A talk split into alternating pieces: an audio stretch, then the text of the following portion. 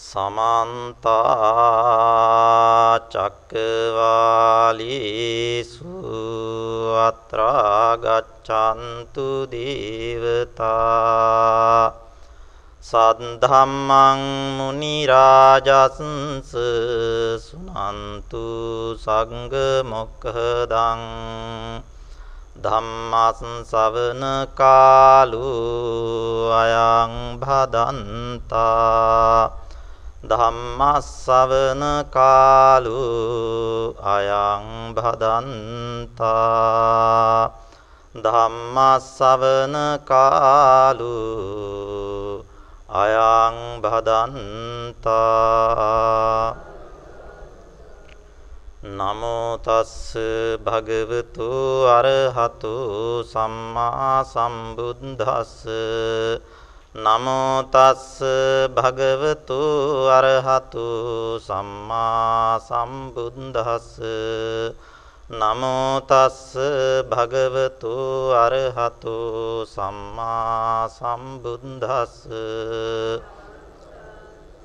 චක්ඛුංචාඋසෝ පටිච්ච රූපේච uppajjati චක්ඛු විඥානං තින්නං සංඝති පස්සු පස්ස පච්චයා වේදනා යං වේදේති තං සංජානාති යං සංජානන්ති තං විතක්කේති යං විතක්කේති තම්ප පංචේති යම්ප පංචේති තතෝ නිදානං පුරිසාප පංච සංඥා සංඛා සමුදාචරಂತಿ අතීත අනාගත පංචුප්පන්නේසු චක්කු විඤ්ඤේසු රූපේසු තී ශ්‍රද්ධාවන්ත පින්නතුනි තුන් ලෝකාග්‍ර වූ භාග්‍යවත් අරිහත් සම්්‍යක් සම්බුද්ධ දසබලධාරී සර්වඥ සම්මා සම්බුදුරජාණන් වහන්සේගේ නිර්මල සම්බුද්ධ ශාසනයේ පිහිට ආධාර කරගෙන අද මේ අවස්ථාවේදී මේ සන්ධ්‍යා භාගයේ මේ පින්නතුන් භාවනා මධ්‍යස්ථානයට සම්ප්‍රාප්ත වෙලා සෑම සතියකම මේ වස්සාන කාලයේ සිදු කරන්නා සිදු කරනු ලැබෙන වස්සාන ධර්මදේශනා මාලාවේ අද දවසෙත් සිද්ධ කරන්ට යෙදෙන ඒ ධර්ම දේශනාව ශ්‍රවණය කරමින් ධර්ම ශ්‍රවණමය පුණ්‍ය ධර්මයක් ඉෂ්ට සිද්ධ කරගෙන තම තමන්ගේ සසර ගමන කෙටි කරගෙන අග්‍ර අමා මහා නිවන් සාක්ෂාත් කරගන්නා නිර්වාණ ගාමිනී ප්‍රතිපදාවකට එළඹෙනු උතුම් අවස්ථාවකටයි මේ සහ සම්බන්ධ වන්නේ. අපිට ආරාධනා ලැබෙන්න යෙදුනා මදුපිණ්ඩික සූත්‍රය අරමුණු කරගෙන මදුපිණ්ඩික සූත්‍රය ඇසුරෙන් ධර්ම දේශනාවක් සිදු කරන්නටි කියලා. මේ නිසා මාත්‍රිකා ස්ථානයේ ප්‍රකාශ කරන්නට යෙදුනේ මේ මදුපිණ්ඩික සූත්‍රයේ මජ්ක්‍ධිම නිකායේ එන මදුපිණ්ඩික සූත්‍රයේ මහා කච්චායන මහරහතන් වහන්සේ විසින් දේශනා කරන්නට යෙදුණු සූත්‍ර පාඨයක්. මේ ධර්ම දේශනාව මේ සූත්‍ර දේශනාව පැහැදිලි කරන්නට මත්තෙන් සාම්පදායානුකූලවම මේ පින්නතුන් නිරන්තරයෙන් ධර්ම ශ්‍රවණය කරන අය නමුත් අපි කෙටියෙන් නමුත් ධර්ම ශ්‍රවණමේ ආනිසංස පිළිබඳව පැහැදිලි කරලා දෙන්න බලාපොරොත්තු වෙනවා. ධර්ම ශ්‍රවණය කරන්නේ කොහොමද? ඒ ධර්ම ශ්‍රවණය කරලා කොයි විදිහටද නිර්වාණය සාක්ෂාත් කරගන්නේ කියන කාරණේ අපි කෙටියෙන් පැහැදිලි කරලා දෙන්න බලාපොරොත්තු වෙනවා. පින්නතුනි බුදුරජාණන් වහන්සේ අංගුත්තර චක්ක නිපාතයේ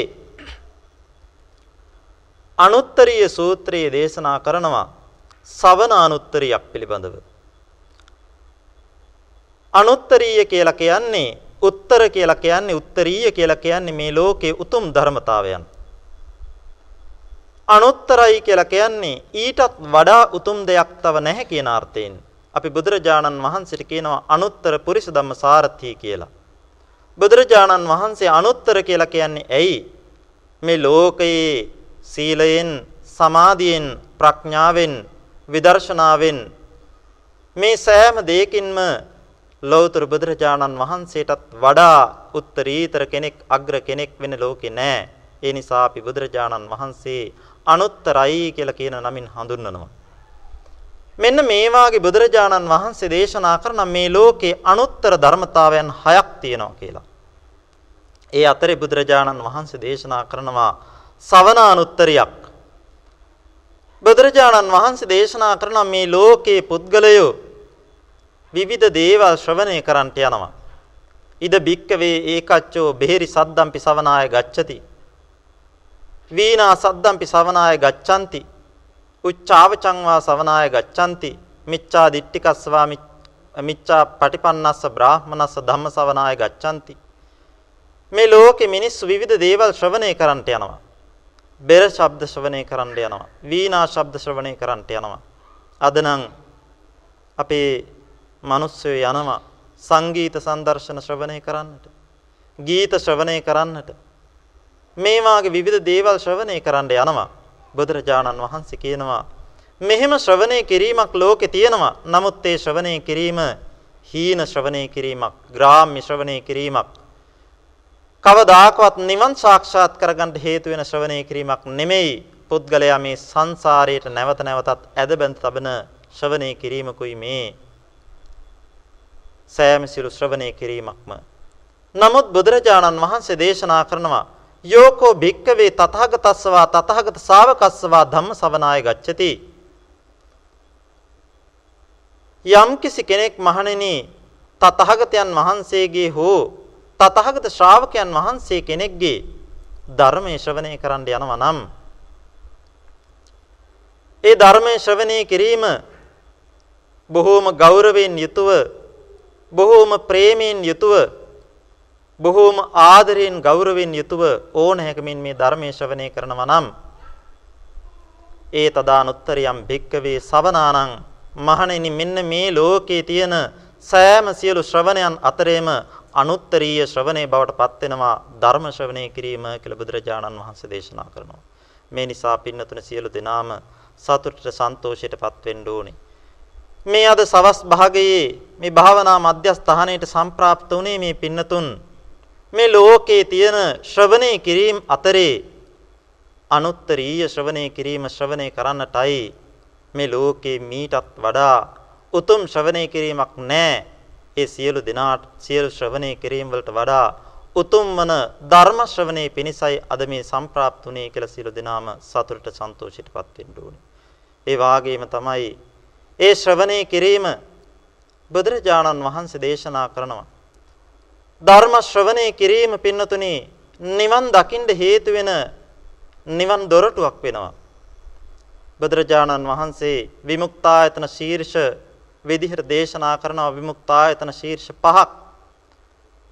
නිවන් දකින්න හේතු වෙන නිවන් දොරටු පහක් තියෙනවා. ධර්ම දේශනයේ නිවන් දොරටුවක්, ධර්ම ශ්‍රවණයේ නිවන් දොරටුවක්, ධර්ම සජ්ජායනයේ නිවන් දොරටුවක්, ධර්ම මානසිකාරයේ නිවන් දොරටුවක්, භාවනාව නිවන් දොරටුවක්. මේ නිසා යම් කෙනෙක් ධර්ම ශ්‍රවණය කරනවා නම් පින්නතුනි මේ ධර්ම ශ්‍රවණය කරන අවස්ථාවේදීම ඒ අයගේ සියලු කෙලෙස් නැසලා මේ උතුම් නිර්වාණය සාක්ෂාත් කර ගැනීමට ධර්ම ශ්‍රවණය කියන එක හේතු වෙනවා. මේ නිසා පින්නතුනි සියලු දෙනාම කල්පනා කරගන්න ඕනේ අද මේ අපි නිර්වාණ ගාමිනී ප්‍රතිපදාවකට එළඹුණා. ධර්ම ශ්‍රවණය කරන්ටයි සූදානම් වන්නේ. එහෙමනම් අපි මෙච්චර කලුත් ධර්ම ශ්‍රවණය කරලා තියෙනවා. නමුත් අපි තාමත් ධර්ම ශ්‍රවණය කරලා නිවන් දැක්කේ නෑ. නමුත් බුදුරජාණන් වහන්සේ කියනවා ධර්ම ශ්‍රවණය කරලා නිවන් දකින්නවා කියලා. එහෙමනම් අදවත් අපිට නිවන් දකින්න ලැබේවා කියන අදහස පින්නතුනේ සිතේ ඇති කරගත යුතුයි.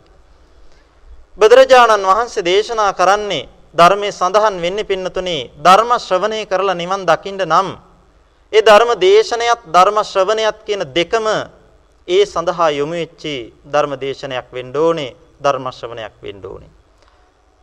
දේශකයන්න් වහන්සේට නිවන් දකින්න හේතු වෙනවා බුදුරජාණන් වහන්සේ දේශනා කරපු ආකාරයට ධර්ම ශ්‍රවණයට අදාළ සිල්පද ගණනාවක් තිබෙනවා මේ සිකපද සිතේ දරාගෙන හස්ත විකාර මුඛ විකාර දක්වන්නේ නැතිව කම්මට්ටහන විනිමුත්තාහි ධම්මදේශනා නාම නත්ති කියන මේ ධර්ම අවවාදී පිහිටලා කර්මස්ථානයක් සිහි කරනවා කියලා දේශකයන්න් වහන්සේ භාවනාවක් කරනවා කියලා ඒ භාවනා මානසිකාරයකින් තමන් වහන්සේ දේශනා කරන ධර්ම කරුණක් කරුණක් පාසා සිතෙන් මෙනෙහි කරමින් දේශනා කළ යුතුයි. ඒ වාගේම තමයි ධර්මයේ ශ්‍රවණය කරන අයත් ඒ විදිහටම ධර්මයේ ශ්‍රවණය කළ යුතුයි. අට්ඨින් කତ୍වා මානසිකත්වා සබ්බං චේතසෝ සමන්නා හරිත්වා ඕහිත සෝතෝ ධම්මං සුනාති කියලයි ධර්මයේ සඳහන් වෙන්නේ. ධර්ම ශ්‍රවණය කරන කෙනාට ධර්මයේ ශ්‍රවණය කරන ආකාරය පැහැදිලි කරනවා. අට්ඨින් කତ୍වා තමන් මේ ධර්ම ශ්‍රවණය කරන හේතුව තමන්ට මේ ධර්ම ශ්‍රවණය කිරීමෙන් ලැබෙන ප්‍රතිඵලය අර්ථය සලකලම ධර්ම ශ්‍රවණය කරන්න ඕනේ. මේ ලෝකයේ බුදුරජාණන් වහන්සේ හමුවේ ධර්ම ශ්‍රවණය කරලමයි බොහෝ දෙනා නිවන් සාක්ෂාත් කරගත්තේ. ධර්ම ශ්‍රවණය කරලා නිවන් දකින්න බැරි වෙච්ච අය තමයි මේ නිර්වාණ ගාමිනී පටිපදාවේ දිගින් දිගටම ගමන් කරලා භාවනා කරලා නිවන් දැක්කේ. මේ නිසා ධර්ම ශ්‍රවණය කියලා කියන්නේ නිවන් දකින්න හේතු වෙන නිවන් දොරටුවක්. අපි සියලු දෙනාටත් අද මේ ශ්‍රවණය කරන ධර්මය මේ අවස්ථාවේදීම උතුම් මගඵල නිවන් සාක්ෂාත් කරගන්නට හේතු වෙනවා කියන අදහසින් යුතුවම ධර්ම ශ්‍රවණය කළ යුතුයි. ඒකයි කියන්නේ අට්ඨින් කත්වා කියලා. ඒ වාගේම මානසිකත්වා දේශනා කරන ධර්ම කරුණක් කරුණක් පාසා සිතෙන් මෙනෙහි කරමින් ධර්ම ශ්‍රවණය කරන්න කියලා අවවාදයක් දෙනවා. නිකම්ම ධර්ම ශ්‍රවණය කරලා බෑ. අපි මේ දේශනා කරන ධර්ම කරුණක් කරුණක් පාසා සිතෙන් මෙනෙහි කරගන්නත් ඕනේ. ඒ වාගේම තමයි සබ්බං චේතසෝ සමන්නා හරිත්වා දේශනා කරන ධර්ම කරුණක් කරුණක් පාසා අපි සිතෙහි දරා ගන්න ඕනේ. ධර්මයේ සඳහන් වෙනවා පින්නතුනේ. සකස් කරලා ධර්ම ශ්‍රවණය කරනවා කියලා කියන්නේ උග්ගන් හිස්සාමීති තත්වා ධම්මං සුනන්තෝ යේව කිර සක්කච්ඡන් ධම්මං සුනාති. යම් කෙනෙක් බණ අහනකොට මම මේ ධර්මය ඉගෙන ගන්නවා කියලා හිතලා මම මේ ධර්ම කරුණක් එකක් හරි කමන්නේ ඉගෙන ගන්නවා කියලා හිතලා ධර්ම ශ්‍රවණය කරනවා නම් අන්න ඒ ධර්ම ශ්‍රවණය කිරීම සක්කච්ඡන් ධම්මං සුනාති. සකස් කරලා ධර්ම ශ්‍රවණයක් කියලා සඳහන් වෙනවා. මේ නිසා පින්නතුනි ඒකයි සඳහන් කරන්නේ. ඔ සබ්බං චේතසෝ සමන්නා හරිත්වා කියලා කියන්නේ ඒකයි. මේ දේශකයන්න් වහන්සේ දේශනා කරන ධර්ම කරුණක් එකක් හරි මම සිතේ දරා ගන්නවා. මගේ ධර්මඥානෙ වැඩි දියුණු කරගන්නවා. මෙන්න මේ අදහසෙන් යුතුව ධර්ම ශ්‍රවණය කරන්න ඕනේ. ඒ වාගේම තමයි ඕහිත සෝතෝ ධම්මං සුනාති ධර්ම ශ්‍රවණයේ දෙසට යොමු වෙච්ච කන් වලින් යුතුව ධර්ම ශ්‍රවණය කරන්න ඕනේ. ඕහිත සෝතෝ කියලා කියන්නේ පින්නතුනේ ධර්ම ශ්‍රවණය කරන අතරතුරදී වෙන කිසි දෙයක් කරන්නේ නැතිව වටපිට බැලීමක්, උඩබිම බැලීමක්, ඇවිදීමක්, කතා කිරීමක් මේ දෙකකින් තොරව සෑම දිනාම භාවනාවක් කරනවා වාගේ, භාවනා මානසිකාරයක් කරනවා වාගේ, කර්මස්ථානයක් සිහි කරනවා වාගේ මේ දේශනාවෙන ධර්ම කරුණක් කරුණක් පාසා එකිනෙකට ගලපමින් මානසිකාර කරමින් සිතේ දරාගෙන ධර්ම ශ්‍රවණය කළ යුතුයි කියලයි ධර්මයේ සඳහන් වෙන්නේ. මේ නිසා පින්නතුනි අපි සියලු දෙනාටම පළමු කොටම ආරාධනය කරනවා. මේ සූත්‍ර දේශනාව යම් කෙනෙකුට විදර්ශනා මානසිකාරයක් විදිහට භාවිතා කරන්න පුළුවන් වටිනා කියන සූත්‍ර දේශනාවක්. මේ සූත්‍ර දේශනාව පිළිබඳව පරිපූර්ණ විග්‍රහයක් අපිට දෙන්න අපි සමර්ථ වෙන්නේ නැහැ. නමුත් අපිට හැකි ආකාරයකින් අපි මේ පින්නතුන්ට යෙදලා තියෙන කාල වේලාවේ අනුව පැහැදිලි කරලා දෙන්න බලාපොරොත්තු වෙන්නේ. මේ ධර්ම ශ්‍රවණය පින්නතුනි කල්පනා කරගන්න. මේ ලෝකේ බොහෝ දෙනෙක් ධර්ම ශ්‍රවණය කරලා නිවන් සාක්ෂාත් කරගත්තා නම් මටත් අද මේ ධර්ම ශ්‍රවණය කරලා නිවන් සාක්ෂාත් කරගන්න පුළුවනි. මේ නිසා මේ ධර්ම කරුණක් කරුණක් පාසා මම සිතෙන් මෙනෙහි කරගෙන මගේ සිතේ දරාගෙන භාවනාවක් කරනවා වාගේ මම ධර්ම ශ්‍රවණය කරනවා මේ ධර්ම ශ්‍රවණය කිරීම මම මේ ධර්ම ශ්‍රවණය කරන ආසනය තුලදීම මගේ සෞකලස් නසා අග්‍ර අමා මහ නිවන් සාක්ෂාත් කරගන්නට මට හේතු වේවා කියන අදහසින් යුතුව ධර්ම ශ්‍රවණය කරන්න කියන ආරාධනය අපි මුලින්ම කරනවා. පින්නතුනේ මේ මදුපිණ්ඩික සූත්‍රය කියන සූත්‍ර දේශනාව විස්තර වශයෙන් දේශනා කරන්නේ මහා කච්චායන මහරහතන් වහන්සේ.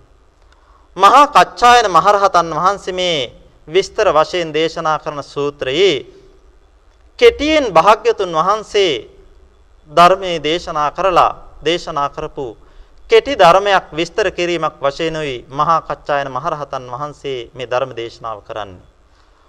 භාග්‍යතුන් වහන්සේ කිඹුල්වත්පුරේ වැඩ ඉන්න කාලේ කිඹුල්වත්පුරේ නිග්‍රෝධාරාමේ වැඩ ඉන්න දවසක දවල් පිණ්ඩපාතෙන් පස්සේ මේ කිඹුල්වත්පුරේ මහ වනයේ දිවා විහරණේ පිණිස එළඹිලා තරුණ බෙලිගහක් අසල වැඩ හිටියා. දිවා විහරණය සඳහා මේ තරුණ බෙලිගහ යට භාග්‍යතුන් වහන්සේ පළඟක් බැඳගෙන වැඩ හිටියා. මේ වෙලාවේ මෙතනින් යනවා දණ්ඩ පාණී කියන ශාක්‍ය රජතුමා. දණ්ඩ පාණී කියන නම මේ රජතුමාට ලැබෙන්නේ පින්නතුනි මේ රජතුමා නිතරම දණ්ඩක් අතෙන් අරගෙන තමයි හැසිරෙන්නේ. දණ්ඩක් කියලා කියන්නේ නිකම්ම නිකන් දණ්ඩක් නෙමෙයි. මේක රත්තරන් දණ්ඩක්. මේ දණ්ඩත් අරගෙන හැසිරෙනවා හරියට අර ගොපල්ලෙක් Tamanගේ අතේ නිතරම කෙවිතක් තියාගන්නවා වාගේ මේ රජ්ජුරුව නිතරම යනකොට මේ දණ්ඩත් අරගෙන යනවා. මේ නිසා දණ්ඩක් අතේ තිබුණු නිසා මෙයාට නමක් හැදුනා දණ්ඩපාණී කියලා. මේ දණ්ඩපාණී ශාක්‍ය රජතුමා මේ විහාරස්ථානයේ භාග්‍යතුන් වහන්සේලා වැඩ ඉන්න මේ භික්ෂුන් වහන්සේලා ඉන්න වැඩ ඉන්න විහාරස්ථානයේ සේනාසන චාරිකාවේ ඇවිදිනවා තමන්ගේ ජංගා විහරණය පිණිසත් එක්ක.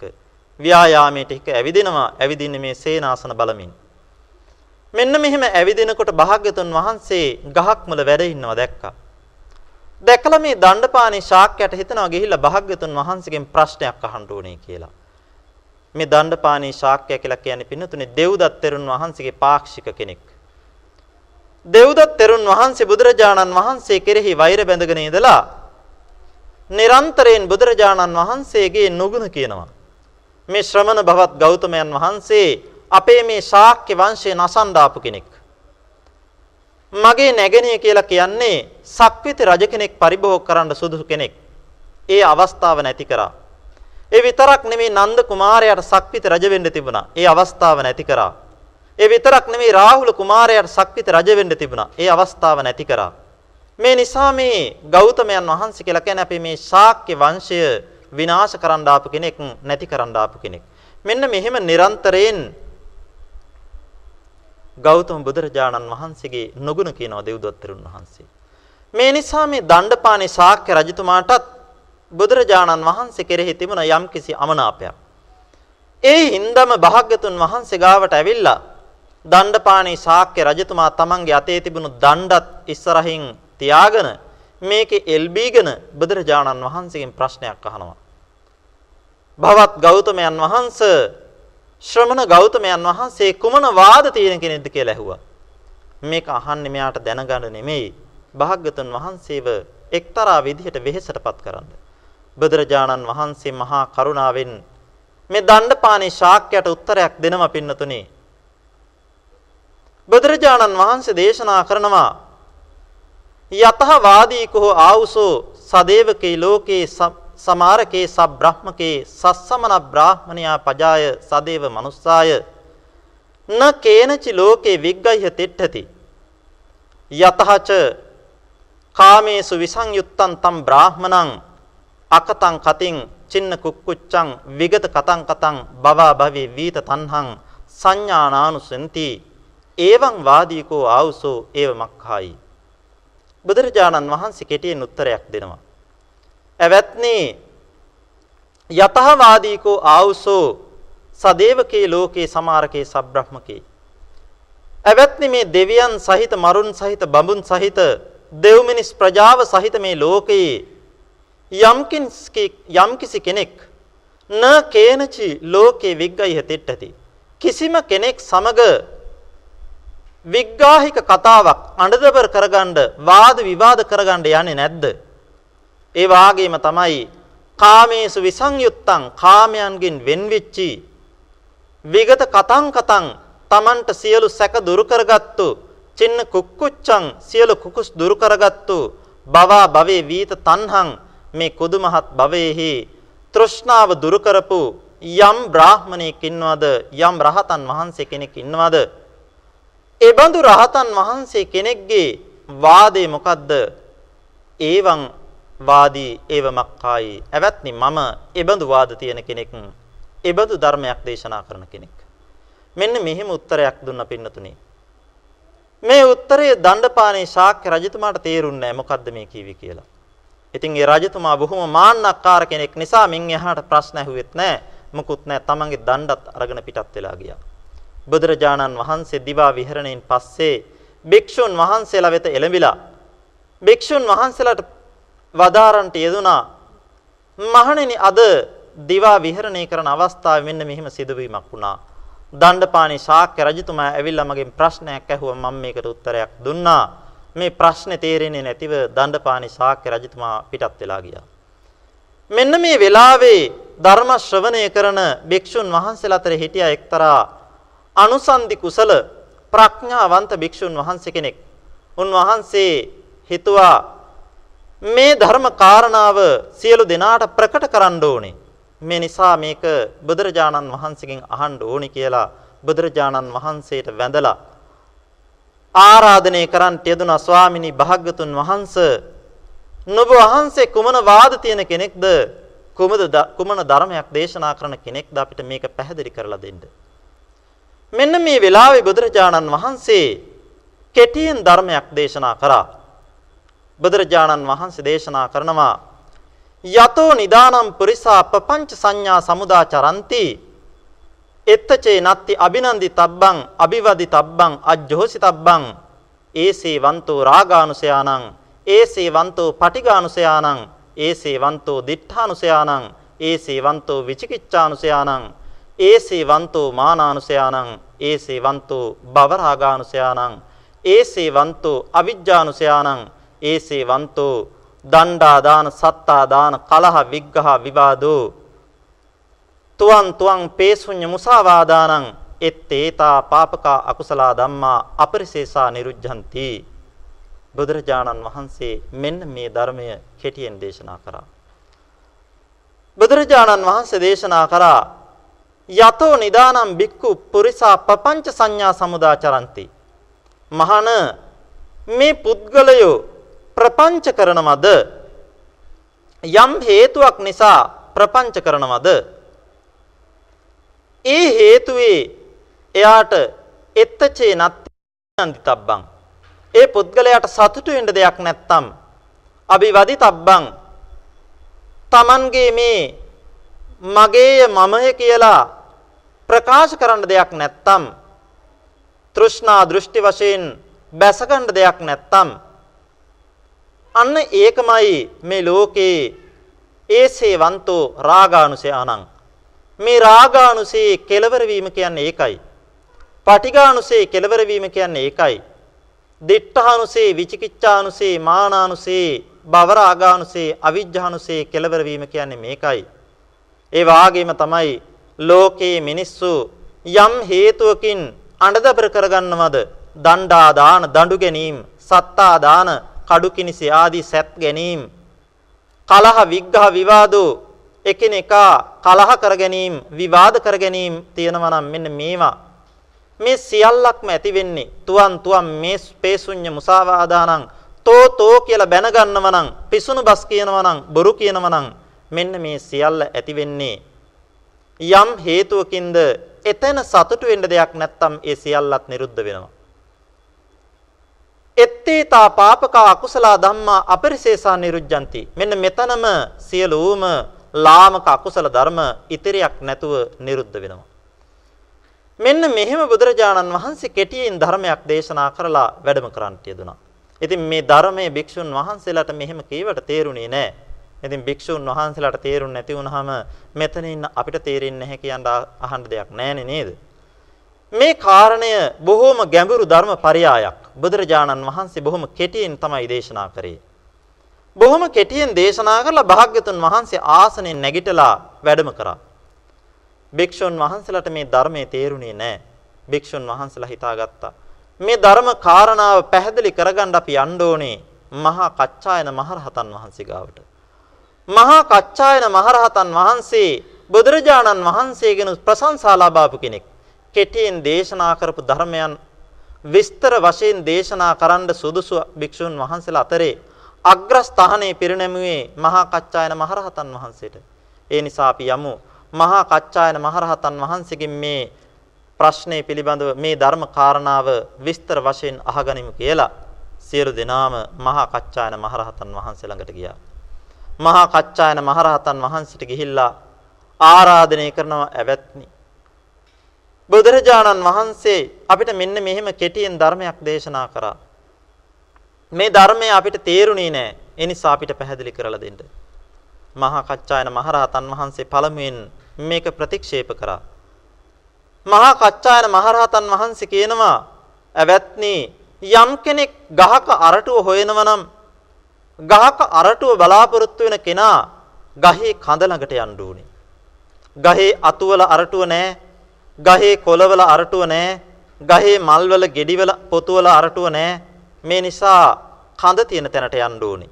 මෙන්න මේ වාගේ නොබලා ධර්ම අර්ථයක් බලාපොරොත්තු වෙනවා නම් මේ ලෝකේ ධර්ම ධර්ම ස්වාමී බුදුරජාණන් වහන්සේ වැඩ ඉන්නවා. මේ නිසා භාග්‍යතුන් වහන්සේගෙන්මයි ධර්මය දැනගත යුත්තේ. ඒ නිසා යන්න බුදුරජාණන් වහන්සේ ගාවට. භික්ෂුන් වහන්සේලා කිව්වා අපිට බුදුරජාණන් වහන්සේ තමයි මේ කෙටියෙන් මේක දේශනා කරේ. අපි දන්නා බුදුරජාණන් වහන්සේ තමයි මේ ලෝකේ ධර්ම ස්වාමී. උන්වහන්සේගෙන් තමයි සියල්ල දැනගත යුත්තේ. නමුත් මේ වෙලාවේ නුඹ වහන්සේ බුදුරජාණන් වහන්සේ ප්‍රශංසා කරපු කෙනෙක්. ඒ නිසා අපිට මේ ධර්මයේ පැහැදිලි කරලා දෙන්න වැඩි අගය කරන්නේ නැතිව අගරුම් කත්වා අගය කරන්නේ නැතිව අපිට මේ ධර්ම කාරණාව පැහැදිලි කරලා දෙන්න කියලා කිව්වා. මහා කච්චායන මහරහතන් වහන්සේ මේ වෙලාවේ මේ බුදුරජාණන් වහන්සේ කෙටියෙන් දේශනා කරපු ධර්ම කරුණ ටික විස්තර වශයෙන් දේශනා කරන්නට යෙදුනා. ඒ දේශනා පාළියේ මුලින්ම දේශනා කරන්නට යෙදුණු කොටස තමයි අපේ මාතෘකා කරන්නට යෙදුනේ. මහා කච්චායන මහරහතන් වහන්සේ දේශනා කරනවා චක්කුං චාවසෝ පටිච්ච රූපේච uppajjati චක්කු විඥානං තින්නං සංගති පස්සෝ පස්ස පච්චයා වේදනා යං වේදේති තං සංජානಂತಿ යං සංජානාති තං විතක්කේති යං විතක්කේති තම් පපංචේති යම් පපංචේති තතෝ නිදානං පුරිසා පපංච සංඥා සමුදා චරಂತಿ අතීත අනාගත පච්චුප්පන්නේසු චක්කු විඤ්ඤේයේසු රූපේසු. අර බුදුරජාණන් වහන්සේ පැහැදිලි කරන්නට යෙදුණු ධර්ම කරුණු ටික විස්තර වශයෙන් පැහැදිලි කරනවා. ඒක හේතු ප්‍රත්‍ය වශයෙන් මහා කච්චායන මහරහතන් වහන්සේ විස්තර කරලා දෙනවා මෙතන භික්ෂුන් වහන්සේලාට. අපි ඒක පැහැදිලි කරන් ඉස්සෙල්ලා බුදුරජාණන් වහන්සේ කෙටියෙන් දේශනා කරපු ධර්ම කරුණ තව සැරයක් අපිට පුළුවන් ආකාරයට निराකරණය කරගනිමු පැහැදිලි කරගනිමු. බුදුරජාණන් වහන්සේ දේශනා කරා යතෝ නිදානම් පුරිසා පపంచ සංඥා සමුදා චරಂತಿ. මහණෙනි මේ ලෝකයේ මේ මිනිස්සු යම් හේතුවකින් ප්‍රපංච කරනවා. මොකද්ද ප්‍රපංච කරනවා කියලා කියන්නේ? ප්‍රපංච කරනවා කියලා කියන්නේ අපි යම් යම් දේවල් තෘෂ්ණා දෘෂ්ටි වශයෙන් අරගෙන තණ්හා දිට්ටි මාන වශයෙන් සලකලා මේක තණ්හා දිට්ටි මාන වශයෙන් කල්පනා කරනවා. යම් කෙනෙක් යම් දකින දෙයක් මගේය කියලා ගන්නව නම් ඒක එතන තියෙනවා තෘෂ්ණාවක්. මමය කියලා ගන්නව නම් එතන තියෙනවා දිට්ඨියක්. මෙන්න මේ විදිහට තණ්හා දිට්ඨි විදිහට සලකලා යමක් පිළිබඳව කල්පනා කරනවා නම් මෙන්න මේකටයි ප්‍රපංච කරනවා කියලා කියන්නේ. මේ අර්ථය සමහර වෙලාවට වැරදියට සමහර අය ග්‍රහණය කරගන්නවා. අපි ඒ පිළිබඳව ඉදිරියේ පැහැදිලි කරලා දෙන්නම්. ප්‍රපංච කරනවා කියන එකෙන් කියන්නේ මේ තණ්හා දිට්ඨි මාන වශයෙන් සලකනවා කියන එකයි. දැන් අපි ප්‍රපංච කරනවා සමහර දේවල්. යම් කෙනෙකුට හොඳ රැකියාවක් ලැබෙනවා. හොඳ රැකියාවක් ලැබුණාම මේක ප්‍රපංච කරනවා. කොහොමද?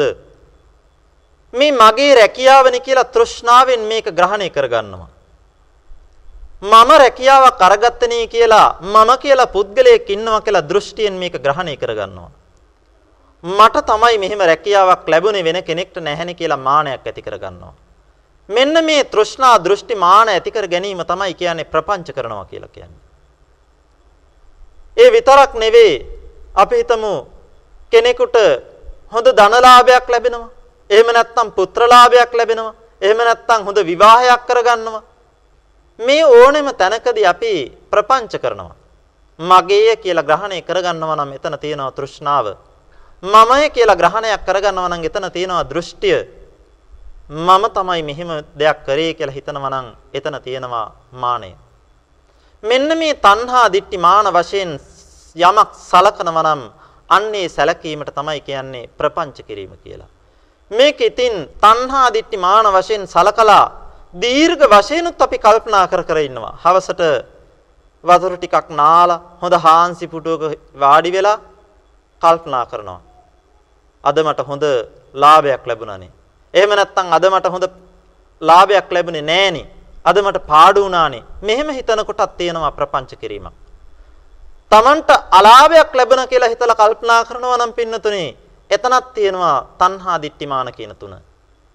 Tamanට අලාභයක් ලැබුණ කියනකොට මගේ අලාභෙනි කියලා කියනකොට තෘෂ්ණාවක් තියෙනවා. මම අලාභ ලැබුවනි කියලා හිතනකොට එතන තියෙනවා දිට්ඨියක්. මට තමයි හැමදාම මේ අලාභ ලැබෙන්නේ කියලා හිතනකොට පින්නතුනේ එතන තියෙනවා හීනමානයක්. හීනමානය කියලා කියන්නේත් මානයක්. මෙන්න මේ විදිහට ප්‍රපංච කරන එකට තමයි කියන්නේ ප්‍රපංච සංඥා සමුදාචරಂತಿ කියලා. අපි හැමෝම මේක කරනවා.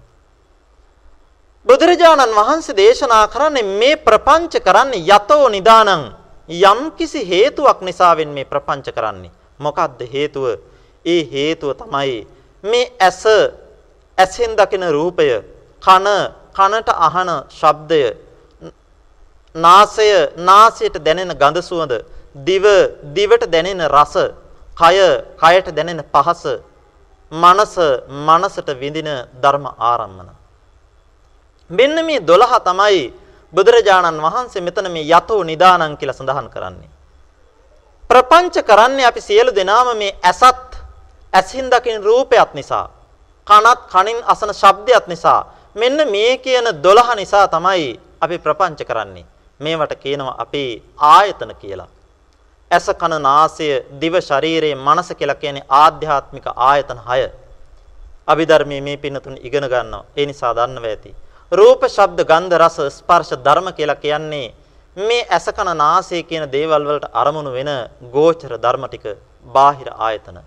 මෙන්න මේ ආධ්‍යාත්මික ඌත් බාහිර ඌත් ආයතන නිසා තමයි 12 ආයතන නිසා තමයි පින්නතුනි සියලු දෙනාම ප්‍රපංච කරන්නේ. අපි ඇහෙන් රූපයක් දැකලා ප්‍රපංච කරනවා. කොහොමද? යම් ලස්සන රූපයක් දකින කෙනා හිතනවා මමනේ මේක දැක්කේ. අන්න මම දැක්ක කියලා හිතනකොට පින්නතුනේ එතන තියෙනවා මම කියන දෘෂ්ටියක්. මේක මම දැකපු දේ කියලා ග්‍රහණයක් කරගන්නකොට තෘෂ්ණාවක් තියෙනවා.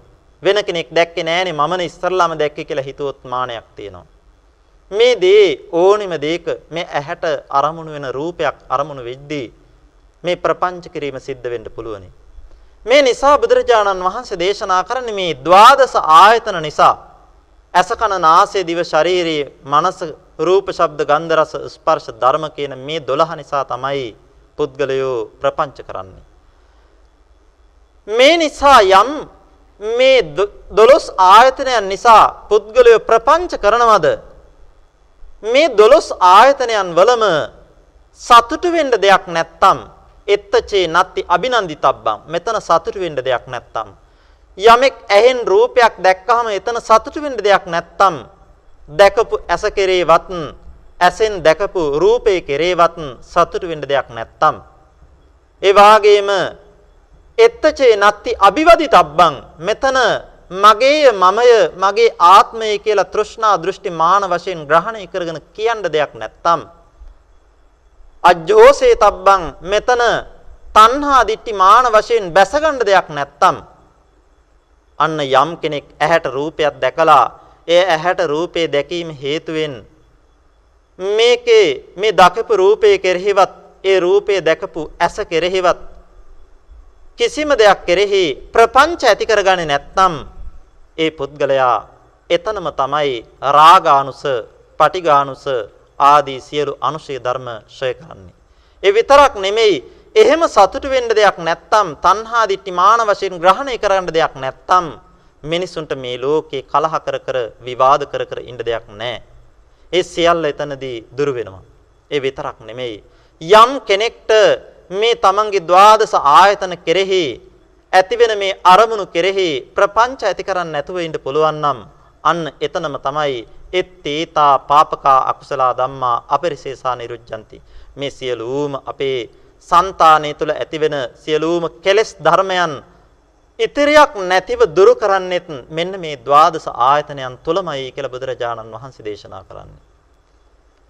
අපිට දෙන මේ පණිවිඩය මේ බුදුරජාණන් වහන්සේ දේශනා කරපු ධර්ම කරුණ මහා කච්චායන මහරහතන් වහන්සේ විස්තර වශයෙන් විවරණය කරලා දක්වන එකයි මේ සූත්‍රයේ කෙරෙන්නේ. මහා කච්චායන මහරහතන් වහන්සේ මේ ධර්ම පරයයම පැහැදිලි කරනවා. කොහොමද? චක්කුංච ආවුසෝ පටිච්ච රූපේච උප්පජ්ජති චක්කු විඥානං. ඇවැත්නි මේ ඇසත් ඇසට ලක් වෙන රූපයක් කියන දෙක හේතුවෙන් ඇති වෙනවා චක්කු විඥානය කියලා සිතක්. අපේ ඇසට යම්කිසි රූපයක් අරමුණු වෙනකොට මෙන්න මේ රූපයේ අරමුණු වීම හේතුවෙන් අපේ ඇසේ චක්කු විඥාන කියන සිතක් උපදිනවා. මේ පින්නතුන් දන්නවා ඇසට අරමුණු වෙන්නේ වර්ණ රූපේ විතරයි. රූප 28ක් තියෙනවනේ. මේ රූප 28 අතරින් වර්ණ රූපේ විතරයි ඇසට අරමුණු වෙන්නේ. මේ වර්ණ රූපේ කියන රූපේ ඇසට අරමුණු වෙනකොට ඒ දෙක හේතුවෙන් උපදිනවා චක්කු විඥානය කියලා සිතක්. අන්නේ චක්කු විඥානය කියන සිත ඉපදුනහම තින්නම් සංගති පස්සෝ මෙන්න මේ ඇසත් රූපයත් චක්කු විඥානයත් කියන මේ තුනේ එකතු වීමට කියනවා පස්සේ කියලා කියනවා. පස්සේ කියන වචනේ අදහස අපිට සරලව තේරෙනවා ස්පර්ශයක් කියලා. නමුත් මේ ස්පර්ශයක් කියලා කීවට අපි හිතා ගන්න හොඳ නෑ. මේ ඇහත් රූපයක් දෙක එකට හැපෙනවද කියලා. ඇහත් රූපයක් චක්කු විඥානයත් කියන තුන එකට හැපෙනවද කියලා. නෑ එහෙම හැපෙන්නේ නෑ. මේක වැටහෙන ආකාරය තමයි පස්සේ කියලා කියන්නේ. පස්සේ කියන චෛතසික ධර්මයක් මේක. අභිධර්මයේ ඉගෙන ගන්න නිසා චිත්ත චෛතසික ගැන අහලා ඇති, දන්නව ඇති. පස්සේ කියලා කියන්නේ චෛතසිකයක්. අපි ඒ ගැන තව ටිකක් ඉදිරියේ පැහැදිලි කරන්නම්. මේ පස්සේ නිසා වේදනාවක් ඇති වෙනවා විදීමක්. සුඛ වේදනාවක් වෙන්න පුළුවන්. දුක්ඛ වේදනාවක් වෙන්න පුළුවන්. උපේක්ඛා වේදනාවක් වෙන්න පුළුවන්. උදාහරණයක් විදිහට අපි හිතමු මේ පින්නතුන් දකිනවා මල් ගහක්. මල් ගහක් දකිනකොට මේ මල් ගහේ තියෙන වර්ණ රූපය Tamange ඇසේ චක්සු ප්‍රසාදයට සමග එකතු වෙනවා. කොහොමද? ආලෝකී උපකාරයෙන්. ආලෝකී උපකාරයෙන් ඇසට අරමුණු වෙනවා. ඇසට මේ මල් ගහේ වර්ණ රූපය කියන එක හරියට කණ්ණාඩියක් ඉදිරියේ යමක් තිබ්බහම ප්‍රතිබිම්බයක් පහළ වෙනවා වාගේ පහළ වෙනවා. දැන් කණ්ණාඩියක් ඉදිරියේ මේ පින්නතුන් කවුරු හරි හිටගත්තොත් තමන්ගේ රූපය ගිහිලා කණ්ණාඩිය වදින්නේ නැහනේ. නමුත් කණ්ණාඩියේ කැඩපති තමන්ගේ රූපය ප්‍රතිබිම්බයක් හට ගන්නවා. මෙන්න මේ වාගේ ආලෝකයේ උපකාරයෙන් වර්ණ රූපය චක්සු ප්‍රසාදේහි ප්‍රතිබිම්බයක් විදිහට හට ගන්නවා. අන්නේ හට ගන්නකොට මේ දෙක හේතුවෙන් ඇති වෙනවා චක්කු විඥානය කියලා සිතක්. මෙන්න මේ චක්කු විඥානය කියන සිත හටගත්තාම මේ සිතේ තියෙනවා පස්සේ කියලා චෛතසිකයක්. මේක තේරුම් ගන්න ඕනේ අපි සමහර කෙනෙක් මේක පැහැදිලි කරනවා. මේ චක්කු විඥානය ඇති වුනහම ඒ කියන්නේ සිත සිත ඇති වුණාට පස්සේ මේ සිතත් රූපයත් ඇහත් කියන තුන එකතු වීම වශයෙන් පස්සයක් හට ගන්නවා කියලා කියනවා. නමුත් පින්නතුනේ අපි දැනගන්න ඕනේ මේ පස්සේ කියලා කියන්නේත් චක්කු විඥාන සිතේම තියෙන චෛතසික ධර්මයක්. මේක පෙරපසු නොවි හටගන්නේ. දැන් ඇහැට මල් ගහක් අරමුණු වුණාම මල් ගහ දැක්කා. මල් ගහ දැක්කා කියන චක්කු විඥාන සිතක් උපදිනවා පින්නතුනේ. ඒ සිතෙහි තියෙනවා පස්සේ කියලා චෛතසිකයක්. ඒ පස්සේ කියන චෛතසිකයේ හේතුවෙන් පස්සේ පච්චයා වේදනා අන්න ඒ සිතේම තියෙනවා පින්නතුනි වේදනා කියලා චෛතසිකයක්. සුඛ වේදනාවක් වෙන්න පුළුවන් දුක්ඛ වේදනාවක් වෙන්න පුළුවන් මධ්‍යස්ථ වේදනාවක් වෙන්න පුළුවන්. මල් ගහක් දැක්කහම අපිට හොඳ සතුටක් ඇති වෙනකොට සුඛ වේදනාවක් ඇති වෙන්න පුළුවන්. අන්න පින්නතුනි පස්ස පච්චයා වේදනා කියලා කියන්නේ ඒකයි. සුඛ වේදනාවක් ඇති වුණා. සමහර වෙලාවට අපි දකින්න කැමති නැති අරමුණක් දකින්නකොට පින්නතුනේ දුක් වේදනාවක් හටගන්න පුළුවන්. හිතමු සිඟාකන පුද්ගලයෙක් දැක්කා බොහෝම වැහැරිලා මෙහෙම ඉන්න කෙනෙක් දකින්නකොට කාට හරි ඇති වුණා පිළිකුලක්. එහෙම නැත්නම් අපි අකමැති අපි හිතමු අසුචි ගොඩක් වාගේ දැක්කා. දැක්කහම පින්නතුනේ ඇති වෙනවා අපිට දුක් වේදනාවක්. සමහර වෙලාවට මධ්‍යස්ත වේදනාවක් ඇති වෙන්නත් පුළුවන්. මේ මොනවා හරි වේදනාවක් ඇති වෙනවා. යං වේදේති තං සංජානಂತಿ අන්න ඊළඟට වෙන ධර්මතාවය. යමක් විඳිනවද ඒ විඳින දේ හඳුනා ගන්නවා. සංඥා කියලා චෛතසිකයක් පහළ වෙනවා. දැන් මේකත් අපි දැනගන්න ඕනේ. සමහර කෙනෙකුට හිතෙනවා පස්සේ වෙලා ඉවර වුණාම වේදනාව ඇති වෙනවා ඇති. වේදනාව ඉවර වුණාම හඳුනා ගන්න ඇති සංඥාවක් ඇති වෙනවා ඇති කියලා. මේක ලෞකිකවනේ කල්පනා කරන්නේ. පස්සේ කියලා කියන ස්පර්ශය කියලා හිතනවා. දැන් කාට හරි හිතනවා කවුරු හරි කාට හරි ගැහුවොත් අන්න පස්සේ තමයි. එතකොට මොකද රිදුනා අන්න වේදනාව ඇති වුණා. අන්න ඊට පස්සේ ඒ වේදනාව අඳුරගත්තා. මෙන්න මෙහෙම හිතනවා සමහර වෙලාවට. ඒ හිතන එක වැරදි. එහෙම නෙවෙයි. පස්සේ නිසා වේදනාව ඇති වෙනවා කියලා කිව්වට පින්නතුනි පස්සයත් වේදනාවත් දෙකම ඇති වෙන්නේ එකම මොහොතේ. වේදනාව නිසා හඳුනා ගැනීමක් සංඥාවක් ඇති වෙනවා කියලා කීවට පින්නතුනි මේ වේදනාවත් සංඥාවත් කියන දෙකම ඇති වෙන්නේ එකම මොහොතේ පෙරපසු නොවි. එකම සිතේ පවතින චෛතසික තුනක් තමයි මේ පැහැදිලි කරන්නේ පස්ස වේදනා සංඥා කියලා. මේ චක්කු විඥාන සිතේ පවතින චෛතසික තුනක් පිළිබඳව පැහැදිලි කරන්නේ. එතකොට කවුරු හරි ප්‍රශ්නයක් අහනවා. දැන් පස්සේ පච්චයා වේදනා කියලා කියනවා නම් පස්සේ නිසා වේදනාව ඇති වෙනවා නම් දැන් කාට හරි කල්පනා කරන යනකොට හිතෙනවා පස්ස පස්සේ හේතුවෙන් ස්පර්ශයේ හේතුවෙන් වේදනාවක් ඇති වෙනවා නම් මේ දෙකම එක මොහොතේ වෙන්න බෑනේ. මේ දෙකම එක මොහොතේ වෙනවා නම් පස්සේ නිසා වේදනාවක් ඇති වෙන්න බෑනේ කියලා හිතෙනවා. ඒක පින්නතුනි මෙන්න මෙහෙම කල්පනා කරලා බලන්න. දැන් හිතන්න මේ පින්නතුන් මේ ධර්මශාලාවේ ඉඳලා බෝධීන් වහන්සේ ගාවට ඇවිදගෙන යනවා. බෝධීන් වහන්සේ ගාවට ඇවිදගෙන යනකොට ඇවිදීම කියලා ක්‍රියාවක් සිද්ධ වෙනවා. බෝධීන් වහන්සේට සමීප වීම කියලා තව සිදුවීමක් සිදු වෙනවා. දැන් කවුරු හරි කියනවා ඇවිදපු නිසා තමයි බෝධීන් වහන්සේට සමීප වුණේ කියලා කියනවා. එහෙම කියනකොට ඒක හරි. ඇවිදපු නිසා තමයි බෝධීන් වහන්සේට සමීප වුණේ. හැබැයි කවුරු හරි අහනවා ඇවිදලා ඉවර වුණාට පස්සේද බෝධීන් වහන්සේට සමීප වුණේ? නෑ. ඇවිදිනකොටම බෝධීන් වහන්සේටත් සමීප වෙනවා. මේ දෙකම එකට පෙරපසු නොවි සිදු වෙනවා. මෙන්න මේ වාගේ තමයි පස්සේ හේතුවෙන් වේදනාව ඇති වෙනවා. පස්සේ හේතුවෙන් වේදනාව ඇති වුණාට මේ දෙකම එක මොහොතේ පෙරපසු නොවි හටගන්නේ. එකම චක්කු විඥාන සිතෙහි තියෙන චෛතසික තමයි මේ පස්ස වේදනා සංඥා කියලා කියන්නේ. අන්න ඒ විදිහට පස්සේ හේතුවෙන් වේදනාවක් ඇති වෙලා වේදනාව හේතුවෙන් සංඥාවක් ඇති වුනහම අන්න කියනවා යං සංජානಂತಿ තං විතක්කේති. යමක් හඳුනගත්තද අන්න ඒක විතර්ක කරනවා. විතක්කේ කියලා කියන්නේ අරමුණට නැංවීම කියන එක. මේක සමහර කෙනෙක් හිතනවා කල්පනා කරනවා කියලා. නමුත් පින්නතුනේ කල්පනා කරනවා කියන එක වඩාත් ගැළපෙන්නේ නැහැ. කල්පනා කරනවා කියලා කියන අර්ථයක් තියෙනවා විතර්කයේ කියන එකේ. විතක්ක කියන චෛතසිකේ පැහැදිලි කරනකොට කියනවා යම් විතක්කෝ සංකප්පෝ කප්පනා විකප්පනා යනාදී වශයෙන් මේක කල්පනා කිරීමක් කියන අදහසක් තියෙනවා. නමුත් පින්නතුනේ විතක්ක කියලා කියන්නේ කල්පනා කිරීම කියන එක නෙමෙයි. විතර්කය කියලා කියන්නේ චෛතසිකයක්. අරමුණට නැංවීම කියන චෛතසිකය තමයි විතර්කය කියලා කියන්නේ. ඉතින් මේවා අභිධර්මයේ ඉගෙනගෙන තියෙන පින්නතුන් නිසා දන්නවා ඇති. එනිසා අපි විස්තර වශයෙන් කියන්න යන්නේ නැහැ. අපේ කාල වේලාවත් බොහොම සීමිත නිසා. යං සංජානಂತಿ තං විතක්කේති. යමක් හඳුනගත්තද අන්න එතන විතක්කයක් පහළ වෙනවා.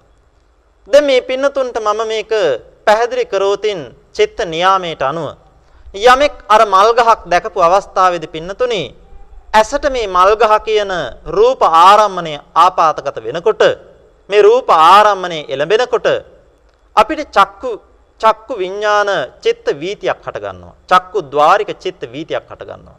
භවංග සිත් දෙකක් ඇති වෙලා පංචද්වාරා වර්ජන සිතක් ඇති වෙලා නිරුද්ධ වෙලා මීළඟට චක්කු විඥාන සිතක් හට ගන්නවා. ඒක තමයි කීවේ චක්කුං චාවසෝ පටිච්ච උප්පජ්ජති චක්කු විඥානං කියලා. චක්කු විඥාන සිතේ තමයි තියෙන්නේ වේදන පස්ස වේදනා සංඥා කියන චෛතසික. නමුත් චක්කු විඥාන සිතේ විතක්ක චෛතසිකයක් නැහැ. චක්කු විඥාන සිතට අනන්තර උපදිනවා විතක්ක සහගත සිත් ගණනාවක්. ඊට පස්සේ සම්පටිච්චන සම්තීරණ වොත්තපන යනාදි වශයෙන් සිත් තුනක් ඇති වෙලා ජවන් සිත් පේලියක් ඇති වෙනවා. මේක තමයි චිත්ත නියාමය. මෙන්න මේ සිත්වල පවතින විතක්ක චෛතසිකය පිළිබඳව තමයි කියන්නේ යං සංජානಂತಿ තං විතක්කේති. යමක් හඳුනගත්තද ඒක නිසා විතක්කයක් කියන එකක් හටගත්තා. අන්න විතක්ක චෛතසිකේ පහළ වුණා. අන්නේ විතක්කේ තියෙනකොට අරමුණට සිත නංවන නිසා මොකක්ද අරමුණ? ඇසට අරමුණු වුණා රූපාරම්මණයක් මල් ගහක් දැක්කා. මෙන්න මේ කියන අරමුණට නැංවීම කියන ලක්ෂණය තියෙන විතක්ක චෛතසිකයේ සහිත සෙත් කිහිපයක් පහළ වෙනකොට පින්නතුනේ අන්න ඒ විතක්කේ තියෙන නිසා අපිට ඊළඟට දී මහා කච්චායන මහරහතන් වහන්සේ පැහැදිලි කරනවා යං විතක්කේති තං පපංචේති අන්න ඒ විතක්ක කරන දේ විතක්කේ නිසා අර ඇසට අරමුණු වෙච්ච රූප ආරම්මණය අරමුණු කරගෙන ප්‍රපංච ඇති කරගන්නවා තණ්හා දිට්ටි වශයෙන් මේක සලකා ගන්නවා. සම්පටිච්චන සම්තීරණ වොත්තපන කියලා සෙත් තුනක් ඇති වෙලා අපි කියවා ජවන් සිත් පේලියක් ඇති වෙනවා කියලා. මෙන්න මේ ජවන් සිත්වල තමයි තියෙන්නේ මේ ප්‍රපංච කියන එක. ප්‍රපංච කරනවා කියලා කියන්නේ පින්නතුනේ තණ්හා දිට්ටි වශයෙන් සලකනවා කියන එක. දැන් මේක සිද්ධ වෙන්නේ කොහොමද කියලා බලමු. යම් කෙනෙක් අර මල් ගහක් දැක්කා මල්ගහ දැකපු වෙලාවේදී පින්නතුනේ චක්කු විඥාන සිතක් පහළ වුණා. ඒ චක්කු විඥාන සිතට අනතුරුව සම්පටිච්චන සම්තීරණ කියලා සිත් දෙකක් පහළ වෙලා මේ අරමුණ නිශ්චය කරගත්තා. අරමුණ නිශ්චය කරගත්තු අවස්ථාවේදී මනෝද්වාරා වර්ජන සිතක් වොත්තපන විදිහට ඇති වෙනවා. මේක ව්‍යවස්ථාපනය කරගන්නවා අරමුණ. මොකද්ද මේ දැක්කේ කියලා. මල් ගහක් දැක්කේ. අන්න ව්‍යවස්ථාපනය කරගන්න අවස්ථාවේ පින්නතුනේ තමන්ගේ පවතෙන යෝනිසෝ මානසිකාරය හෝ අයෝනිසෝ මානසිකාරය කියන දෙකේ ප්‍රත්‍ය වීමෙන් මෙන්න මේ දෙක උපනිශ්‍රේ වෙලා අර මනෝද්වාරා වර්ජන සිතෙන් අපි කුසලයේ පැත්තට හරි අකුසලයේ පැත්තට හරි යොමු කරනවා. මල් ගහක් දකින්න කෙනාට මේ මල් ගහ දැක්කහම Taman අයෝනිසෝ මානසිකාරයකින් නම් ඉන්නේ. මේ ලෝකයේ සියලු ධර්මතාවයන් අනිත්‍ය දුක්ඛ අනාත්ම කියන විදිහට දකිමින් යෝනිසෝ මනසිකාරයකින් නැත්තම් පින්නතුනි එයාගේ චිත්ත වීතිය යොමු වෙනවා අකුසල පැත්තට. මල් ගහක් දැකපු ගණන් හිතනවා අනේ ලස්සන මල් ගහක් නේ කියලා හිතනවා. ලස්සන මල් ගහක් නේ කියලා හිතනකොට පින්නතුනි එයාගේ ලෝභ සහගත සිත් ප්‍රමාණයක් ඇති වෙන්න පටන් ගන්නවා. අන්න ඒ වෙලාවේ පුද්ගලයා ප්‍රපංච කරනවා මම නෙමේ මල් ගහ දැක්කේ මේ මම දැකපු මල් ගහනේ කියලා තෘෂ්ණාවෙන් ග්‍රහණය කරගන්නවා. මම මේ මල් ගහ දැක්කනේ කියලා දිට්ඨියෙන් ග්‍රහණය කරගන්නවා. මම මේ මල් ගහ දැක්ක වෙන කවුරුත් දැක්කේ නෑනේ කියලා මානෙන් ග්‍රහණය කරගන්නවා. අන්න පින්නතුනේ මේකයි කීවේ යං විතක්කේති තම්ප පංචේති කියලා. නමුත් පින්නතුනේ යම් කෙනෙක් යෝනිසෝ මානසිකාරයේ කරගෙන ඉන්නවා නම් එයාට අර මනෝද්වාරා වර්ජන සිතේදී මේ අරමුණ ව්‍යවස්ථාපනය කරනවා යෝනිසෝ මානසිකාරයෙන්. මල් ගහ දැක්කා දැකලා චක්කු විඥාන සිත් ආදි සිත් හටගත්තා නමුත් එයා කල්පනා කරනවා මේ මල් ගහේ මේ ඇති වෙලා තියෙන මල් ටික තව පැය කීපයක් ගියාම පර වෙලා යනවා අනේ මේ ලෝකේ සියලු සංස්කාර ධර්මයන් ෂණයක් ෂණයක් පාසා ඇතිවෙමින් නැතිවෙමින් යනවනේ. අනිත්‍යයිනේ, අනිත්‍ය නිසා දුකයිනේ, අනාත්මයිනේ, අසුබයිනේ කියලා කල්පනා කරනවා. පින්නතුනේ එයාට ඇති වෙන්නේ එතන ඉඳලා කුසල සිත් පරම්පරාවක්. අන්න ඒ පුද්ගලයා ප්‍රපංච කරන්නේ නැහැ. ප්‍රපංච කරන්නේ නැතිව කුසල් සිත් පරම්පරාවක් ඇති කරගන්නවා. මෙන්න මේ ධර්මතාවය තමයි මහා කච්චායන මහරහතන් වහන්සේ මේ පැහැදිලි කරන්නේ. ඇස ඇසත් රූපයත් කියන දෙක නිසා චක්කු විඥාන සිතක් හටගත්තා. ඒ චක්කු විඥාන සිතෙහි තියෙනවා පස්සේ කියලා චෛතසිකයක්. ඒ පස්සේ කියලා චෛතසිකය අපි ටිකක් පැහැදිලි කරගත්තොත් දැන් අපිට මෙතන හිතනවා මේක ගැටීමක් කියලා. ස්පර්ශයක් කියලා. ස්පර්ශයක් කියලා කිව්වට පින්නතුනි මෙතන නැහැ. අපි මේ ලෞකිකව දකින ගැටීමක්. රූපාරම්මණය ඇවිල්ලා ඇහි ගැටෙන්නේ නැහැ. මම අර පැහැදිලි කරා කණ්ණාඩියක ප්‍රතිබිම්බයක් හටගන්නවා වාගේ මේ ඇසේ චක්කු ප්‍රසාදයේ තුල රූපාරම්මණයේ ප්‍රතිබිම්බයක් හටගන්නවා. අන්නේ ප්‍රතිබිම්බය හටගත්තාම තමයි චක්කු විඥාන සිත පහළ වෙන්නේ. ඒ චක්කු විඥාන සිතේ තියෙන මේ පස්සේ කියන චෛතසිකේ මේක අපිට වැටහෙන ආකාරය තමයි මේ වැටහෙන ආකාරය තමයි මේ පස්සේ කියලා කියන්නේ. මේක ස්පර්ශයක් කියලා අපිට වැටහෙනවා. මේ පස්ස චෛතසිකේ සඳහන් වෙන්නේ මේකේ ලක්ෂණේ වෙන්නේ පුසන ලක්ෂණය. මේකේ ලක්ෂණය තමයි පැහැසීම ස්පර්ශ. කොහොමද පැහැසීම වෙන්නේ? ඇසත් රූපයත් කියන දෙක එකට පහසනවා කියලා එකට ගෑවෙනවා කියලා තමයි අපිට මේක තේරෙන්නේ. මේකයි පස්සේ කියන එක මේ අපි ස්පර්ශය කියලා හඳුනගන්නේ. නමුත් මේකේ කෘත්‍ය වෙන්නේ කියන්නේ මේ පස්ස චෛසිකයේ කෙරෙන කටයුත්ත වෙන්නේ ඇසත් චක්කු විඥානයත් කියන දෙක එකට එකතු කිරීම කියන එක. සංඝට්ටන රසා කියලා කියන්නේ ඒකයි. ඒ ඇසත් චක්කු විඥානයත් කියන දෙක එකට ඇසත් රූපයත් කියන දෙක එකට එකතු කිරීමේ කටයුත්ත කරපු චෛසිකේ තමයි මේ චක්කු විඥාන සිතේ තියෙන පස්ස චෛසිකය කියලා කියන්නේ. මේ නිසා මෙතන හිතන්න හොඳ නෑ රූප ආරම්මණය ඇවිල්ලා ඇහි ගැටෙනවා කියලා. එහෙම හිතුවොත් එහෙම ඒක වැරදි. ඒ වාගේම තමයි ඊළඟ කාරණය. මේ පස්සේ නිසා වේදනාවක් හටගන්නවා කියලා කිව්වම පැහැදිලි කරා මේ දෙක ඇති වෙන්නේ පෙරපසු නොවේ එකම අවස්ථාවේදී. ඒ වේදනාවත් සංඥාවත් කියන තුනම ඇති වෙන්නේ එකම අවස්ථාවේදී පෙරපසු නොවේ. එහෙමනම් මොකද්ද මේ තින්නම් සංගතිපස්සෝ කියලා කිවි? දැන් මේ ධර්මතා තුනක් එකතු වීම පස්සේ කියලා කියවනේ. එහෙනම් මේ මොකද්ද කිවි? පින්නතුනි මෙතන මේ පැහැදිලි කරන්නේ තින්නම් සංගති කියලා කියන්නේ අපිට මේක තේරෙනවා. අපිට මේක වැටහෙන ආකාරය තමයි ඇසයි රූපයයි චක්කු විඥානයයි කියන තුන එකට එකතු වෙනවා කියලා. නමුත් පින්නතුනි මේක මේ තින්නම් සංගති කියලා අපිට වැටහෙන ආකාරය උනාට මේ තුනේ එකතුවක් ඇති වෙන්නේ නැහැ. එකතුවක් නෙමෙයි. ඒ චක්කු විඥාන සිතෙහි පස්සේ කියලා චෛතසිකයක් තමයි තියෙන්නේ. මේ කාරණේ මේ විදිහට निराකූලව අවබෝධ කරගත්තේ නැත්නම් පින්නතුනි විදර්ශනාවක් පහළ වෙන්නේ නැහැ. සමහර වෙලාවට අපි කවුරු හරි කියන විදිහට අහලා මානසිකාර කරනවා ඇසයි රූපයයි චක්කු විඥානයයි තුන එකතු වෙනකොට පස්සෙයි ඒ පස්සේට හින්දා වේදනාව ඇති වුණා වේදනාව නිසා සංඥාව ඇති වුණා සංඥාව නිසා විතර්කය ඇති වුණා විතර්කය නිසා ප්‍රපංච ඇති වුණා. මේ විදිහට පින්නතුනේ කල්පනා කරන එක හොඳයි. හැබැයි පින්නතුනේ ඒ කල්පනා කරද්දී අපිට निराකූල අවබෝධයක් තිබ්බේ නැත්තම් මෙතන විදර්ශනාවක් වැඩෙන්නේ නැහැ. මෙන්න මේ නිසා අපි මේ ධර්මතාවය හරියටම තේරුම් ගන්න ඕනේ. ඊළඟ කාරණේ තමයි මේ ප්‍රපංචේති කියන වචනේදී සමහර කට්ටිය මේක වැරදිවට ග්‍රහණය කරගන්නවා. ඒ තමයි සමහර කෙනෙක් හිතන මේ ප්‍රපංචේති කියලා කියන්නේ දැන් අපි මම උදාහරණයට ගත්තා මල් ගහක් දකිනවා කියලා. මේක මල් ගහක් විදිහට දැකීම ප්‍රපංච කිරීමක් කියලා සමහර කෙනෙක් කියනවා. නමුත් පින්නතුනි ඒක වැරදි. මේක මල් ගහක් විදිහට දැකීම කියලා කියන්නේ ප්‍රපංච කිරීම නෙමෙයි. ඒ දකින දේ තණ්හා දිට්ටි වශයෙන් ග්‍රහණය කර ගැනීමයි ප්‍රපංච කිරීම කියලා කියන්නේ. මේ වැරදි අවබෝධය නිසාම කෙනෙක් මේක විදර්ශනා කරනවා වැරදි විදිහට. කොහොමද? කෙනෙක් හිතනවා මේ සියලුම හේතුන් නිසා ඇතිවෙන ධර්මතාවයන් හේතුන් නැති වුනහම නැති වෙනවා. එහෙමනම් මේ මල්ගහ කියලා කියන්නේ හේතුන් නිසා ඇතිවෙච්ච ධර්මතාවයක්. ඒ හේතුන් නිසා ඇතිවෙච්ච ධර්මතාවයක් විතරයි මෙතන තියෙන්නේ මල්ගහක් නැහැ. මල් ගහක් නැති නිසා නමුත් අපි ප්‍රපංච කිරීම වශයෙන් මල් ගහක් දකිනවා යම් කෙනෙකුට පුළුවන් වුණොත් මෙතන මල් ගහක් නැහැ කියලා හිතනද? අන්න ඒ පුද්ගලයා මේ ධර්මය අවබෝධ කරගත්තා කියලා හිතනවා. මෙන්න මේ වැරදි වැටහීමක් ඇති වෙනවා. මේ ප්‍රපංචය කියන වචනේ වැරදිවට තේරුම් ගත්තාම. එහෙම වුණොත් පින්නතුනේ රහතන් වහන්සේලා කවම කවදාකවත් මේ ලෝක රූප දකින්නේ නැති වෙන්න ඕනේ. රහතන් වහන්සේ කෙනෙක්ට ප්‍රපංච නැහැ පින්නතුනේ. ප්‍රපංච නැහැ කියලා කියන්නේ යම් කෙනෙක් හිතනවා නම් මේ මල්ගහ මල්ගහක් විදිහට දැකීම ප්‍රපංච කිරීමක් කියලා.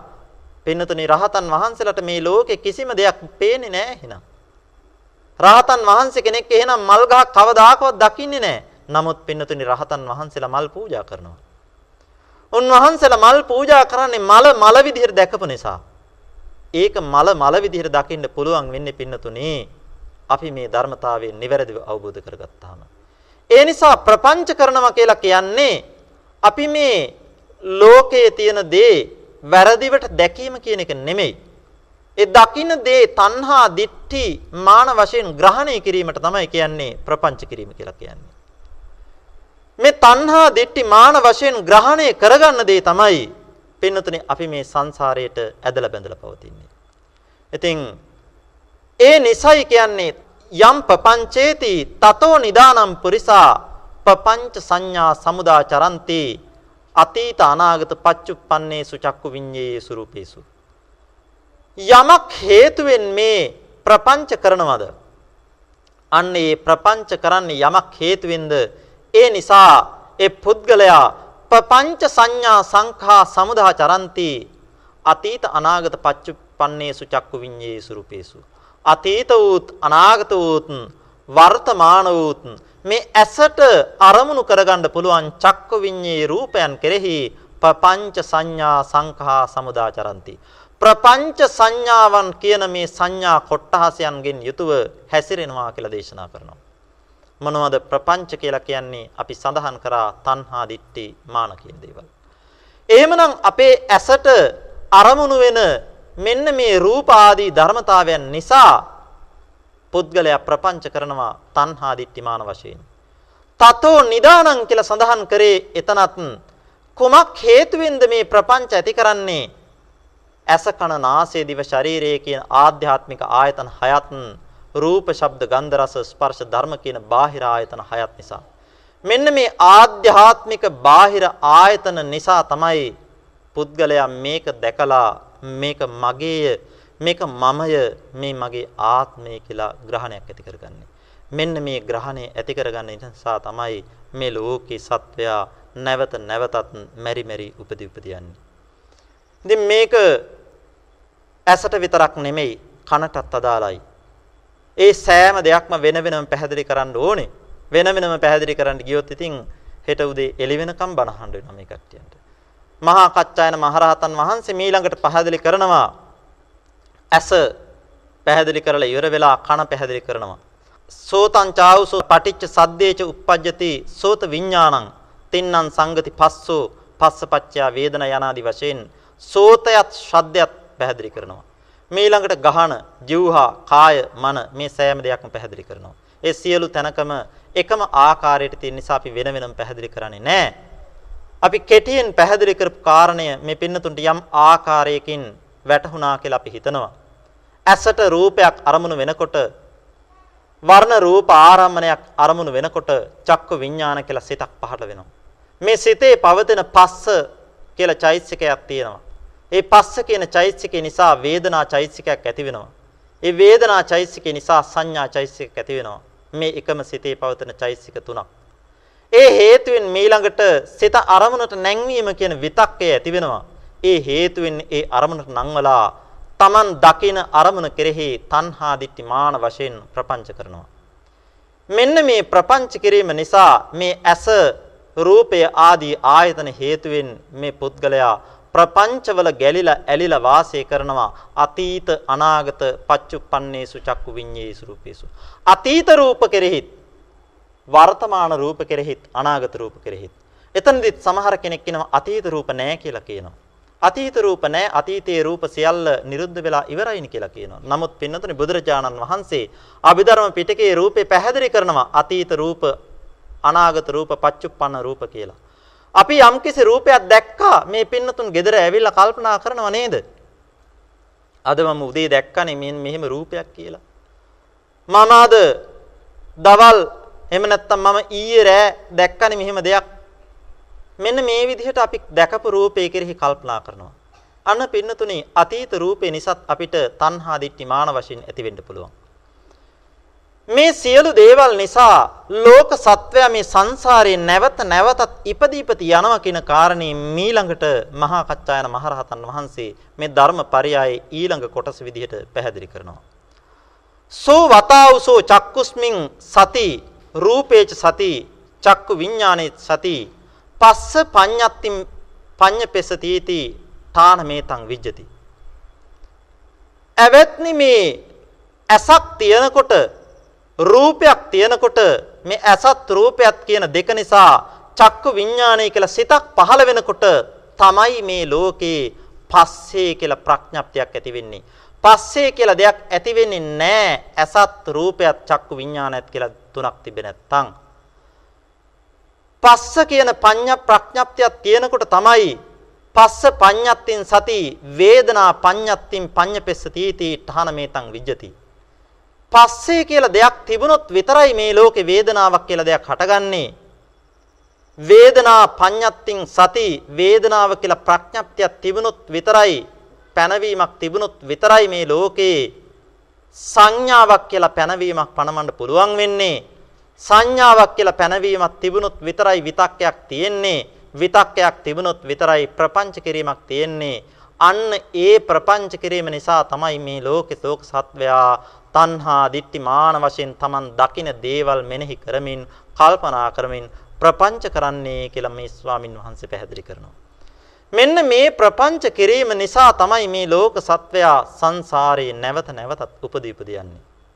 පින්නතුනි මේ ප්‍රපංච කරන ධර්මතාවයන් සියල්ල ඇස කියලා යමෙක් හිතනවා නම් යමෙක් ඇස කියලා ඇසට රූපයක් දැක්ක කියලා හිතනවා නම් මෙන්න මේ ඇසෙන් දකින මේ රූපේ දකින ඇසත් ඇසට ලක් වෙන රූපයත් මේ දෙකම පින්නතුනි ෂණයක් පාසා ඇතිවීමින් නැතිවීමින් යන ධර්මතාවයන්.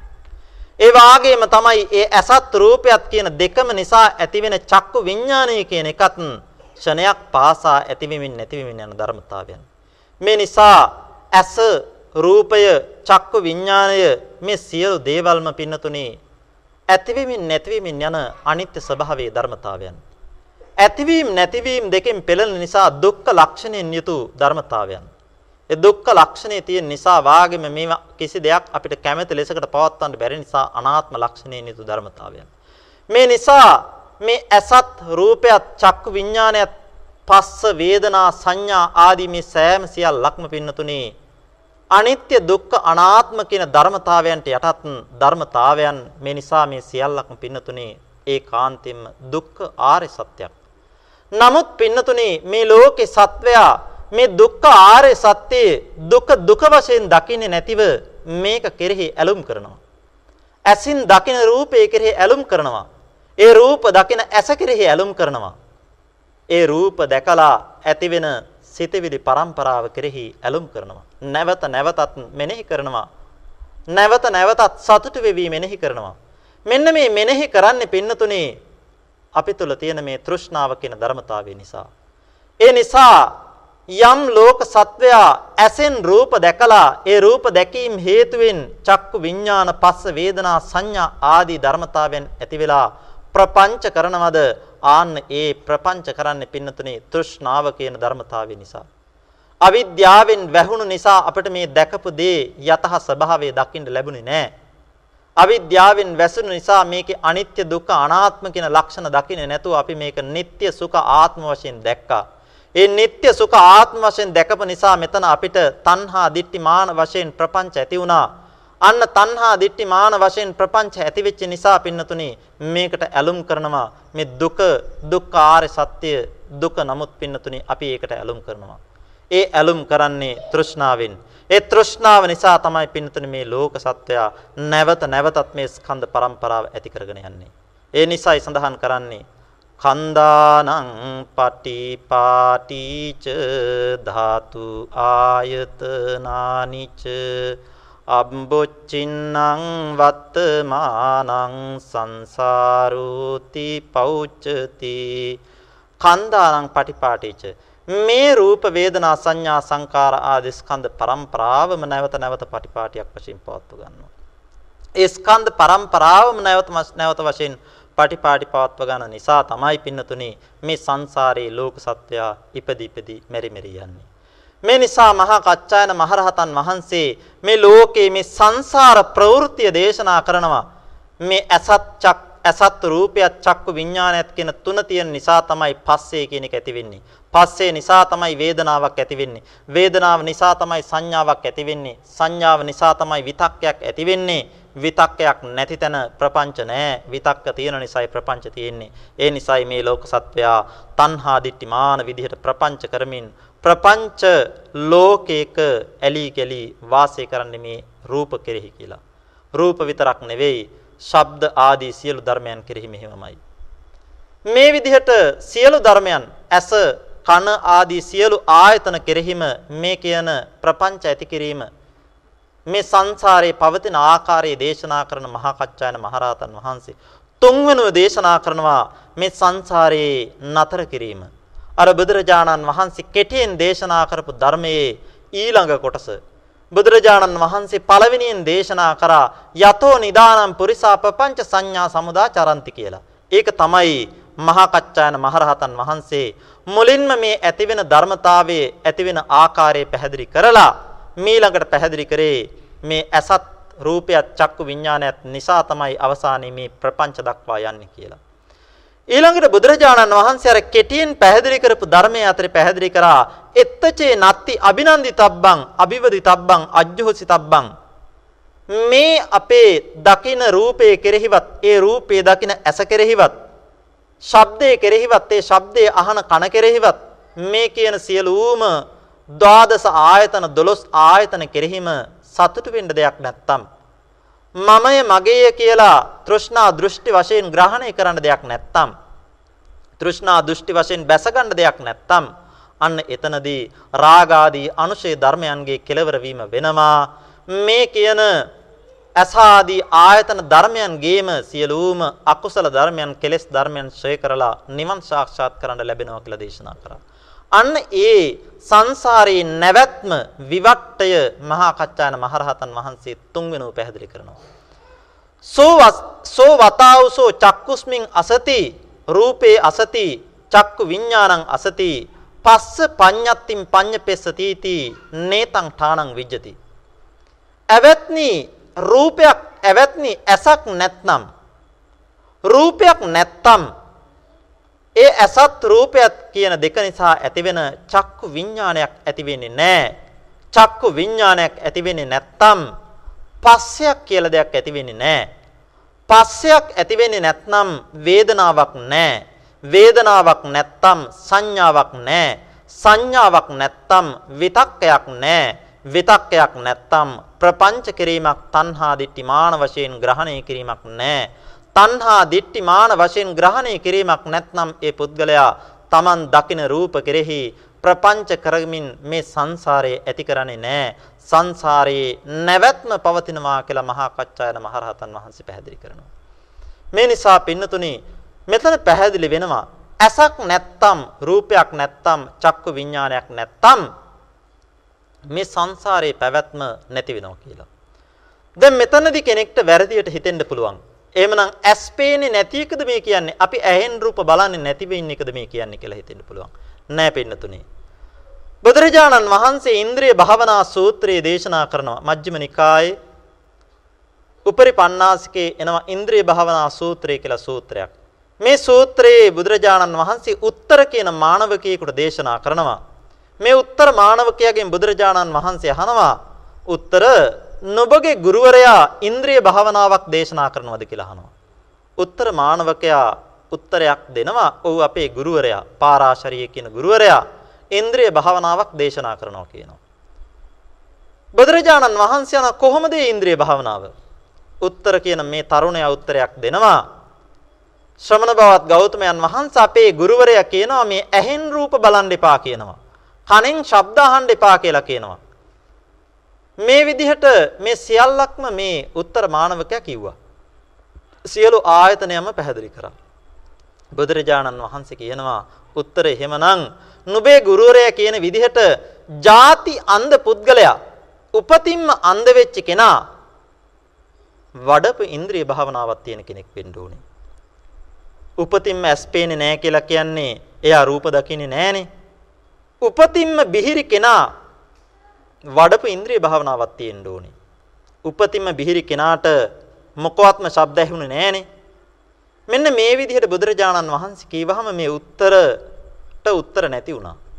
ඒ වෙලාවේ බුදුරජාණන් වහන්සේ ආනන්ද ස්වාමින් වහන්සේට කියනවා ආනන්දය මේ ආර්ය විනෙහි ඉන්ද්‍රිය භාවනාව කියන්නේ ඒක නෙමෙයි. ආර්ය විනෙහි ඉන්ද්‍රිය භාවනාව කියලා කියන්නේ මේ ඇහෙන් රූපයක් දැකලා ඇහෙන් දකින රූපේ කෙරෙහි මනාපයක් ඇති වෙන්න පුළුවන් අපිට. කැමැත්තක් ඇති වෙන්න පුළුවන් දකින රූපේ කෙරෙහි. දැන් අර මල් ගහක් දැක්කහම අපිට හොඳයිනේ කියලා කැමැත්තක් ඇති වෙනවා. එහෙම නැත්නම් අමනාපයක් ඇති වෙන්න පුළුවන්. අර අසූචි ගොඩක් වාගේ දැක්කහම අපිට පිළිකුලක් ඇති වෙනවා. ඒ නිසා අකමැත්තක් ඇති වෙනවා. එහෙම නැත්නම් සමහර වෙලාවට මනාප අමනාප දෙකම ඇති වෙන්න පුළුවන්. මෙන්න මේ විදිහට යම් කෙනෙකුට ඇහෙන් රූපයක් දැකලා මනාප ඇති වෙනවද අමනාප ඇති වෙනවද මනාප අමනාප කියන දෙකම ඇති වෙනවද ඒ පුද්ගලයාට ඇසිපිය ගහන ෂණයක මේ තමන්ගේ මනාප අමනාප දුරු කරලා උපේක්ෂාවකටපත් වෙන්න පුළුවන් නම් විදර්ශනා උපේක්ෂාවක් ඇති කරගන්න පුළුවන් නම් අන්න එයා වඩපු ඉන්ද්‍රිය භාවනාවක් තියෙන කෙනෙක් කියලා බුදුරජාණන් වහන්සේ පැහැදිලි කරා. මේ නිසා පින්නතුනි මේ චක්කුස්මින් අසති කියලා කීවේ ඇහැක් නැති කල්හි කියලා කීවේ පින්නතුනි ඇස් නැහැ ඇස් පේන්නේ නැහැ කියන එක නෙමෙයි. ඇස් වලින් රූප බලන්න එපා කියන එක නෙමෙයි. මේ කීවේ පින්නතුනි ඇස කියලා කියන්නේ ආයතනයක්. රූපය කියලා කියන්නේ ආයතනයක්. ආයතනය කියලා කියන්නේ මේ අපි සංසාරයට ඇදබැද තබන කෙලෙස් ඇති කරන අර්ථයෙන් තමයි ආයතනය කියලා කියන්නේ. ආයතන කියන වචනේ අර්ථය වෙන්නේ කෙලෙස් ඇති කරනවා කියන එක. සංසාරයට ඇදලා බැඳලා පවතිනවා කියන එක. මෙන්න මේ ආයතන කටයුත්ත ඇහෙන් සිදු කරන්නේ නැත්තම් ඇහෙන් කොච්චර රූප දැක්කත් කමක් නැහැ.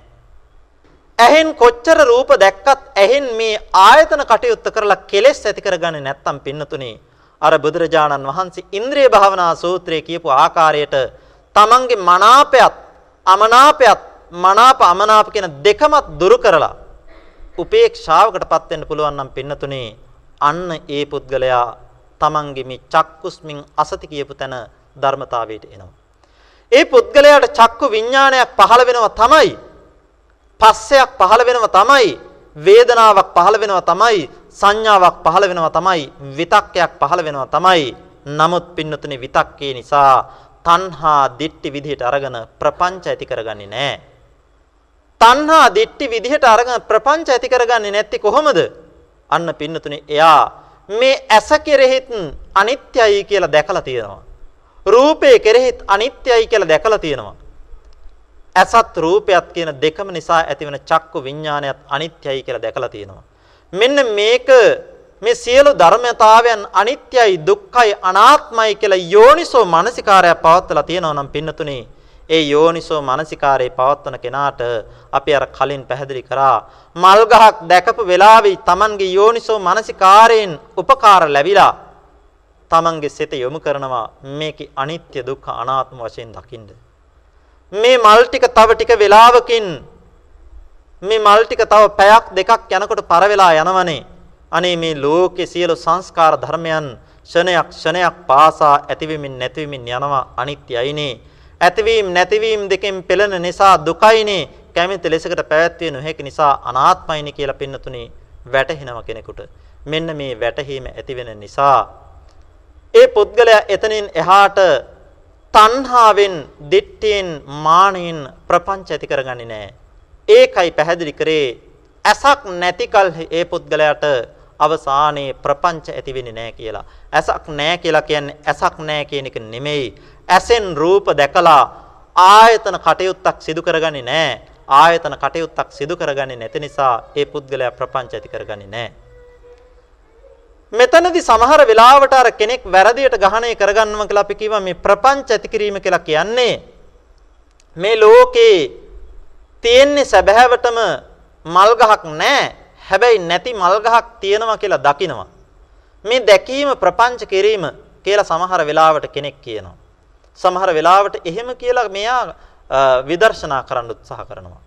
ඒ පුද්ගලයාට පින්නතුනි හිතෙනවා Taman කවදා හරි මේ රූපය ෂණයක් ෂණයක් පාසා සිඳි සිඳි බිඳි බිඳි යනවා කියලා දැක්කනම් එදාමම සත්‍ය අවබෝධ කරගත්ත කියලා වැරදි වැටහීමකටපත් වෙනවා. පින්නතුනේ එහෙම රූපේ සිඳි සිඳි බිඳි බිඳි යනවා කියලා දකින්න එක පින්නතුනේ සත්‍ය අවබෝධ වීම නෙමෙයි. අපේ මේ භාවනා මාර්ගයක් අපිට බුදුරජාණන් වහන්සේ බොහොම පැහැදිලිව දේශනා කරලා තිබෙනවා. ඉතින් මේ විසුද්ධි මාර්ගය කියන ග්‍රන්ථයේ පින්නතන මේ භාවනා මාර්ගය බොහොම පිළිවෙලට පැහැදිලි කරලා තිබෙනවා. විසුද්ධි මාර්ගය කියන ග්‍රන්ථය තමයි බොහොම සම්භාවනීය භාවනා කෘතිය. බුද්ධ ඝෝෂ ස්වාමින් වහන්සේ අනුරාධපුර යුගයේ රචනා කරපු විසුද්ධි මාර්ගයේ තුල සමස්ත ත්‍රිපිටකයේ තුරාවටම තියෙන භාවනා මාර්ගය කැටි කරලා දේශනා කරලා තිබෙනවා.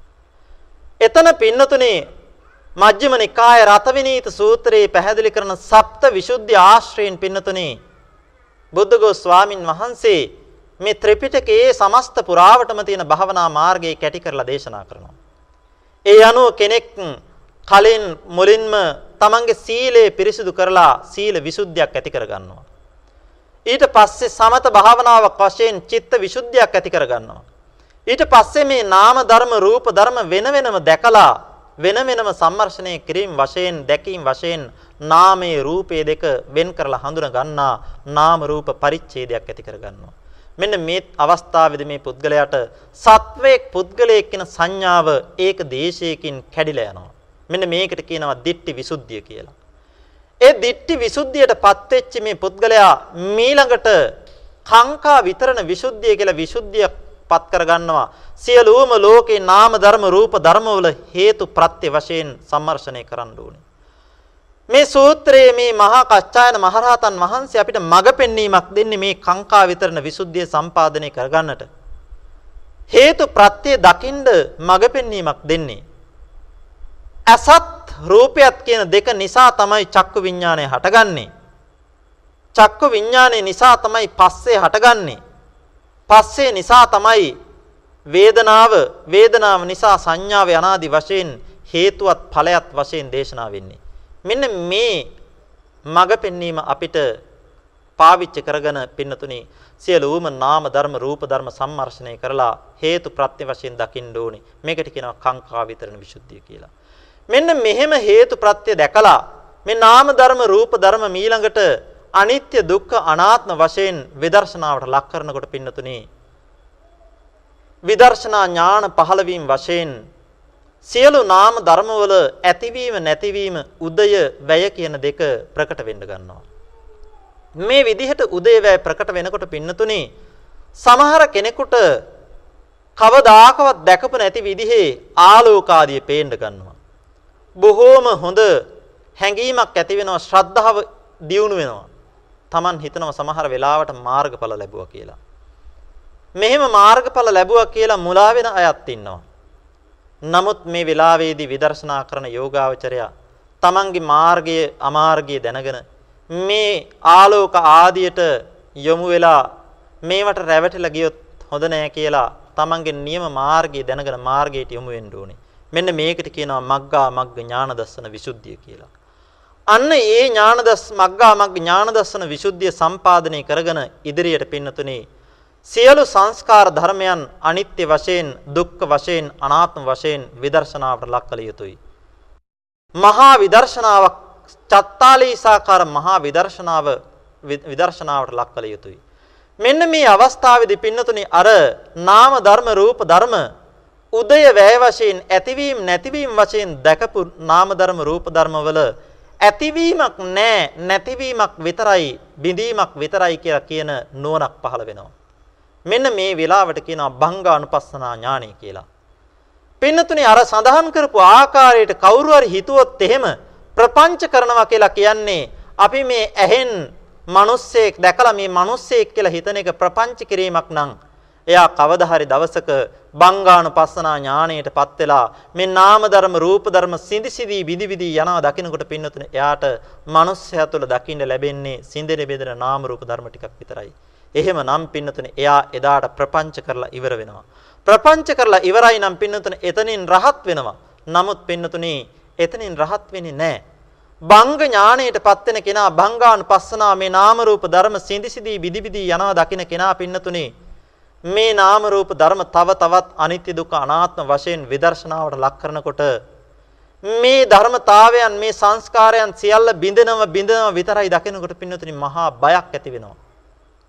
සංස්කාරයන් කෙරෙහි පුදුමාකාර බයක් ඇති වෙනවා. මේකට කියනවා භයතුපට්ඨානය කියලා. මේ බයක් ඇති වෙනකොට තව දුරටත් මෙයාට හිතෙනවා මේ විදර්ශනාව ඉදිරියට කරගන්න ඕනේ කියලා. ඒ විදිහට කරගෙන යනකොට පින්නතුනේ මේ සංස්කාරයන් කෙරෙහි කිසිම ආස්වාදයක් නැහැ. මේකේ තියෙන්නේ ආදීනවයක් විතරයි කියලා දකින්න ලැබෙනවා. ඒකට කියනවා ආදීනවානුපස්සනා ඥානය කියලා. ඒ ආදීනවේ විතරයි දකින්නේ ආදීනව විතරක් දකිනකොට මෙයාට හිතනවා මෙතනින් මිදෙන්න තව තවත් මේ විදර්ශනාව කරගන්න ඕනේ කියලා. මිදෙන කැමැත්තක් ඇති වෙනවා පින්නතුනේ. ඊට කලින් කලකිරීමක් ඇති වෙනවා නිබ්බිදානුපස්සනාවක් කියලා කියනවා. නිබ්බිදාවක්. සියලු සංස්කාරයන් කෙරෙහි කලකිරීමක් ඇති වෙනවා. ඒකට කියනවා නිබ්බිදානුපස්සනාව කියලා. ඒ කලකිරීමක් ඇති වෙන නිසා මෙයාට හිතෙනවා මේ සංස්කාරයන් කෙරෙහි මම ඉක්මනට මිදලා යන්න ඕනේ. මම ඉක්මනට නිවන් සාක්ෂාත් කරගන්න ඕනේ කියලා අදහසක් පහළ වෙනවා. නුවණක් පහළ වෙනවා. මේකට කියනවා මුංචිතු කම්මිතා ඥානය කියලා. ඒ මිදෙනු කැමැති පුද්ගලයා පින්නතුනේ නොනවත්වා තමන්ගේ භාවනා මානසිකාරයේ පවත්වන්න ගන්නවා. උදේ දවල් රෑ නොනවත්වා භාවනා කරනවා. ඊටාම ඉක්මනට මේ සංස්කාරයන්ගෙන් මිදෙන්නේ කොයි වෙලාවේද කියලා කල්පනා කරගෙන මේ සියල්ල අනිත්‍ය දුක්ඛ අනාත්ම වශයෙන් මෙනෙහි කරනකොට පින්නතුනේ එයාට තව දුරටත් පටිසංකානුපස්සනා ඥාන වශයෙන් නැවත නැවතත් මේ සංස්කාරයන් අනිත්‍ය දුක්ඛ අනාත්ම වශයෙන් මෙනෙහි කරනවා. ඒ නැවත නැවත නැවතත් අනිත්‍ය දුක්ඛ අනාත්ම වශයෙන් මෙනෙහි කරනකොට පින්නතුනේ මේ සංස්කාරයන් කෙරෙහි උපේක්ෂාවක් ඇති වෙනවා. මේක මේ විදිහට මහ හදිස්සි වෙලා කරන්න පුළුවන් දෙයක් නෙමෙයි. මේක මදහත් ආකාරයකින් පවත්විය යුතුයි කියන විදර්ශනා උපේක්ෂාවක් පිහිටනවා. මෙන්න මේකට කියනවා සංස්කාර උපේක්ෂා ඥානය කියලා. මෙන්න මේ සංස්කාර උපේක්ෂා ඥානයට පත් වෙන පුද්ගලයා තමයි පින්නතුනේ තව දුරටත් අනිත්‍ය දුක්ඛ අනාත්ම වශයෙන් විදර්ශනා ලක් කරනකොට මෙයාට කවම කවදාකවත් දැකපු නැති විදිහට මේ නිවන එක්තරා අවස්ථාවකදී අරමුණු වෙනවා. අන්නේ අරමුණ වෙන අවස්ථාවේදී තමයි පින්නතුනේ ඒ පුද්ගලයා සෝවාන් මාර්ගඵල ඥාණයටපත් වෙන්නේ නිවන් සාක්ෂාත් කරගන්නේ. මෙන්න මේ නිසා භාවනා මාර්ගයේ මේ විදිහට පිරිසිදුව පැහැදිලි කරලා තිබෙනවා.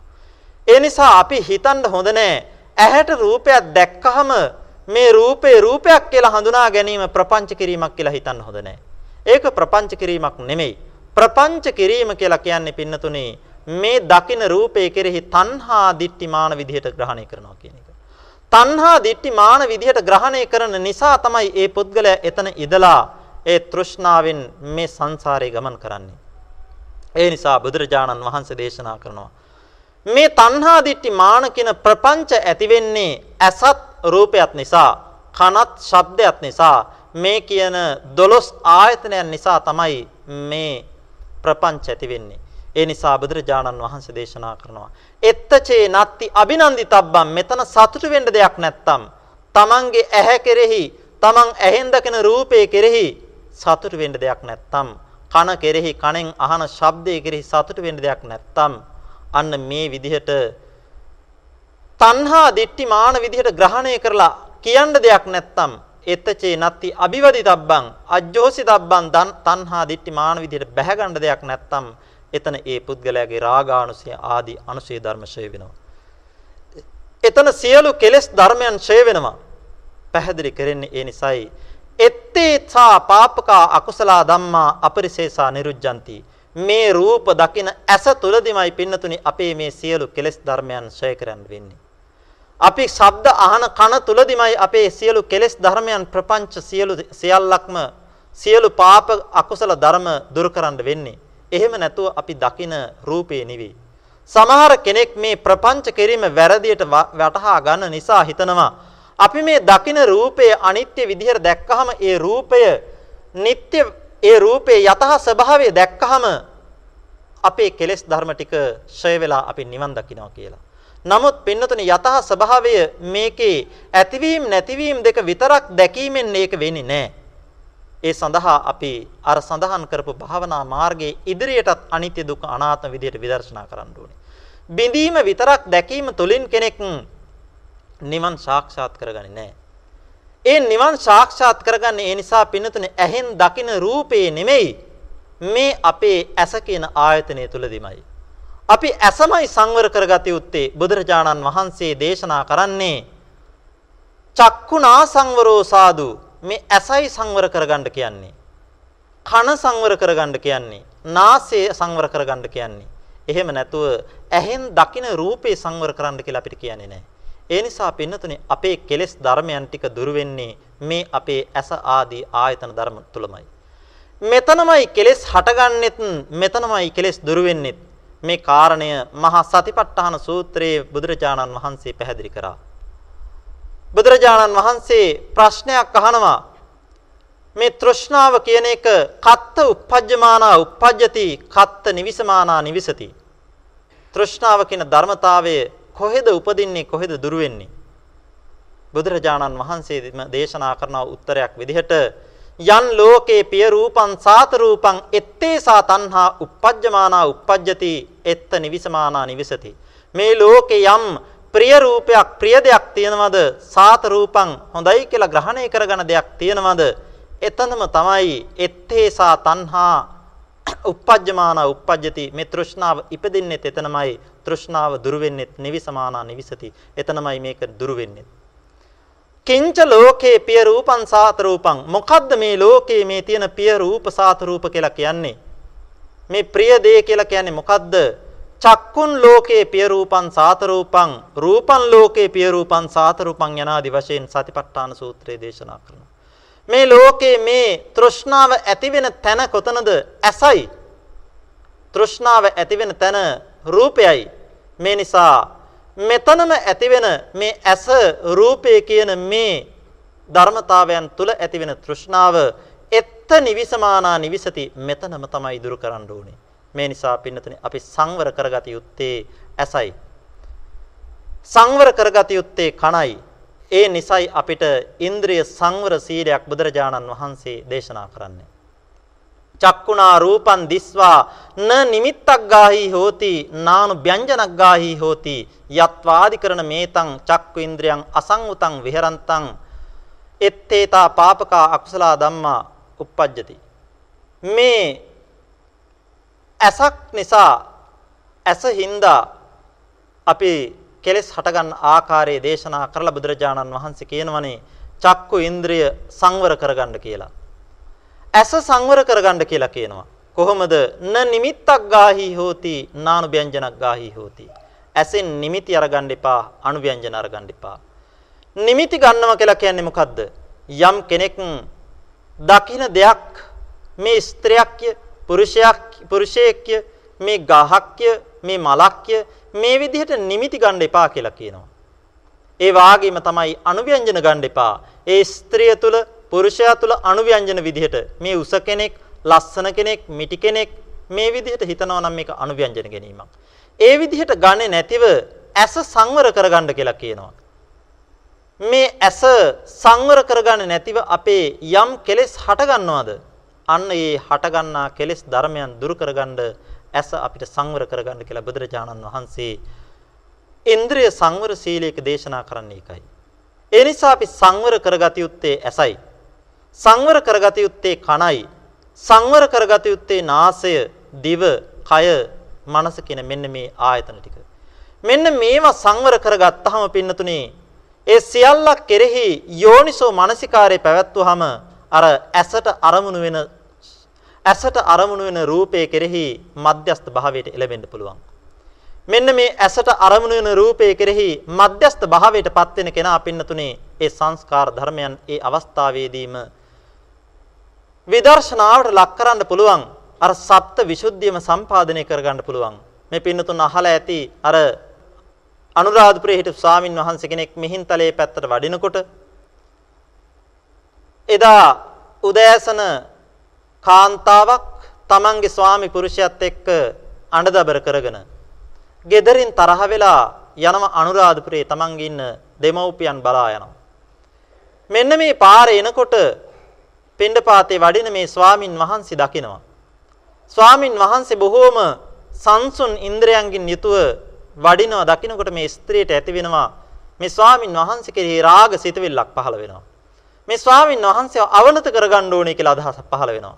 අදහසක් පහළ වෙලා ස්වාමින් වහන්සේ ළඟට එනකොට සිනහාවක් පහළ කරනවා ස්වාමින් වහන්සේට බුදුරජාණන් වහන්සේ දේශනා කරනවානේ මේ ලෝකයේ පුරුෂයන්ට ස්ත්‍රියගේ ශබ්දය තමයි ස්ත්‍රියගේ ශබ්දය තරම් පුරුෂයාගේ සිත මැඩගෙන පවතින වෙන කිසිම ධර්මතාවයක් නැහැ. මේ නිසා මේ ස්ත්‍රිය කල්පනා කරන මේ ස්වාමින් වහන්සේ මගේ අවධානයට ගන්න ඕනේ කියලා සිනහ වෙනවා. ස්වාමින් වහන්සේ යෝනිසෝ මනසිකාරයෙන් තමන්ගේ ඉන්ද්‍රිය සංවරයෙන් යුතුව එන්නේ. උන්වහන්සේ කමඨහනක් මෙනෙහි කරගෙන අට්ටික සංඥාව මෙනෙහි කරගෙන මෙනෙහි කරගෙන එනකොට පින්නතුනේ මේ කාන්තාවක් hina වෙනවා. hina වෙනකොට බැලුවා බලනකොට දැක්කා මේ දත් ටික පෙනුණා. දත් ටික පෙනෙනකොටම අර Tamanගේ මෙනෙහි කරගෙන ආපු මානසිකාරයට මේක අරමුණු වුණා. මේ කාන්තාවද්ද පුරුෂයද්ද කියන එක අරමුණුනේ නෑ. ඇට සැකිල්ල තමයි අරමුණුනේ Taman අට්ටික සංඥාව මෙනෙහි කරගෙන ආපු නිසා. දත් ටික දකිනකොටම ඇට සැකිල්ල මෙනෙහි වුණා. ඒ ඇට සැකිල්ල මෙනෙහි වෙනකොටම පින්නතුනේ අන්න මේ ස්වාමින් වහන්සේ මේක ප්‍රපංච කරේ නෑ. තණ්හා දිට්ඨි මාන වශයෙන් ග්‍රහණය කරගෙන ප්‍රපංච කරේ නෑ. යෝනිසෝ මනසිකාරයෙන් ප්‍රත්‍ය වෙච්ච නිසා Tamange මේ සිතවිල්ල චිත්ත නියාමේ වශයෙන් කුසල පක්ෂයට යොමු කරගන්න ලැබුණා. කුසලයේ පක්ෂයට යොමු කරගන්න ලැබිච්ච නිසා Taman වඩාගෙන ආපු කර්මස්ථානය ඒ මොහොතේම මස්තක ප්‍රාප්ත කරගෙන පින්නතුනි මේ සියලු සංස්කාර ධර්මයන් අනිත්‍ය දුක්ඛ අනාත්ම විදිහට මෙනෙහි කරලා පින්නතුනි. අර මහා කච්චායන මහරහතන් වහන්සේ පැහැදිලි කරපු ආකාරයට මේ ඇස නිසා රූපේ ඇසත් රූපයත් නිසා චක්කු විඥානේ පහළ වුණා. ඒ නිසා පස්ස වේදනා ආදී චෛතසික පහළ වුණා කියලා මේ සංස්කාර ධර්මයන් ප්‍රත්‍ය වශයෙන් මෙනෙහි කරලා සියලු සංස්කාර ධර්මයන් අනිත්‍ය දුක්ඛ අනාත්ම වශයෙන් මෙනෙහි කරලා පින්නතුනේ ඒ මොහොතේදීම මේ ස්වාමින් වහන්සේට සෞඛලස් නසා මහා රහත් භාවයට පත් වෙන්න හැකියාව ලැබුණා. උන්වහන්සේට එහෙම ලැබුණේ අර තමන් වහන්සේගේ ඇස සංවර කරගෙන තමන් වහන්සේගේ යෝනිසෝ මනසිකාරය පවත්වාගත්තු නිසා. ඒ නිසයි අපිත් මේ අවස්ථාවේදී කල්පනා කරගන්න ඕනේ. මේ අපිට මේ සූත්‍රයෙන් මහා කච්චායන මහරහතන් වහන්සේ පැහැදිලි කරලා දෙන්නේ. ඇස නිසා ඇසත් ඇසට ලක්වන රූපේ නිසා අපට චක්කු විඥානයක් ඇති වෙනවා. ඒ චක්කු විඥානයේ තුල පස්සයක් තියෙනවා. පස්සේ නිසා වේදනා සංඥා ආදියක් ඇති වෙනවා. ඒ නිසා විතක්කයක් ඇති වෙලා ප්‍රපංච කරනවා මේ ලෝකේ සත්වයෝ. ඒ ප්‍රපංච කරන නිසා මේ ලෝක සත්වයා තෘෂ්ණාවෙන් බැඳිලා අවිද්‍යාවෙන් වෙලිලා මේ ලෝකේ නැවත නැවතත් ඉපදි ඉපදි මෙරි මෙරි යනවා. බුදුරජාණන් වහන්සේ දේශනා කරා මේ සංසාරයේ අනවරාග්‍රයි අනවතග්ගෝ යම් භික්කවේ සංසාරෝ පුබ්බා කෝටින පඤ්ඤායති. పూర్ව කෙලවරක් පෙනෙන්නේ නැති තරම් මේ සංසාරය අනවරාග්‍රයි. අපිත් මේ අනවරාග්‍ර සංසාරේ නැවත නැවතත් ඉපදි ඉපදි ඉපදි ආවා. අවිජ්ජා නීවරණානං තණ්හා සංයෝජනානං සන්දහාවිතං සංසරතං. බුදුරජාණන් වහන්සේ පැහැදිලි කරනවා මේ ලෝක සත්වයා අවිද්‍යාවන්ගෙන් වෙලිලා ආවරණය වෙලා තණ්හා සංයෝජන වලින් බැඳිලා මේ ලෝකේ නැවත නැවතත් මෙරි මෙරි ඉපදි ඉපදි මෙරි මෙරි ඉපදි ඉපදි ආවා. අපිත් මේ අනවරාග්‍ර සංසාරයේ මේ අවිද්‍යාවෙන් වෙලිලා තණ්හාවෙන් බැඳිලා නැවත නැවතත් ඉපදි ඉපදි මේ සංසාරේ ආවා. මේ සංසාරයේ අපි එන්න හේතුවත් මේ ඇස ආදී ආයතන ධර්ම සංවර වෙච්ච නැති නිසායි. ඒ ඇස ආදී ආයතන ධර්මවල අපි අරගත්තු අරමුණු කෙරෙහි නැවත නැවතත් තණ්හා දිට්ටි මාන වශයෙන් ප්‍රපංච කරපු නිසායි අපි මේ සංසාරේ ආවේ. ඒ නිසා අපිටත් මේ දේශනා කරන්ට යදුණු මදුපිණ්ඩික සූත්‍ර පරයය කල්පනා කරගෙන අපිත් සියලු දෙනාම කල්පනා කරගත යුතුයි. අපේ ඇසට අරමුණු වෙන අරමුණු කෙරෙහි මදහත් සිතක් ඇති කරගෙන දැක්කදී දැක්ක විතරයි කියලා කල්පනා කරන්න පුළුවන් නම් අර බාහ්‍ය ස්වාමින් වහන්සේට දේශනා කරපු විදිහට දිත්තේ දිත්තමත්තම් භවිස්සති. දැකපු දේ දැක්ක විතරයි කියන තැනින් මධ්‍යස්ත භාවයටපත් වෙන්න පුළුවන් නම් අර ඉන්ද්‍රිය භාවනා සූත්‍රයේ දේශනා කරපු විදිහට ඇසෙන් රූප දැක්කාම ඇති වෙන මනාප අමනාප දුරු කරගෙන මධ්‍යස්ත භාවයටපත් වෙන්න පුළුවන් නම් අපටත් මේ සංසාර දුක කෙලවර කරගන්න පුළුවන් වෙනවා. මේ නිසා පින්නතන සියලු දෙනාම කල්පනා කරගත යුතුයි. මේ සූත්‍ර ධර්මයෙන් අපිට ඉගැන්වෙන ධර්ම පරයය කල්පනා කරලා අපි සෑම සුළු දිනාත් අපේ ඇසට ලක්වෙන අරමුණු කෙරෙහි කනට ලක්වන අරමුණු කෙරෙහි නාසයට දිවට කයට මනසට දක්වන අරමුණු කෙරෙහි මධ්‍යස්ත භාවය ඇති කරගෙන ප්‍රපංච ඇති කරගන්න නැතිව තෘෂ්ණා දෘෂ්ටි ඇති කරගන්න නැතිව සියලු ධර්මයන් කෙරෙහි අනිත්‍ය වශයෙන් දුක්ඛ වශයෙන් අනාත්ම වශයෙන් කල්පනා කරගෙන විදසුන් වඩලා සෑමිසුළු දෙනාටම මේ සංසාර දුක කෙලවර කරගෙන අග්‍ර අමා මහ නිවන් සාක්ෂාත් කරගන්නට වීරිය කරමු කියලා සෑමිසුළු දෙනාම කල්පනා කරගත යුතුයි. ඉතින් පින්නතුනි කල්පනා කරන්න ඕනේ මේ අවස්ථාවේදීත් අපි මේ ධර්මයේ ශ්‍රවණය කරන්නේ මේ පින්නතුන්ගේ මේ කනට ඇහෙන ධර්ම කාරණා ටික මේ ඇහෙන්නේ පින්නතුනේ මේ ශ්‍රෝතයට එහෙම නැත්නම් කනට සෝත ප්‍රසාදයට ලක් වෙන්නේ ශබ්ද රූපයක්. මේ සෝත ප්‍රසාදයට අනිත්‍ය ධර්මතාවයක්, ශබ්ද රූපයක් අනිත්‍ය ධර්මතාවයක්. ඒ සෝත ප්‍රසාදයට කනට මේ ධර්මතාවයේ ධර්මකාරණා ඇහෙනකොට ඇතිවෙන සෝත විඥානය කියලා කියන්නේත් පින්නතුනි අනිත්‍ය ධර්මතාවයක්. මේ අපිට ඇහැට පෙනෙන වටපිටාවේ තියෙන සෑම සියලු සංස්කාර ධර්මයෙන් පින්නතුනි අනිත්‍ය ධර්මතාවයන්. ඒ සෑම සියල්ලක්ම පින්නතුනි ක්ෂණයක් ක්ෂණයක් පාසා ඇතිවීමින් නැතිවීමින් යන අනිත්‍ය ධර්මතාවයන්. ඒ ඇතිවීම දෙක ඇතිවීම නැතිවීම දෙකෙන් පෙළෙන නිසා පින්නතුනි දුක්ඛ ධර්මතාවයක්. අපිට මේක තේරෙන්නේ නැහැ.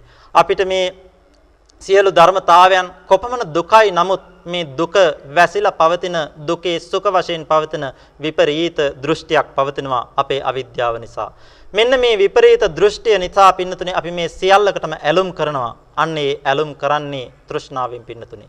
මේ නිසා පින්නතුනි කල්පනා කරගත යුතුයි මේ වෙලාවේ අපි මේ ශ්‍රවණය කරන ධර්මයක් අපි ධර්ම ශ්‍රවණය කරන මේ ශ්‍රෝත විඥාන ශ්‍රෝතයත් ඒ වාගේම ඒ වෙලාවේ පහළ වෙන සෝත විඥානයත් ඒ වාගේම අපිට මේ පෙනෙන්න තියෙන සෑම සිළු සංස්කාර ධර්මයනුත් සියල්ලක්මත් පින්නතුනි අනිත්‍ය දුක අනාත්ම කියන ධර්මතාවයන් යට ධර්මතාවයන් සංස්කාරයන්. මේ නිසා පින්නතුනි ඒ සියල්ලක්ම ඒකාන්තීම දුක්ඛාර සත්‍යයක්. ඒ දුක ඇති කරන්නේ අපි මේකට නැවත නැවතත් ඇලුම් කරගෙන පවතින මේ තෘෂ්ණාව කියන ධර්මතාවය නිසා දුක්ඛ සමුදය ආර්ය සත්‍ය නිසා.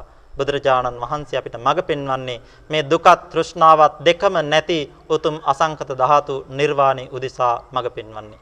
මේ නිසා පින්නතුනි ඒ නිවන සඳහා අපි සෑම සිළු දිනාම පිළිවෙත් පිරිය යුතුයි. ඒ සඳහා බුදුරජාණන් වහන්සේ දේශනා කරන ආර්ය අෂ්ටාංගික මාර්ගය. අද දවසෙත් මේ ධර්ම ශ්‍රවණය තුළින් පින්නතුනි මේ පින්නතුන්ගේ ආර්ය අෂ්ටාංගික මාර්ගයේ මාර්ගාංග කිහිපයක් නමුත් සම්පූර්ණ භාවයටපත් වෙනවා. මේ ධර්ම ශ්‍රවණය කරන්නේ යම් ඥාන සම්ප්‍රයුක්ත කුසල සිතකින් නම් ඒ කුසල සිතේ පවතින ප්‍රඥාව පින්නතුනි සම්මා දිට්ඨියයි. ඒ කුසල සිතේ පවතින කුසල විතර්කේ සම්මා සංකල්පයයි. ඒ කුසල සිතේ පවතින වීරිය සම්මා වායාමයයි. ඒ කුසල සිතේ පවතින සතිය සම්මා සතියයි. ඒ කුසල සිතේ පවතින සමාධිය සම්මා සමාධියයි. ඥාන සම්ප්‍රයුක්ත කුසල් සිතකින් ධර්ම ශ්‍රවණය කරා නම් පින්නතුනි අනිවාර්යෙන් මේ මාර්ගාංග පහ සම්පූර්ණ භාවයටපත් වෙනවා. සම්මා වාචා, සම්මා කම්මන්ත, සම්මා ආජීව කියන මාර්ගාංග වලිනුත් එකක් සම්පාදනය වෙනවා.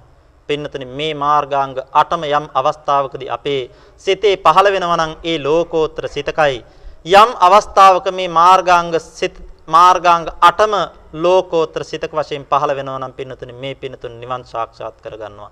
යම් කෙනෙක් ධර්ම ශ්‍රවණය කරනකොට මේ සියලු සංස්කාර ධර්මයන් මේ විදිහට මෙනෙහි කරගෙන පින්නතුනි ධර්ම ශ්‍රවණය කරනවා නම් යම් අවස්ථාවකදී ධර්ම ශ්‍රවණය කරන අවස්ථාවේදී උනත් මාර්ගාංග 8ම සම්පාදනය වෙලා නිවන් සාක්ෂාත් කරගන්න පුළුවනි මේ නිසා අද දවසේ මේ ධර්ම ශ්‍රවණය කිරීම වශයෙන්ුත් අඩුවැඩි වශයෙන් මාර්ගාංග 5ක් 6ක් පමණවත් මේ පින්නතුන් සම්පාදනය කරගන්නට උත්සාහ වුණා.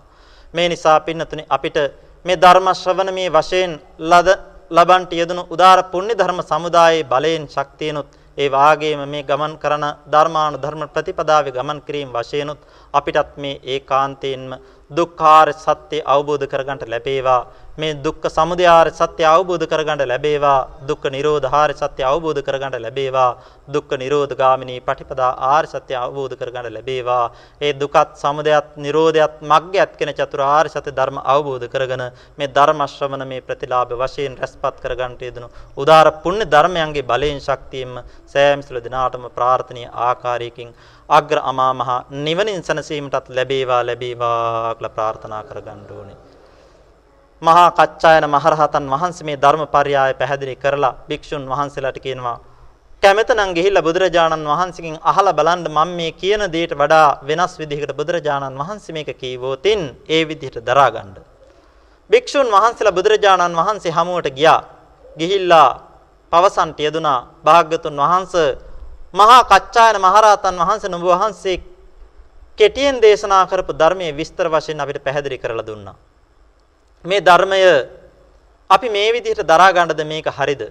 මේ වෙලාවේ බුදුරජාණන් වහන්සේ ප්‍රශංසා කරනවා සාදුකාර දෙනවා. මහා පඤ්ඤෝ භික්කවේ මහා කච්චායනෝ මහා කච්චායන කියලා කියන්නේ මහා මහණෙනි.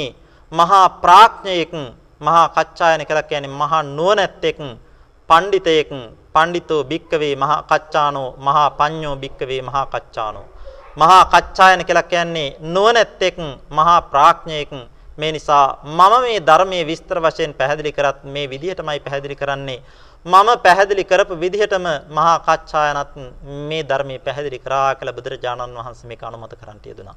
ඒ අනුමත කරපු අවස්ථාවේ පටන් පින්නතුනේ මේක බුද්ධ භාෂිතයක් බවට පත් වුණා. බුදුරජාණන් වහන්සේගේ දේශනයක් බවට පත් වුණා. ආනන්ද ස්වාමින් වහන්සේ මේ වෙලාවේ බුදුරජාණන් වහන්සේගෙන් අහනවා ස්වාමිනී භාග්‍යතුන් වහන්සේ හරියට බඩගින්නේ ඉන්න පුද්ගලයෙකුට බඩගින්නේ ඉන්න පුද්ගලයෙකුට කවුරු හරි ගෙනල්ලා දෙනවා බොහොම රසවත් මීපිඩු ටිකක්. මීපිඩු කියලා කියන්නේ මොනවද? මදු පිණ්ඩික කියලා කියනවා. මීපිඩු කියලා කියන්නේ මීපැණි වලට මේ පිටි ආදී ද්‍රව්‍ය දාලා විලද පිටි කරලා සකස් කරගන්න පිටි ආදිය දාලා සකස් කරගන්න අග්ගලවාගේ ආහාරයක් තමයි මීපිඩු කියලා කියන්නේ. අර බුදුරජාණන් වහන්සේ අනුභව කර වළඳුවා කියලා සඳහන් වෙන්නේ මීපිඩු කියලා. විලද මීපැණි කියලා අපි කතාවට කියන්නේ. මෙන්න මේ මීපිඩු ආනන්ද ස්වාමින් වහන්සේ කියනවා භාග්‍යතුන් වහන්සේ යම් බඩගිනිකාර මිනිස්සෙකුට බොහොම රසවත් මීපිඩු ටිකක් ලැබුණොත් මේ මීපිඩුව කොයි පැත්තෙන් දිව ගෑවත් ඒ පුද්ගලයාට රසයක්මයි දැනෙන්නේ රසයක්මයි දැනෙන්නේ මෙන්න මේ වාගේ භාග්‍යතුන් වහන්සේ මේ ධර්ම පරයාය කොයි පැත්තෙන් බැලුවත් මේක ධර්ම රසයක්මයි දැනෙන්නේ ධර්ම රසයක්මයි දැනෙන්නේ නේද භාග්‍යතුන් වහන්සේ? මේ භාග්‍යතුන් වහන්සේ මේ ධර්ම පරයාය කුමන නමකින්ද හඳුන්වන්නේ? බුදුරජාණන් වහන්සේ දේශනා කරන ආනන්දේ එහෙමනම් මේ ධර්ම ධර්ම පරයාය මදු පිණ්ඩික ධර්ම පරයාය කියලා දරාගන්න මේක තමයි මදු පිණ්ඩික ධර්ම පරයාය කියලා බුදුරජාණන් වහන්සේ මේකට නමක් දැම්මා මදු පිණ්ඩික ධර්ම පරයාය කියලා. ඒ නිසයි මේ සූත්‍රය මදු පිණ්ඩික සූත්‍රය කියලා සඳහන් වෙන්නේ. ඒ නිසා පින්නතුනි අපි සෑම තුළ දිනාටත් නිරන්තරයෙන් මානසිකාර කරන්න සුදුසු සූත්‍ර දේශනාවකුයි මදු පිණ්ඩික සූත්‍රය කියලා කියන්නේ. ඇසට රූපයක් අරමුණු වෙනකොට කනට ශබ්දයක් අරමුණු වෙනකොට මේ ආදී වශයෙන් අපේ අභ්‍යන්තර ආයතන වලට යම් බාහිර ආයතනයක් අරමුණු වෙනකොට පින්නතුනේ මේ සූත්‍රයේ මේ මහා කච්චායන මහරහතන් වහන්සේ දේශනා කරපු ධර්මපරයය සියලු දෙනාගේ සිතට එනවනම් ඇසත් රූපයත් නිසා චක්කු විඥානයක් ඇති වුණා. මේ තුනේ එකතු වීම වශයෙන් අපිට මේ චක්කු විඥාන සිතේ පස්සේ කියලා චෛත්‍යයක් ඇති වුණා.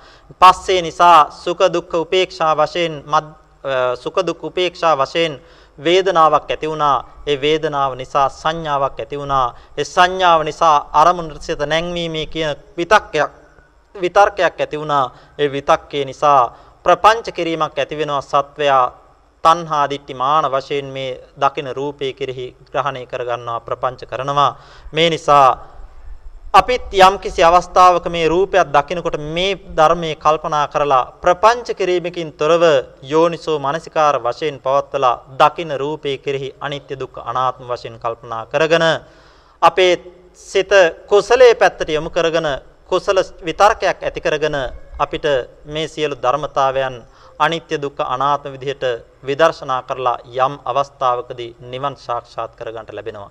මේ නිසා පින්නතුනි මේ සූත්‍රය නිරන්තරයෙන් මෙනෙහි කරන්න සුදුසු සූත්‍ර දේශනාවක් විදර්ශනා මානසිකාරයක් වශයෙන් නිරන්තරයෙන් මෙනෙහි කරමින් පවතින්න පුළුවන් සූත්‍ර දේශනාවක් කියන එකත් අපි මතක් කරමින් සෑම සුළු දිනාටම ආරාධනය කරන්නේ මේ ධර්ම කරුණු නැවත නැවතත් මෙනෙහි කරමින් නැවත නැවතත් මෙනෙහි කරමින් තමන්ගේ යෝනිසෝ මානසිකාරය පවත්වාගෙන ඇස කන ආදී ආයතන ධර්මයන් ඉන්ද්‍රිය ධර්මයන් ටික සංවර කරගෙන ඊ타ම ඉක්මනට මේ ලෝකේ සසර දුක කෙලවර කරගෙන අග්‍ර අමා මහ නිවන් සාක්ෂාත් කර ගැනීම සඳහා පවතින නිර්වාණ ගාමිනී ප්‍රතිපදාවට අවතීර්ණ වෙන්න කියන ආරාධනාව සෑම සිළු දෙනාවට කරනවා. මේ අවස්ථාවේදී සියලු දෙනා බොහෝ වේලාවක් ධර්ම ශ්‍රවණය කරන්ට යෙදෙන්න ඇති. මේ නිසා ඒ ධර්ම ශ්‍රවණමේ වශයෙන් අපි උදාර පුණ්‍ය ධර්ම සමුදායක් රැස්පත් කරගන්නට යෙදුනා. ඒ රැස්පත් කරගන්නට යෙදුණු සෑම සිළු පුණ්‍ය ධර්ම සමුදායක්ම පළමුවෙන්ම අපිවත් අපගේ සම්බුද්ධ ශාසනයත් ආරක්ෂා කරන අල්පේශාක්‍ය මහේශාක්‍ය ආත්මාරක්ෂක ලෝකපාලක සෑම සිළු දිව්‍යතා මණ්ඩලයට අනුමෝදන් කරමු. අනුමෝදන් වේවා. දෙවියෝ මෙපින් දැකබලා සතුටු වී දිව්‍ය අසීසුරු වඩ වඩාත් වර්ධනය කරගනිත්වා. තව තවත් මේ පින්නතුන්ට අපි සෑම සිළු දනාටම සම්බුද්ධ ශාසනයට අවශ්‍ය ධාර්මික දිව්‍යතා මණ්ඩලයේ රැකවරණය ලබා දේවා. දෙවියෝ මෙපින් බලයෙන් ප්‍රාර්ථනී බෝධියකින් අග්‍ර අමා මහ නිවනින් සනසෙත්වා කියලා ප්‍රාර්ථනා ඇති කරගනිමු. ඒ වාගේම තමයි අපි සෑම සිළු දිනා නමින් අභව ප්‍රාප්ත වෙලා පින් බලාපොරොත්තුන යම් තාක් ඥාතීන් ඉන්නවද ඒ සෑම සිළු දිනාටත් මෙපින් දැනේවා පිනේවා. ඒ සෑම සිළු දිනාත් මෙපින් අනුමෝදන්ව නොලබන ලද සැප සම්පත් ලබා ගනිත්වා. ලබන ලද සැප සම්පත් වඩ වඩාත් වර්ධනය කර ගනිත්වා. ප්‍රාර්ථනීය බෝධියකින් අග්‍ර අමා මහ නිවනින් සැනසෙත්වා කියලා ප්‍රාර්ථනා ඇති කරගනිමු. අද දවසේ ධර්ම දේශනාව සඳහා දායකත්වයේ සපයන්නේ මේගමුව කරුණාරත්න පවුලේ සෑම සිදු දෙනා එකතු වෙලා ඒ වාගේම කන්දවල ප්‍රියන්ත මහතාගේ පවුලේ සියලු දෙනාත් දාගුන්නේ සම්පත් මහත්මයාගේ පවුලේ සියලු දෙනාත් කියන මේ සියලු දෙනා එකතු වෙලා අරමුණු කරගන්නවා වයි රවිඳු චමන්කඳ සිල්වා පුතණුවන්ට පින්පෙත් අනුමෝදන් කරන්න ඒ වාගේම ගංගාහාරාම භාවනා මධ්‍යස්ථානයේ වැඩවසන ස්වාමින් වහන්සේලාට සිල්වත් ගුණවත් ස්වාමින් වහන්සේලාට සෙත් ප්‍රාර්ථනා කරන්න ආශිර්වාද කරන්න බලාපොරොත්තු වෙනවා. ඒ වාගේම මේ භාවනා මධ්‍යස්ථානයේ සියලුම උපාසක මහත් මහත්මීන්ට සෙත් ප්‍රාර්ථනා කරන්න ආශිර්වාද කරන්නත් බලාපොරොත්තු වෙනවා. මේ නිසා අපි රැස්පත් කරගත්තු සෑම සුළු පුණ්‍ය ධර්මයක්ම අනුමෝදන් කරමු ඒ චමන් රවින්දු චමන්කද සිල්වා පුතුණුවන්ටත් මේ අනුමෝදන් වේවා කියලා අපි සෑම සුළු දෙනාම අනුමෝදන් කරගනිමු අනුමෝදන් වෙමු. ඒ වාගේම මේ ගංගාරාම භාවනා මධ්‍යස්ථානයේ වැඩවසන ඒ සිල්වත් ගුණවත් ස්වාමින් වහන්සේලාට මෙපින් අනුමෝදන් වීමෙන් උන්වහන්සේලාගේ ශාස්ත්‍රීය ප්‍රාර්ථනාවන් ඉෂ්ට සිද්ධ කරගෙන උතුම් නිවනින් සැනසෙන්නම ලැබේවා ලැබේවා කියලා ප්‍රාර්ථනා ඇති කරගනිමු. ඒ වාගේම තමයි භාවනා මධ්‍යස්ථානයේට සහ සම්බන්ධන සෑම සිළු මහත්ම මහත්මීන්ට සෑම සිළු උපාසක උපාසිකාවන්ට මෙපින් බලයෙන් ඒ අයගේ මෙලෝ වශයෙන්ම සෑමසිලු ප්‍රාර්ථනාව නිෂ්ඨ සිද්ධ වේවා. පරලෝ වශයෙන් සෑමසිලු සම්‍යක් ප්‍රාර්ථනාව නිෂ්ඨ සිද්ධ වේවා. කෙලවර ප්‍රාර්ථනීය බෝධියකින් නිවනින් සැනසෙත්වා කියලා ප්‍රාර්ථනා ඇති කරගනිමු. ඒ වාගේම තමයි අද දවසේ මෙතනට ධර්ම ශ්‍රවණයට සම්ප්‍රාප්ත වෙච්ච සෑමසිලු දිනාටත් ඒ වාගේම මෙතනට සහ සම්බන්ධ නොවි නිවෙස්වල නතර වෙලා ඉන්න සෑමසිලු දිනාටත් මේ ගමේ රටේ ලෝකයේ මේ ලෝකයේ මේ සක්වල අනන්ත සක්වල සෑම සියලු ලෝක සත්වයාටත් අපි මේ ලබාගත්තු අපි මේ රැස්පත් කරගත්තු උදාර පුණ්‍ය ධර්ම සමුදාය අනුමෝදන් කරමු අනුමෝදන් වේවා. මේ සෑම සියලු දෙනාගේමත් මෙලෝ වශයෙන් සියලුම සම්‍යක් ප්‍රාර්ථනාව නිෂ්ඨ සිද්ධ වේවා. පරලෝ වශයෙන් උත්සෑම සියලු සම්‍යක් ප්‍රාර්ථනාව නිෂ්ඨ සිද්ධ වෙලා සියලු දෙනාම ප්‍රාර්ථනීය ආකාරයකින් නිවනින් සැනසෙත්වා කියලා ප්‍රාර්ථනා ඇති කරගෙන අපි දෙවියන්ට ඥාතීන්ට පින් අනුමෝදන් කරමු. ආකාසට්ඨා ච භුම්මට්ඨා දේවා නාග මහිද්దికා පුඤ්ඤන්තං අනුමෝදිත්වා චිරං රක්ඛන්තු සාසනං ආකාසට්ඨා ච භුම්මට්ඨා දේවා නාග මහිද්దికා පුඤ්ඤන්තං අනුමෝදිත්වා චිරං රක්ඛන්තු දේශනං ආකාසට්ඨා ච භුම්මට්ඨා දේවා නාග මහිද්దికා පුඤ්ඤන්තං අනුමෝදිත්වා චිරං රක්ඛන්තු මං පරන්ති ඉදං වූ ඥාතිනං හෝතු සුඛිතා හුන්තු ඥාතයෝ. ඉදං වූ ඥාතිනං හෝතු සුඛිතා හුන්තු ඥාතයෝ. ඉදං වූ ඥාතිනං හෝතු සුඛිතා හුන්තු ඥාතයෝ.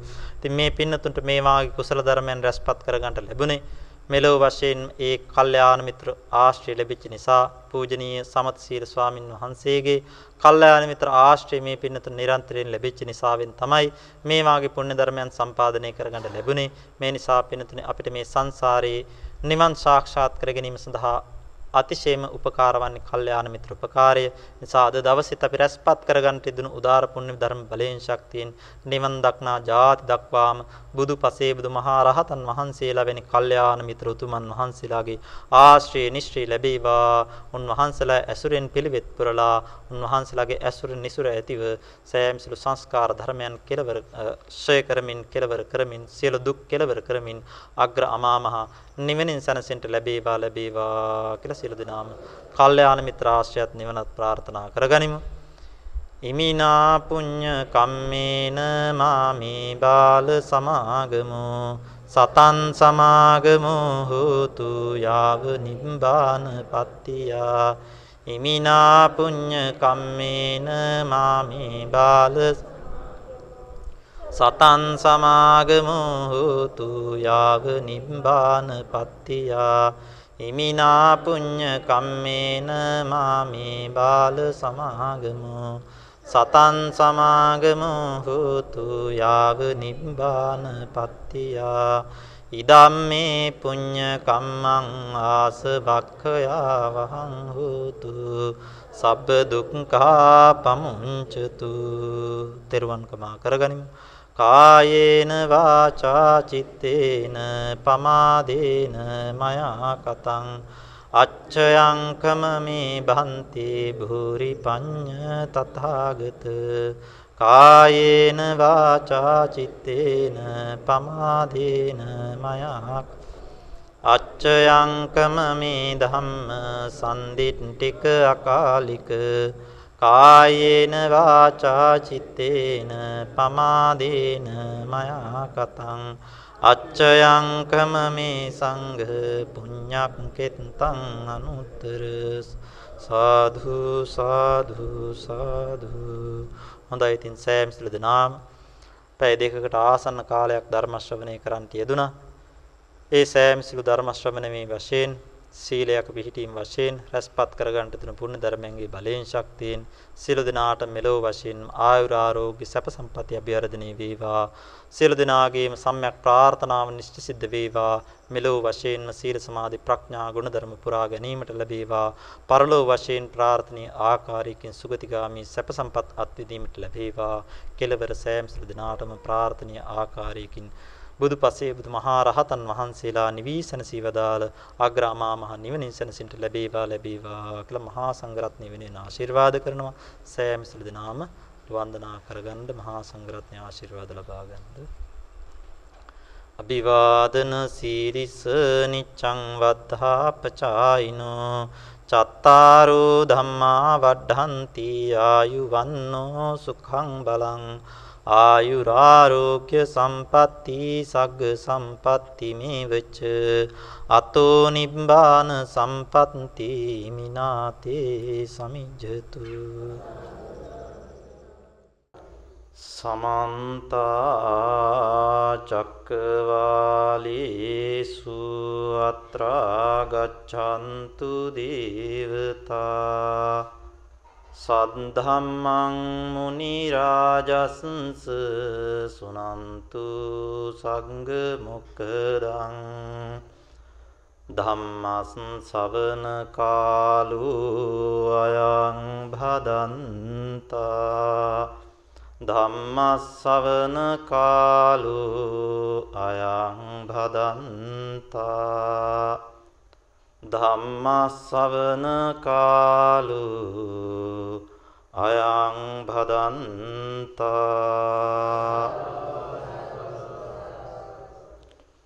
නමෝ තස්ස භගවතු අරහතු සම්මා සම්බුද්දස්ස නමෝ තස්ස භගවතු අරහතු සම්මා සම්බුද්දස්ස නමෝ තස්ස භගවතු අරහතු සම්මා සම්බුද්දස්ස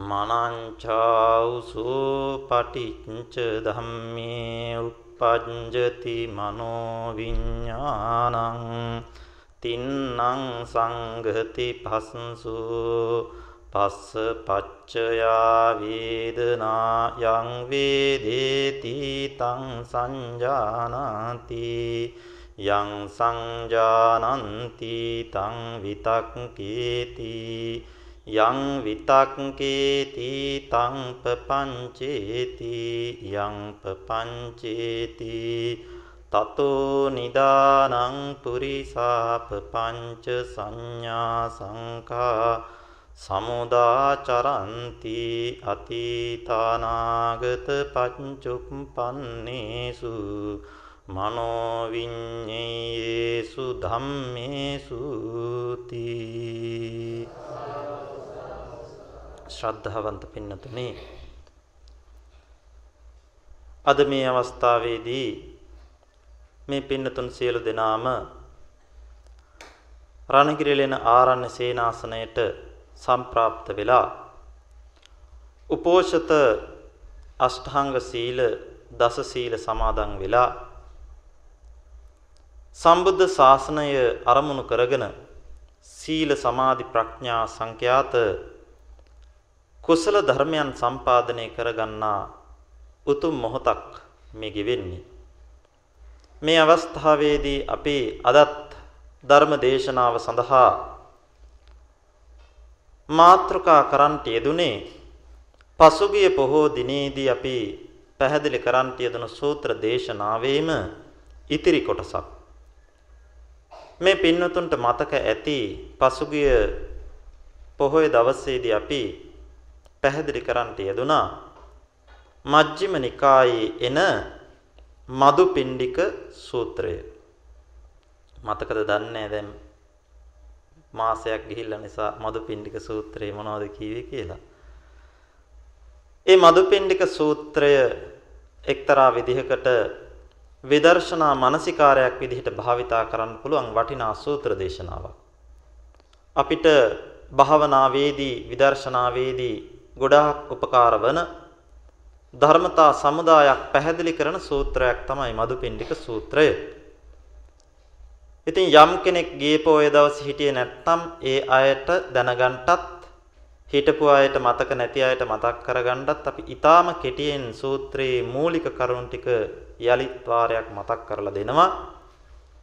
බුදුරජාණන් වහන්සේ භික්ෂුන් වහන්සේලා අරබයා කෙටියෙන් ධර්මපරයයක් දේශනා කරනවා. ඊට මුලින් නිදාන කතාවක් තිබෙනවා අපි ඒක පැහැදිලි කරන්නේ නැහැ.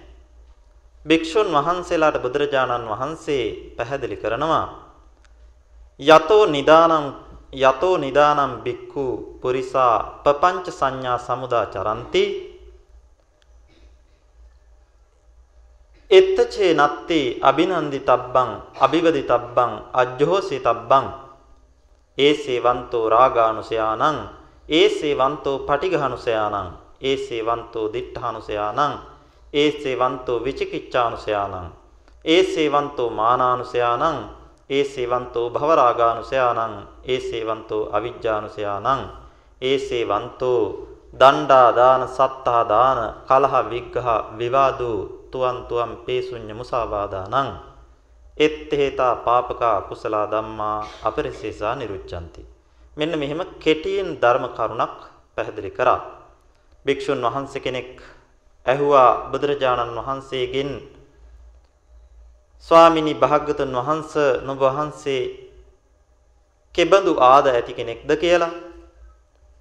මේ අවස්ථාවේදී බුදුරජාණන් වහන්සේ දේශනා කරනවා යතෝ නිදානම් බික්කු පුරිසා පపంచ සංඥා සමුදාචරಂತಿ.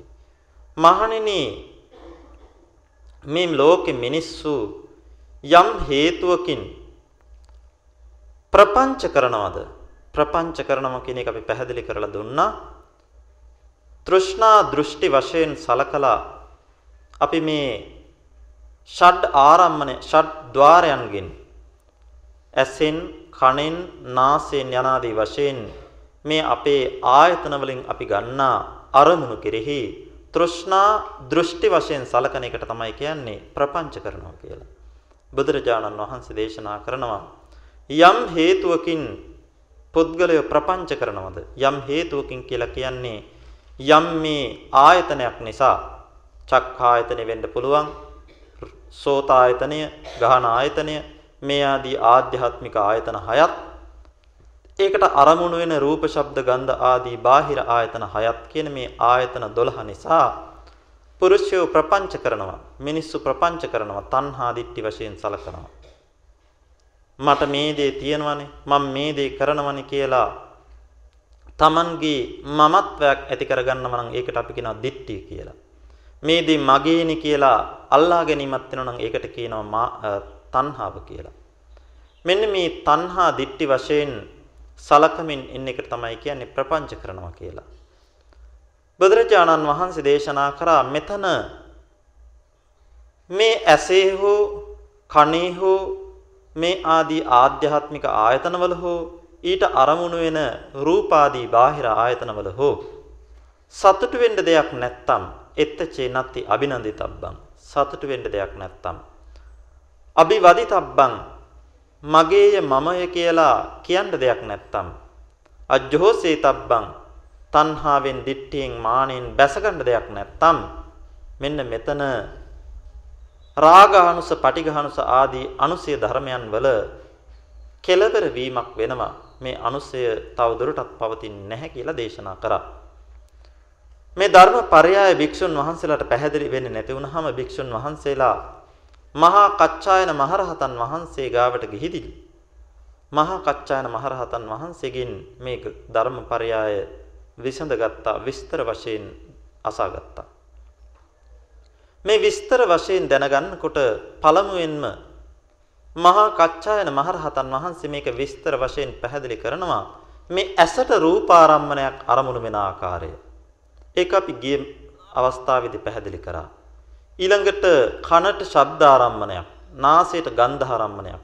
මේ ආදී සෑම ආයතන වලටම අරමුණු වෙන ඒ රූපාදී ආරම්මණයන් අරමුණු වෙද්දී කොයි විදිහටද පුද්ගලයා මේ ප්‍රපංච ඇති කරගන්නේ කියලා පැහැදිලි කරා. චක්ඛායතනේ සම්බන්ධයෙන් කිව්වා චක්කුංචාවසෝ රූපේච චක්කුංචාවසෝ පටිච්ච රූපේ uppajjati චක්කු විඥානං. ඇසත් රූපයත් දෙක නිසා චක්කු විඥානයක් උපදිනවා.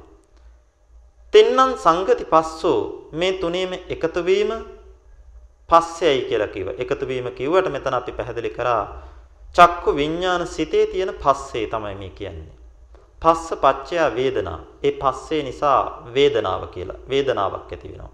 ඒ වේදනාව කියලා කියන්නේ මේ චක්කු විඥාන සිතේ තියෙන වේදනාව.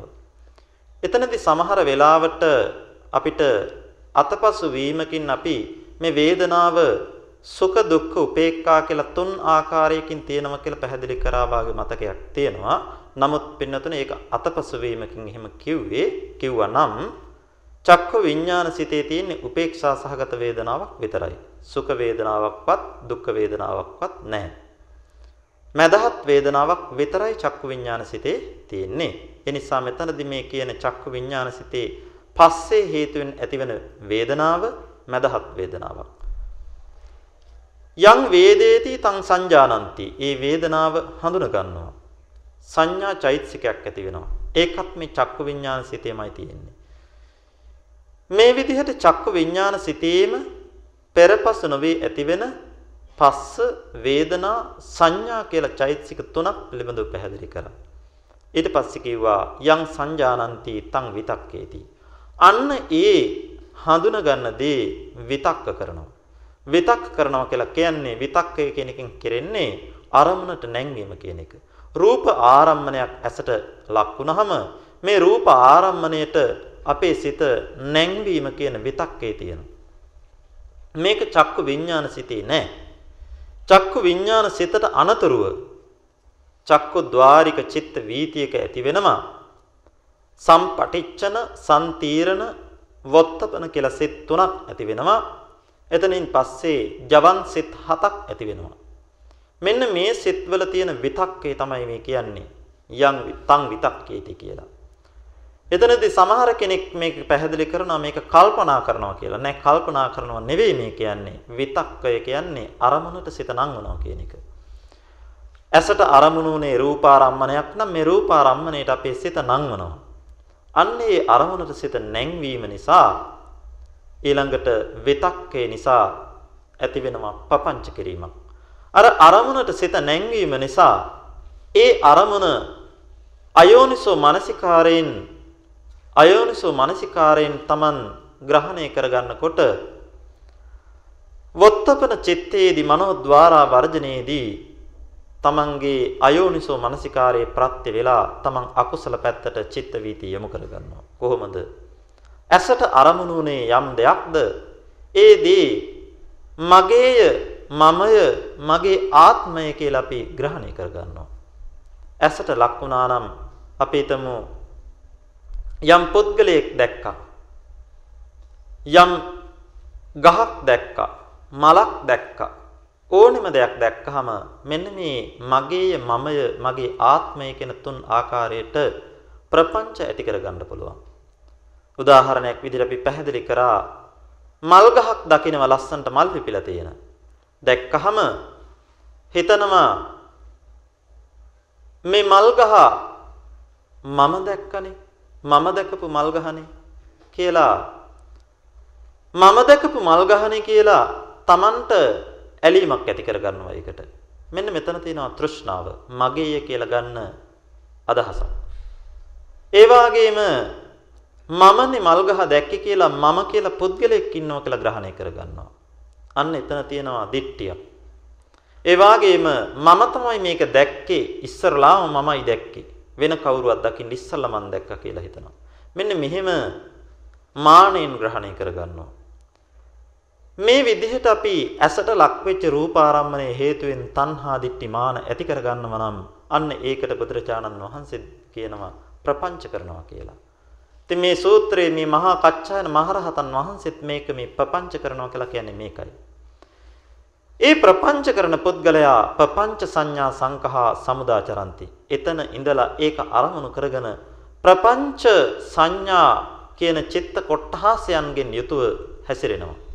අතීත අනාගත පච්චුප්පන්නේසු චක්කු විඤ්ඤේයසු රූපේසු අතීත රූප කෙරෙහිත් ප්‍රපංච කරනවා අනාගත රූප කෙරෙහිත් ප්‍රපංච කරනවා පච්චුප්පන්න රූප කෙරෙහිත් ප්‍රපංච කරනවා මෙන්න මේ විදිහට ප්‍රපංච කරලා අපි මේ සංසාරයේ අපි ඇසින් දකින රූපාදී ආරම්මණයන් කෙරෙහි තණ්හාව ඇති කරගෙන තෘෂ්ණාව ඇති කරගෙන අපි මේ සංසාරයට බැඳිලා සත්වයා ඉපදි ඉපදි මෙරි මෙරි සංසාරේ ගමන් කරනවා මෙන්න මේ ධර්ම කොටස අපි පසුගිය අවස්ථාවේදී පැහැදිලි කරලා දෙන්න යෙදුනා.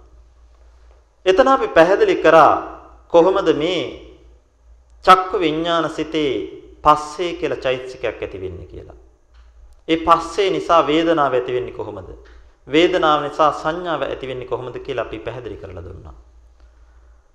මේ ඇසට රූපාරම්මණය ලක් වෙන විදිහටම තමයි පින්නතුනේ කනට ශබ්දාරම්මණය ලක් වෙන්නේ. ඒ වාගේම නාසයට ගන්ධාරම්මණයක් ලක් වෙන්නෙත් මෙහෙමයි.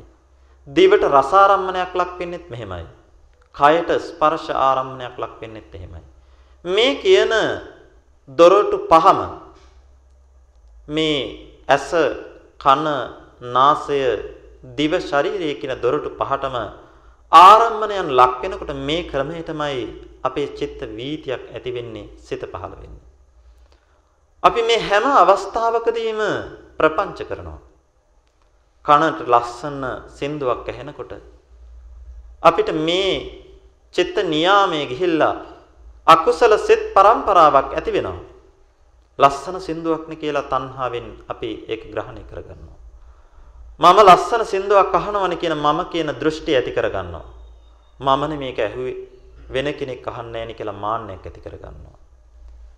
මේ විදිහට කනට ලක්වෙන ශබ්ද ආරම්මන වලත් අපි ප්‍රපංච කරනවා. ඒ වාගේම තමයි නාසයට දැනෙන ගන්ධ ආරම්මණයන් වල හොඳ සුවඳක් දැනෙනකොටත් අපිට මේ විදිහටම ප්‍රපංච ඇති වෙනවා. හොඳ සුවඳක්නේ කියලා අපිට තණ්හාවක් ඇති වෙනවා. ඒ තණ්හාව ඇති වෙන මම නෙමේ හොඳ සුවඳක් වෙදින්නේ කියලා Taman කියන දෘෂ්ටියක් ඇති කරගන්නවා. ඒ වාගේම මේ මමනේ මේ විදිහට සුවඳක් විඳින්නේ වෙන කෙනෙක් නැහෙනි කියලා මානයක් ඇති කරගන්නවා. අන්න ප්‍රපංච ඇති වෙනවා. ඒ වගේම තමයි දිවට රසක් විඳිනකොටත් මේ විදිහටම වෙනවා. අපි රස ආහාරයක් අනුභව කරනවා. මේ රස ආහාරය අනුභව කරනකොට මේ රසට අපිට ඇලීමක් ඇති වෙනවා. අන්න ඒ රස කෙරෙහි අපිට තෘෂ්ණාවක් ඇති වෙනකොට තණ්හාව එතන තියෙනවා. තෘෂ්ණාව ඒ වගේම මමනේ මේ ආහාර රස විඳින්නේ කියලා මම කියන දෘෂ්ටියක් ඇති කරගන්නවා. ඒ වගේම තමයි මමනේ මෙහෙම ආහාර රස විඳින්නේ වෙන කෙනෙක්ට නෑනේ මේක කියලා මාන්නයක් ඇති වෙනවා. මේ විදිහට දිවට රසාරම්මණයක් එළඹෙනකොටත් අපි ප්‍රපංච ඇති කරගන්නවා. කයට ස්පර්ශාරම්මණයක් ලැබෙනකොටත් එහෙමමයි. හොඳ ස්පර්ශයක් දැනෙනකොට ඒකට තෘෂ්ණාවක් ඇති වෙනවා. තමන්නේ ස්පර්ශයේ විඳිනවනේ කියන තමන් මම කියන දෘෂ්ටියක් ඇති කරගන්නවා. මමනේ මෙහිම ස්පර්ශ විඳින්නේ වෙන කෙනෙක් නැහැනේ කියලා මානය ඇති කරගන්නවා. මේ ద్వාරයන් පහේදීම ඔය කියන ක්‍රමයටම අපේ අපේ සිත ප්‍රපංචවලට යොමු කරගන්නවා. නමුත් අපි පැහැදිලි කරා බුදුරජාණන් වහන්සේ දේශනා කරේ අර සූත්‍ර දේශනා ඒ කෙටියෙන් දේශනා කරපු තැන යතෝ නිදානම් බික්කු පුරිසා පపంచ සංඥා සමුදාචරಂತಿ කියලා මේ මිනිසුන් මේ මිනිසුන් ප්‍රපංච කරන්නේ අසකන ආදී මේ ආයතන හේතුවෙන් නම් මෙතන සතුට වෙන්න දෙයක් නැත්තම් කෙනෙකුට මම මගේ කියලා ග්‍රහණය කරගන්න දෙයක් නැත්තම් තණ්හා දිට්ඨි මාන වශයෙන් බැස ගන්න දෙයක් නැත්තම් ඒ පුද්ගලයා රාගාදී සියලු අනුශය ධර්මයන් ඡය කරනවා. අනුශය ධර්මයන් ඡය කරනවා කියලා කියන්නේ පින්නතුනි. ඒ පුද්ගලයා විදසුන් වඩලා මගඵල නිවන් සාක්ෂාත් කරගන්නවා කියන එකයි. මේ නිසා අපි පැහැදිලි කරා ඇසට රූපාරම්මණයක් ලක් වෙනවා වාගේ මේ හැම දොරටුවකටම යම් ආරම්මණයක් ලක් වෙනකොට එතනදී යෝනිසෝ මානසිකාරයක් තියෙනවා නම් තමන්ගේ යෝනිසෝ මානසිකාරයෙන් ප්‍රත්‍ය වෙලා තමන්ගේ සිත අකුසලයේ දෙසට යොමු වෙන්නේ නැතුව මේක කුසලයේ දෙසට යොමු කරගන්නවා. ඇහැට රූපයක් දකිනකොට මේක මේ දකින ඇසත් අනිත්‍යයි, දකින රූපයත් අනිත්‍යයි කියලා අනිත්‍ය වශයෙන් මෙනෙහි කරනවා නම් දුක්ඛ වශයෙන් මෙනෙහි කරනවා නම් අනාත්ම වශයෙන් මෙනෙහි කරනවා නම් මෙන්න මෙතනදී ඒ පුද්ගලයාට ප්‍රපංච කිරීමක් ඇති වෙන්නේ නැහැ. කනට ශබ්දයක් ඇහෙනකොට අපිට හිතන්න පුළුවන් නම් මේ ශබ්දේ ඇහෙන කනත් අනිත්‍යයි. ෂණයක් පාසා ඇතිවෙමින් නැතිවෙමින් යනවා. ඒ කනට ලක් වෙන ශබ්දයක් ක්ෂණයක් පාසා ඇතිවෙමින් නැතිවෙමින් යන අනිත්‍ය ධර්මතාවය. මේ විදිහට මේ ඇසත් මේ කනත් ශබ්දයක් කියන දෙකම නිසා ඇතිවෙන සෝත විඥානයත් ඒ විදිහටම ක්ෂණයක් පාසා ඇතිවෙමින් නැතිවෙමින් යනවා. මෙන්න මෙහෙම අනිත්‍ය වශයෙන් මෙනෙහි කරනවා නම් පින්නතුනේ ඒ පුද්ගලයා මමය මගේය කියන දෘෂ්ටියෙන් ග්‍රහණය කරගෙන ප්‍රපංච කරන්නේ නැහැ. අන්න ඒ පුද්ගලයා පින්නතුනේ Taman ඇස ආදී ආරම්මණයන් ඇස ආදී ద్వාරයන්ගෙන් ගන්නා ආරම්මණයන් වල කෙලෙස් ඇති කරගන්නේ නැහැ.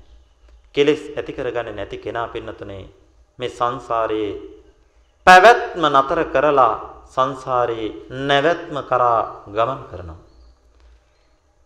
මේ ආරම්ම මේ ద్వාර පහම අපිට එකම ආකාරයට නිසා මේක පැහැදිලි පැහැදිලි කරගන්න පුළුවන්. අපි අද මාත්‍රිකා කරන්ට යෙදුනේ මේකේ අවසාන 6 වෙනි ආයතනය. ඒ තමයි මන ආයතනය. අපි මේ මනසින් ගන්න ආරම්මන වලත් අපි ප්‍රපංච කරනවා. මේ මනසින් ගන්න ආරම්මන වල ප්‍රපංච කිරීම තමයි පින්නතුනේ අපිට ගොඩක් සිද්ධ වෙන්නේ. මේක අපි පැහැදිලි කරගන්න ඕනේ. අපිට ගොඩක් වෙලාවට අකුසල ආරම්මනවල විතරක් නෙවෙයි කුසල ආරම්මනවලත් ප්‍රපංච ඇති වෙනවා. මේ නිසා අපි සමහර වෙලාවට කුසල් කරගෙනත් සංසාරේ ගමන් කරනවා. සංසාරේ ගමන් කරන්න අපිට මේ ප්‍රපංච කිරීමට කොහොමද මනෝද්වාරයේ හේතු වෙන්නේ කියලා අපි පැහැදිලි කරගනිමු. මේ සූත්‍රයේ 6 වෙනි ආයතනයේ විදිහට මහා කච්චායන මහරහතන් වහන්සේ පැහැදිලි කරන්නේ අපි මාත්‍රිකා ස්ථානයේ ප්‍රකාශ කරපු ආකාරයට. මනංච ආවසෝ පටිච්ච ධම්මේ uppajjati මනෝ විඥානං.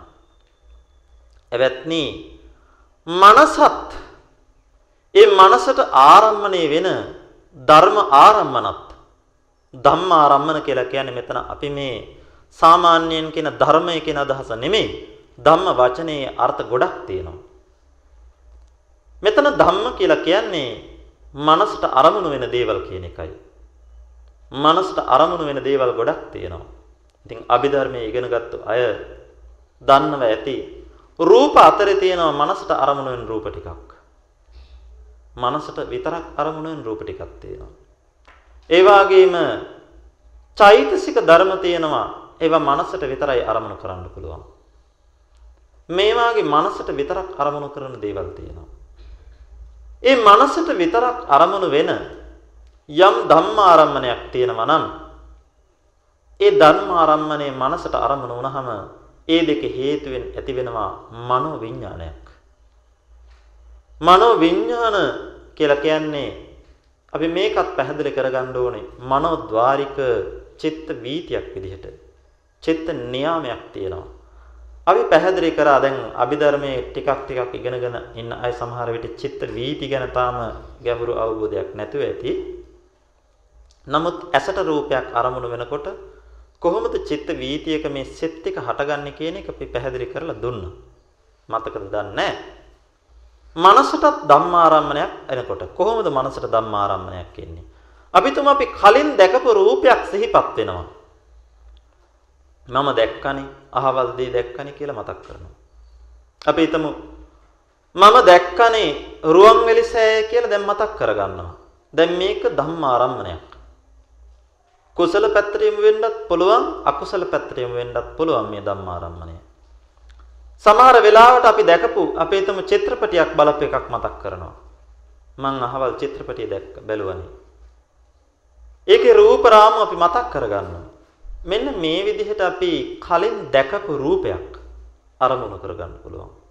එහෙමත් නැත්නම් කලින් අහපු ශබ්දයක්, කලින් විඳපු ගන්ධයක්, කලින් විඳපු රසක් කලින් විඳපු ස්පර්ශයක් මේ ඕනෙම දෙයක් අපිට සිතට මතක් වෙන්න පුළුවන්. මෙන්න මෙහෙම මතක් වෙනවා නම් මේවට කියනවා ධම්මාරම්මන කියලා. මේ ධම්මාරම්මණය එනකොට සඳහන් කරේ මනංච ආවසෝ පටිච්ච ධම්මේච uppajjati මනෝවිඤ්ඤාණ. මනසත් මෙතන මනං කියලා කියන්නේ බවංග චිත්තේට.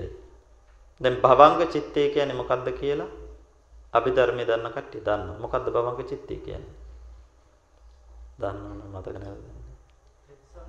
ආ ප්‍රතිසන්දිය අපි ගත්තු ආරම්මණය අරමුණු කරගෙන ඒ ප්‍රතිසන්දි සිත ඇති වුණේ යම් අරමුණකින්ද ඒ අරමුණම පවතින සාමාන්‍ය අනිකුත් සිත් ඇති නොවන අවස්ථාවකදී අපිට ඇතිවෙන සිත තමයි කියන්නේ බබංග සිත. ඒ භවංග සිතේ තියෙන්නේ ප්‍රතිසන්දි චිත්තේ තියෙන ආරම්මණයමයි. ඒ වගේම චුති සිතේ තියෙන්නේ ඒ ප්‍රතිසන්දි සිතේ තියෙන ආරම්මණයමයි. මෙන්න මේ කියන භවංග සිත තමයි මනං කියලා කිව්වේ. මේ සිතත් ඒ වගේම ධම්මාරම්මණයත් කියන දෙක එකතු වෙනකොට දැන් අපිට කියනවනේ මේ පබස්සර මිදම් භික්කවේ චිත්තං කියලා බුදුරජාණන් වහන්සේ දේශනා කරනවා. මේ සිත කියන එක ප්‍රභාස්වරයි කියලා කියනවා. ඒ ප්‍රභාස්වරයි කියලා කියන්නේ සිත භවංග චිත්තය. හේතුව තමයි අපි කියවනේ ප්‍රතිසන්දි චිත්තය ප්‍රතිසන්දි ආරම්මණයම තමයි භවංග සිතේ තියෙන්නේ. වෙනතනේ අපි manuss ලෝකේ උපදින්නේ ත්‍රි හේතුක ත්‍රි හේතුක වෙන්නත් පුළුවන් ත්‍රි හේතුක වෙන්නත් පුළුවන්. බොහෝ වෙලාවට අපි මේ කුසල් කරන්න ආදී යොමු වෙන්නේ පින්නතනේ ත්‍රි හේතුක උත්පත්තියක් තියන අය. ත්‍රි හේතුක හෝ වේවා ද්වි හේතුක හෝ වේවා manuss ලෝක උත්පත්තිය ලබන්නේම කුසල සිතකින්මයි. මේ නිසා කුසල සිතේ තියෙන කුසල ආරම්මණය පිරිසිදුයි. ඒ පිරිසිදු භාවය නිසා අපේ භවංග චිත්තේ නිරන්තරයෙන්ම ප්‍රභාස්වර වෙනවා. එයි ප්‍රතිසන්දි ආරම්මණය පිරිසිදු ආරම්මණයක් නිසා ඒක ත්‍රි හේතුක උත්කෘෂ්ඨ කුසලයක් නම් ඒ පුද්ගලයා ත්‍රි හේතුක පුද්ගලයෙක් බවට පත් වෙනවා. ත්‍රි හේතුක උත්කෘෂ්ඨ කුසලයකින් ඉපදිච්ච පුද්ගලයාගේ භවංග චිත්තේ මේ ත්‍රි හේතුක උත්කෘෂ්ඨ කුසලයේ තියෙන කුසල ආරම්භණය පවතින නිසා මේක නිරන්තරයෙන්ම ප්‍රභාස්වරයි. හැබැයි කියන බුදුරජාණන් වහන්සේ තංචකෝ ආගන්තුකේහි උපක්ඛලේසෙහි උපක්ඛලිට්ටන්ති. මේ භවංග චිත්තය ආගන්තුක උපක්ලේශයන් වලින් කෙලිට වෙනවා. කොහොමද අපේ ආගන්තුක උපක්ලේශයන් තමයි මේ ඇස ආදී දොරටු වලින් අපි ගන්නා අරමුණු. මේ අරමුණු වලදී අපේ භවංග චිත්තය කිලිට වෙනවා. දැන් අපි කලින් දැක්කා චිත්‍රපටියක්. මේ දැකපු චිත්‍රපටිය අපි මතකෙට එනවා. මතකෙට එනකොට පින්නතුනේ අපේ භවංග චිත්තය සිඳිලා භවංග චිත්තයෙන් චිත්තේ මිදිලා භවංග චලන භවංග උත්පච්ඡේදන විදිහට සිත් දෙකක් ඇති වෙලා මනෝද්වාරා වර්ජන සිතක් කියලා සිතක් පහළ වෙනවා. මේ සිතම තමයි අරමුණ ව්‍යවස්ථාපනය කිරීම කරන්නේ. අපේ අරමුණ ව්‍යවස්ථාපනය කරනවා මොකක්ද? මම චිත්‍රපටියක් දැක්කා. චිත්‍රපටියක් බැලුවා. බලපු රූම් රාමුවක් අපිට සිහිපත් වෙනවා. පින්නතුනි මේ පොත්ගලයත් අර කලින් කියපු විදිහටම අයෝනිසෝ මනසිකාරයේ ඉන්න කෙනෙක් නම් යෝනිසෝ මනසිකාරයේ නැති කෙනෙක් නම් මේ ලෝකේ සියලු ධර්මතාවයන් අනිත්‍යයි දුකයි අනාත්මයි කියලා මෙනෙහි කරන්නේ නැත්තම් අකුසල විතර්කවල නිරන්තරයෙන්ම ගැලිලා ඇලිලා ඉන්නවනම් අනේ ඒ පුද්ගලයාට මේ Taman දැකපු රූප රාමුව මතක් වෙනකොට ඇති වෙනවා තණ්හා දිට්ටි මාන කියන අකුසල ධර්ම. කොහොමද ලස්සන චිත්‍රපටයක්න කියලා ලස්සන රූප රාමුවක්න කියලා සිතෙන් මේක ග්‍රහණය කරගන්නකොට තණ්හාවක් ඇති වෙනවා. මම මේ චිත්‍රපටිය දැක්කානේ කියලා Taman කියන දෘෂ්ටියක් ඇති කරගන්නවා. දිට්ඨිය ඇති වෙනවා. මමනේ දැක්කේ වෙන කෙනෙක්ට ඉස්සල්ලා මම දැක්කානේ. අනෙක් අය දැකලා නැහෙනේ මම දැකලා තියෙනවනේ කියලා හිතනකොට මානයක් ඇති වෙනවා. මෙන්න මේ තණ්හා දිට්ඨි මාන විදිහට මනෝද්වාරා වර්ජන මනෝද්වාරයෙන් අපි ගත්තු අරමුණ අරමුණු කරගෙන තණ්හා දිට්ඨි මාන විදිහට ජවන්සිත හතක් ඇති වෙනවා. ඒ සියලු ජවන්සිත අකුසල් ජවන්සිත බවට පත් වෙනවා. තණ්හාවෙන් අපි මතක් කරනවා නම් ලෝභයෙන් යුතුව ඒකට ඇලිලා මතක් කරනකොට ලෝභ සහගත සිතුවිලි ඇති වෙනවා. අපි ගැටීමක් තියෙන රූප රාමුවක් මතක් වෙනවා නම් අපිට අපිට ඒ වෙලාවේදී द्वේෂ සහගත සිත් පහළ වෙන්න පුළුවන්. මේ විදිහට අකුසල ආරම්මණයක අපි පැවැත්වීම නිසා මේ ජවන්සිත ටිකම අකුසල් ජවන්සිත බවට පත් වෙනවා. මේක තමයි චිත්ත නියාමය. එතකොට අපි දැන් බලමු මේ සූත්‍රයේ මේ මහා කච්චායන මහරහතන් වහන්සේ මේක පැහැදිලි කරන්නේ කොහොමද? මනංච ආවසෝ පටිච්ච ධම්මේ uppajjati මනෝ විඥාන. මේ භවංග චිත්තේ කියන මනසත් ඒ මනසට ආරම්මණය වෙන ධම්ම ආරම්මනත් යම් යම් ආරම්මනත් නිසා අන මනෝ විඥාන කියලා සිතක් පහළ වෙනවා. මේ මනෝ විඥාන සිත තමයි කියන්නේ මනෝ ద్వාරා වර්ජණය කියලා කියන්නේ. මේ මනෝ විඥාන සිත එතන මනෝ ద్వාරා වර්ජණය විතරක් නෙමෙයි. එතන ඉඳලා පහළ වෙන සිත් සියල්ලම මෙතනින් ගන්නවා.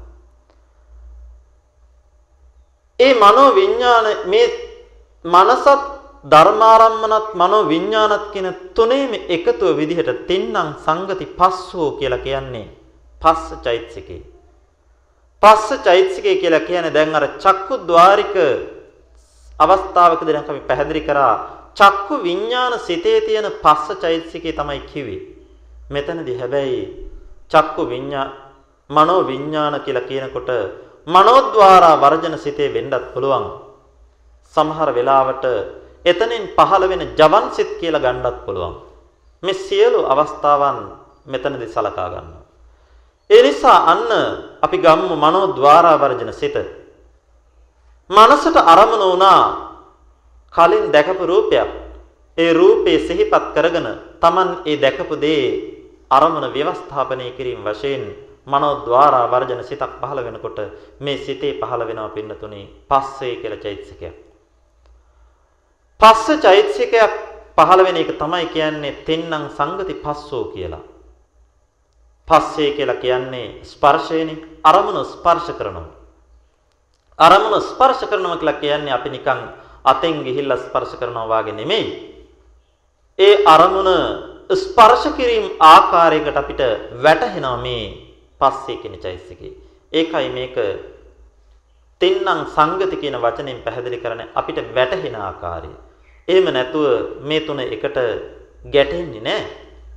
ඕලාරිකව ගැටෙන්නේ නැහැ. අරමුණ අරමුණත් එක්ක ගැටීමක් විදිහටයි තියෙන්නේ. මේ පස්සේ නිසා අන්න වේදනාවක් ඇති වෙනවා. දැන් මෙතනදී අපිට වේදනාවක් ඇති වෙන්න පුළුවන් විවිධ ආකාරයෙන්. අපි චක්කු විඥාන සිතෙන් අපි කියවේ අපි පැහැදිලි කරේ උපේක්ඛා සහගතයි චක්කු විඥාන සිත. ඒ නිසා උපේක්ඛා වේදනාවක් විතරයි තියෙන්න පුළුවන්නේ. නමුත් පින්නතනි මනෝද්වාරා මනෝද්වාරයෙන් අපි අරමුණු කරනකොට මෙතනින් ඉදිරියට මේ කියන වේදනාවන් යටතේ අපිට විවිධ වේදනාවන් ඇති වෙන්න පුළුවන්. සුඛ වේදනාවක් ඇති වෙන්නත් පුළුවන්. දුක්ඛ වේදනාවක් ඇති වෙන්නත් පුළුවන්. උපේක්ඛා සහගත වේදනාවක් ඇති වෙන්නත් පුළුවන්. මේ නිසා මෙතනින් ඉදිරියට ජවන් සිත්වල මේ වේදනාවන් තුනම පවතින්න පුළුවන්. ඒ නිසා මනසින් ගන්න ආරම්මණයේදී වෙනසක් තියෙනවා. මොකද චක්කුද්්වාරික ආරම්මණයේදී අපි පැහැදිලි කරේ මේ පස්ස වේදනා සංඥා කියන චෛතසික තුනම චක්කු විඥාන සිතේ තියෙන චෛතසික විතරයි කියන්නේ. නමුත් මේ මනසින් ගන්න ආරම්මනවලදී අපි මනෝද්වාරා වර්ජනයත් එතනින් පස්සේ ජවන් සිතුත් අපිට සලකලා ගන්න පුළුවනි. අපි දැන් ඇහැට අරමුණු වෙච්චි කලින් අරමුණු වෙච්ච රූපේ සිතෙන් මතක් කරගත්තාම අපිට ඇති වෙනව නම් සොම්නසක්. සතුටක් ඇති වෙනවා. හොඳ ලස්සන රූපයක් නේ කියලා මතක් කරනවා. අන්න මතක් කරනකොට පින්නතුනේ අපේ සිත අකුසලයේ පැත්තට යමු වුණා. අකුසල ජවන් විදිහට ඇති වෙනවා. මේ ජවන් වලත් ඒ වාගේම මනෝද්වාරා වර්ජනේ ඇති වෙන පස්සේට පස්සේ වේදනාව නිසා සුඛ වේදනාවක් වෙන්නත් පුළුවන් දුක්ඛ වේදනාවක් වෙන්නත් පුළුවන් උපේක්ඛා වේදනාවක් වෙන්නත් පුළුවන්. අපි කැමති දෙයක් දැකපු දෙයක් සතුටෙන් මෙනෙහි කරනකොට අපිට සුඛ වේදනාවක් නැති වෙනවා. ඒ වාගේම අපි දකින්න කැමති නැති දෙයක් දැකපු බවක් අපි සිහිපත් කරනවා නම්. අපි හිතමු අපි කැමති නැති ආරම්මණයක් අපි දැක්කා. අපි කැමති නැති දෙන්නෙක් දබර වෙනවා අඬ දබර වෙනවා දැක්කා. ඒ දැකපු දේ අපිට මතක් වෙනවා. මතක් වෙනකොට අපිට ඇති වෙනවා දුක්ඛ සහගත වේදනාවක්. ඒ වාගේම තමයි සමහර වෙලාවට උපේක්ෂා සහගත වේදනා ඇති වෙන්නත් පුළුවන්. මේ නිසා පස්සේ හේතුවෙන් වේදනාවක් නැති වෙනවා. ඒ වාගේම තමයි යං වේදේති තං සංජානಂತಿ එතනත් මනෝද්වාරා වර්ජන සිතේ විතරක් අපි සලකනවා නම් ඒ සිතේම තියෙන සංඥාචෛතසිකය. එහෙම නැත්නම් ජවන් සිත් සලකනවා නම් ඒ ජවන් සිත් වල තියෙන සංඥාචෛතසිකය. සංඥාවෙන් අපි හඳුන ගන්නවා. ඉතින් එකම සිතේ නම් තියෙන්නේ මනෝද්වාරා වර්ජන සිතේ විතරක් නම් තියෙන්නේ මෙතනත් අපි සලකන්න ඕනේ. පස්සය හේතුවෙන් වේදනාව ඇති වෙනවා. වේදනාව හේතුවෙන් සංඥාව ඇති වෙනවා. නමුත් වෙන්නතුනේ මේ තුනම එක මොහොතේ පෙරපසුන වී ඇති වෙන්නේ. දැන් මෙතනදී අපේ එක මහත්ෙක් එදා ධර්මදේශනාවෙන් පස්සේ අහුව ප්‍රශ්නයක්. ස්වාමීන් වහන්සේ කොහොමද මේ පස්ස පච්චයා වේදනා කියලා කියනකොට පස්සේ නිසා වේදනාව ඇති වෙනවා නම් මේ දෙකම එකපාර ඇති වෙන්නේ කොහොමද? පින්නතුනේ අපි උදාහරණයකිනුත් පැහැදිලි කරා එක් අවස්ථාවකදී දැන් හිතමු අපි යම් ගමනක් යනවා. යම් තැනකට ඇවිදගෙන යනවා කියලා. ඒ ඇවිදගෙන යනකොට අපි ඇවිදීම කියන ක්‍රියාවත් සිදු වෙනවා. අපි ගමන් කරන තැනට ළඟාවීම කියන කටයුත්තත් සිද්ධ වෙනවා. කටයුතු දෙකක් එකපාර වෙනවා. ඇවිදීම කියන ක්‍රියාව නිසා තමයි අපි ලම් තැනකට ළඟාවීම කියන දේ සිද්ධ වෙන්නේ. ඒ නිසා අපි කියනවා ඇවිදීම හේතුවෙන් ළඟා වුණා. හැබැයි ඇවිදලා ඉවර වුණාට පස්සේ නෙමෙයි ළඟා වෙන්නේ. ඇවිදීමත් ළඟාවීමත් කියන දෙකම එක මොහොතේ සිද්ධ වෙනවා. එක අවස්ථාවේ සිද්ධ වෙනවා. අපි තුමු තව උදාහරණයක් සලකලා දැන් ඔය විවිධ තරඟ තියෙන අපි තුමු ක්‍රිකට් තරඟයක් තියෙනවා. දැන් මේ මේ මම මේ ලෞකික උදාහරණයක් ගන්න කට්ටියන්ට නිකන් පැහැදිලි වෙන්න. දැන් ක්‍රිකට් තරඟයක් අපි තම අවසාන අවස්ථාවේදී කවුරු හරි කියනවා කවුරු හරි ක්‍රීඩකෙක් මම නම් දැන් දන්නේ කවුද ඉන්න ක්‍රීඩකයෝ කියන්නේ. ඒ ක්‍රීඩකෙක් අපි හිතමු හොඳ ලකුණු 6ක ප්‍රහාරයක් කළා කියලා පහරක් දුන්නා කියලා. 6 පහරක් ගවුවා කියලා කියන්නේ. දැන් මෙහෙම ලකුණු 6ක් ගත්තා එකපාර. ඒ ලකුණු 6ක් ගන්නකොටම ඒ නිසා තරඟෙ දිනුවා කියලා කියනවා. කවුරු හරි පස්සේ පැහැදිලි කරනවා අහවලා ලකුණු 6ක් ගත්ත අවසාන පන්දුවට. ඒ ලකුණු 6ක් ගත්ත නිසා අපි තරඟ දෙනවා කියලා කියනවා. එතකොට එහෙම කිව්වහම කවුරු හරි ප්‍රශ්නයක් අහනවා එහෙනම් ලකුණු 6 අරගෙන ඉවරුණාට පස්සේද දිනුවේ? නැත්නම් ලකුණු 6 ගන්නකොටම දිනුවද? කොහොමද වෙන්නේ? මේ දෙකම එකපාර සිද්ධ වෙනවා. ලකුණු 6 අරගන්න එකපාරක් මේ පන්දුවට පහර දෙනවා නම් ඒ පහර දෙනකොට ලකුණු 6 ලැබෙනකොට ඒ ලකුණු 6 ලැබීම කියන මොහොතත් තරඟේ දිනීම කියන මොහොතත් දෙකම එකයි. හැබැයි තරඟේ දිනුවේ ලකුණු 6 ලබාගත්තු නිසා. ඒ නිසා එකක් හේතුවෙන් අනිකක් ඇති වෙනකොට මේ දෙකම එක මොහොතේ වෙනවා. ඒකයි කියන්නේ පස්ස පච්චය වේදනා. පස්සේ නිසා වේදනාව ඇති වෙනවා තමයි. ඒකට කියන්නේ වේදනාවට පස්සේ කියන එක හේතුවක් බවට පත් වෙනවා. නමුත් පෙන්නතුනේ පස්සයත් වේදනාවත් කියන දෙකම එක මොහොතේ ඇති වෙන්නේ.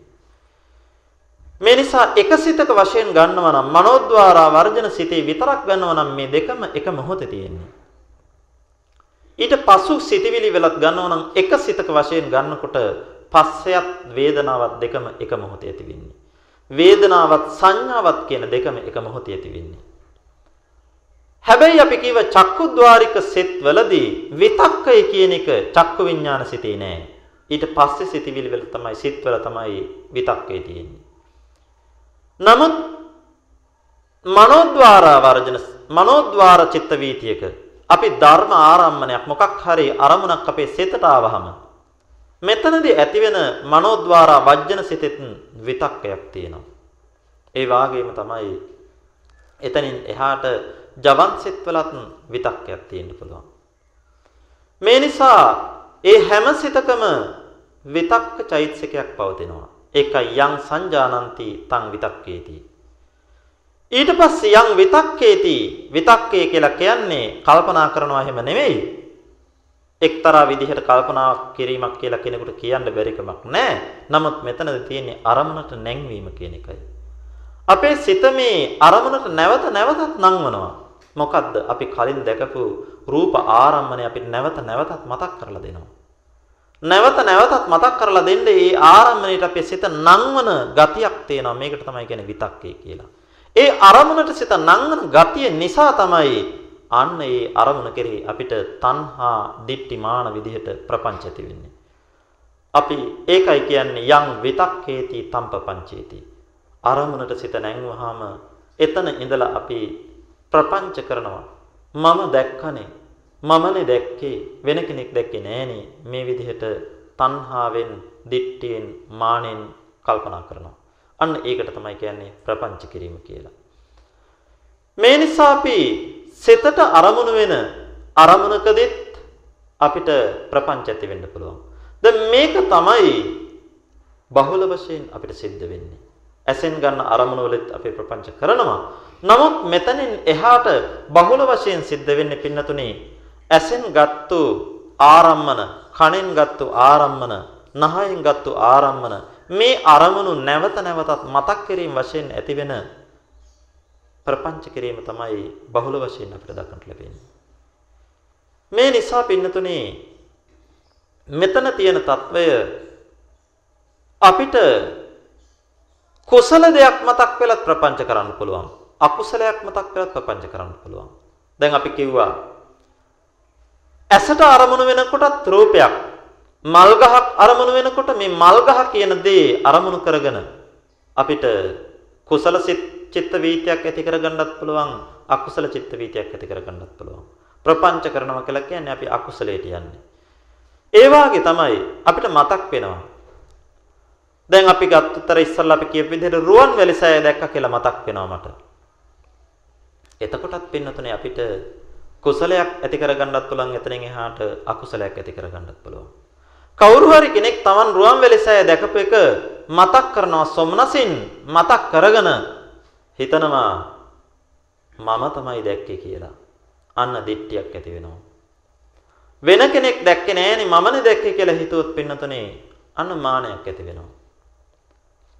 Taman දැකපු දේනි මම දැකපු දේනි කියලා ග්‍රහණයක් කරගත්තොත් තණ්හාවක් ඇති වෙනවා. ඒ විදිහට තණ්හා දිට්ඨිමාන ඇති වෙන්න පුළුවන්. ඒ විතරක් නෙමෙයි අපි කරපු කියපු දේවල් මතක් වෙනවා. දැන් හිතමු කෙනෙක් අකුසලයක් කරපු දෙයක් මතක් කරනකොට මෙතනදී අකුසලයක් තමන්ගේ අකුසල චිත්ත වීතියක් ඇති වෙනවා කියන එක අපි අලුතෙන් කියන්න ඕනේ තමන් කරපු අකුසලයක් තමන්ට මතක් වෙනවා. තමන් සතෙකුට ගැහුවා. සතෙක් මැරුවා.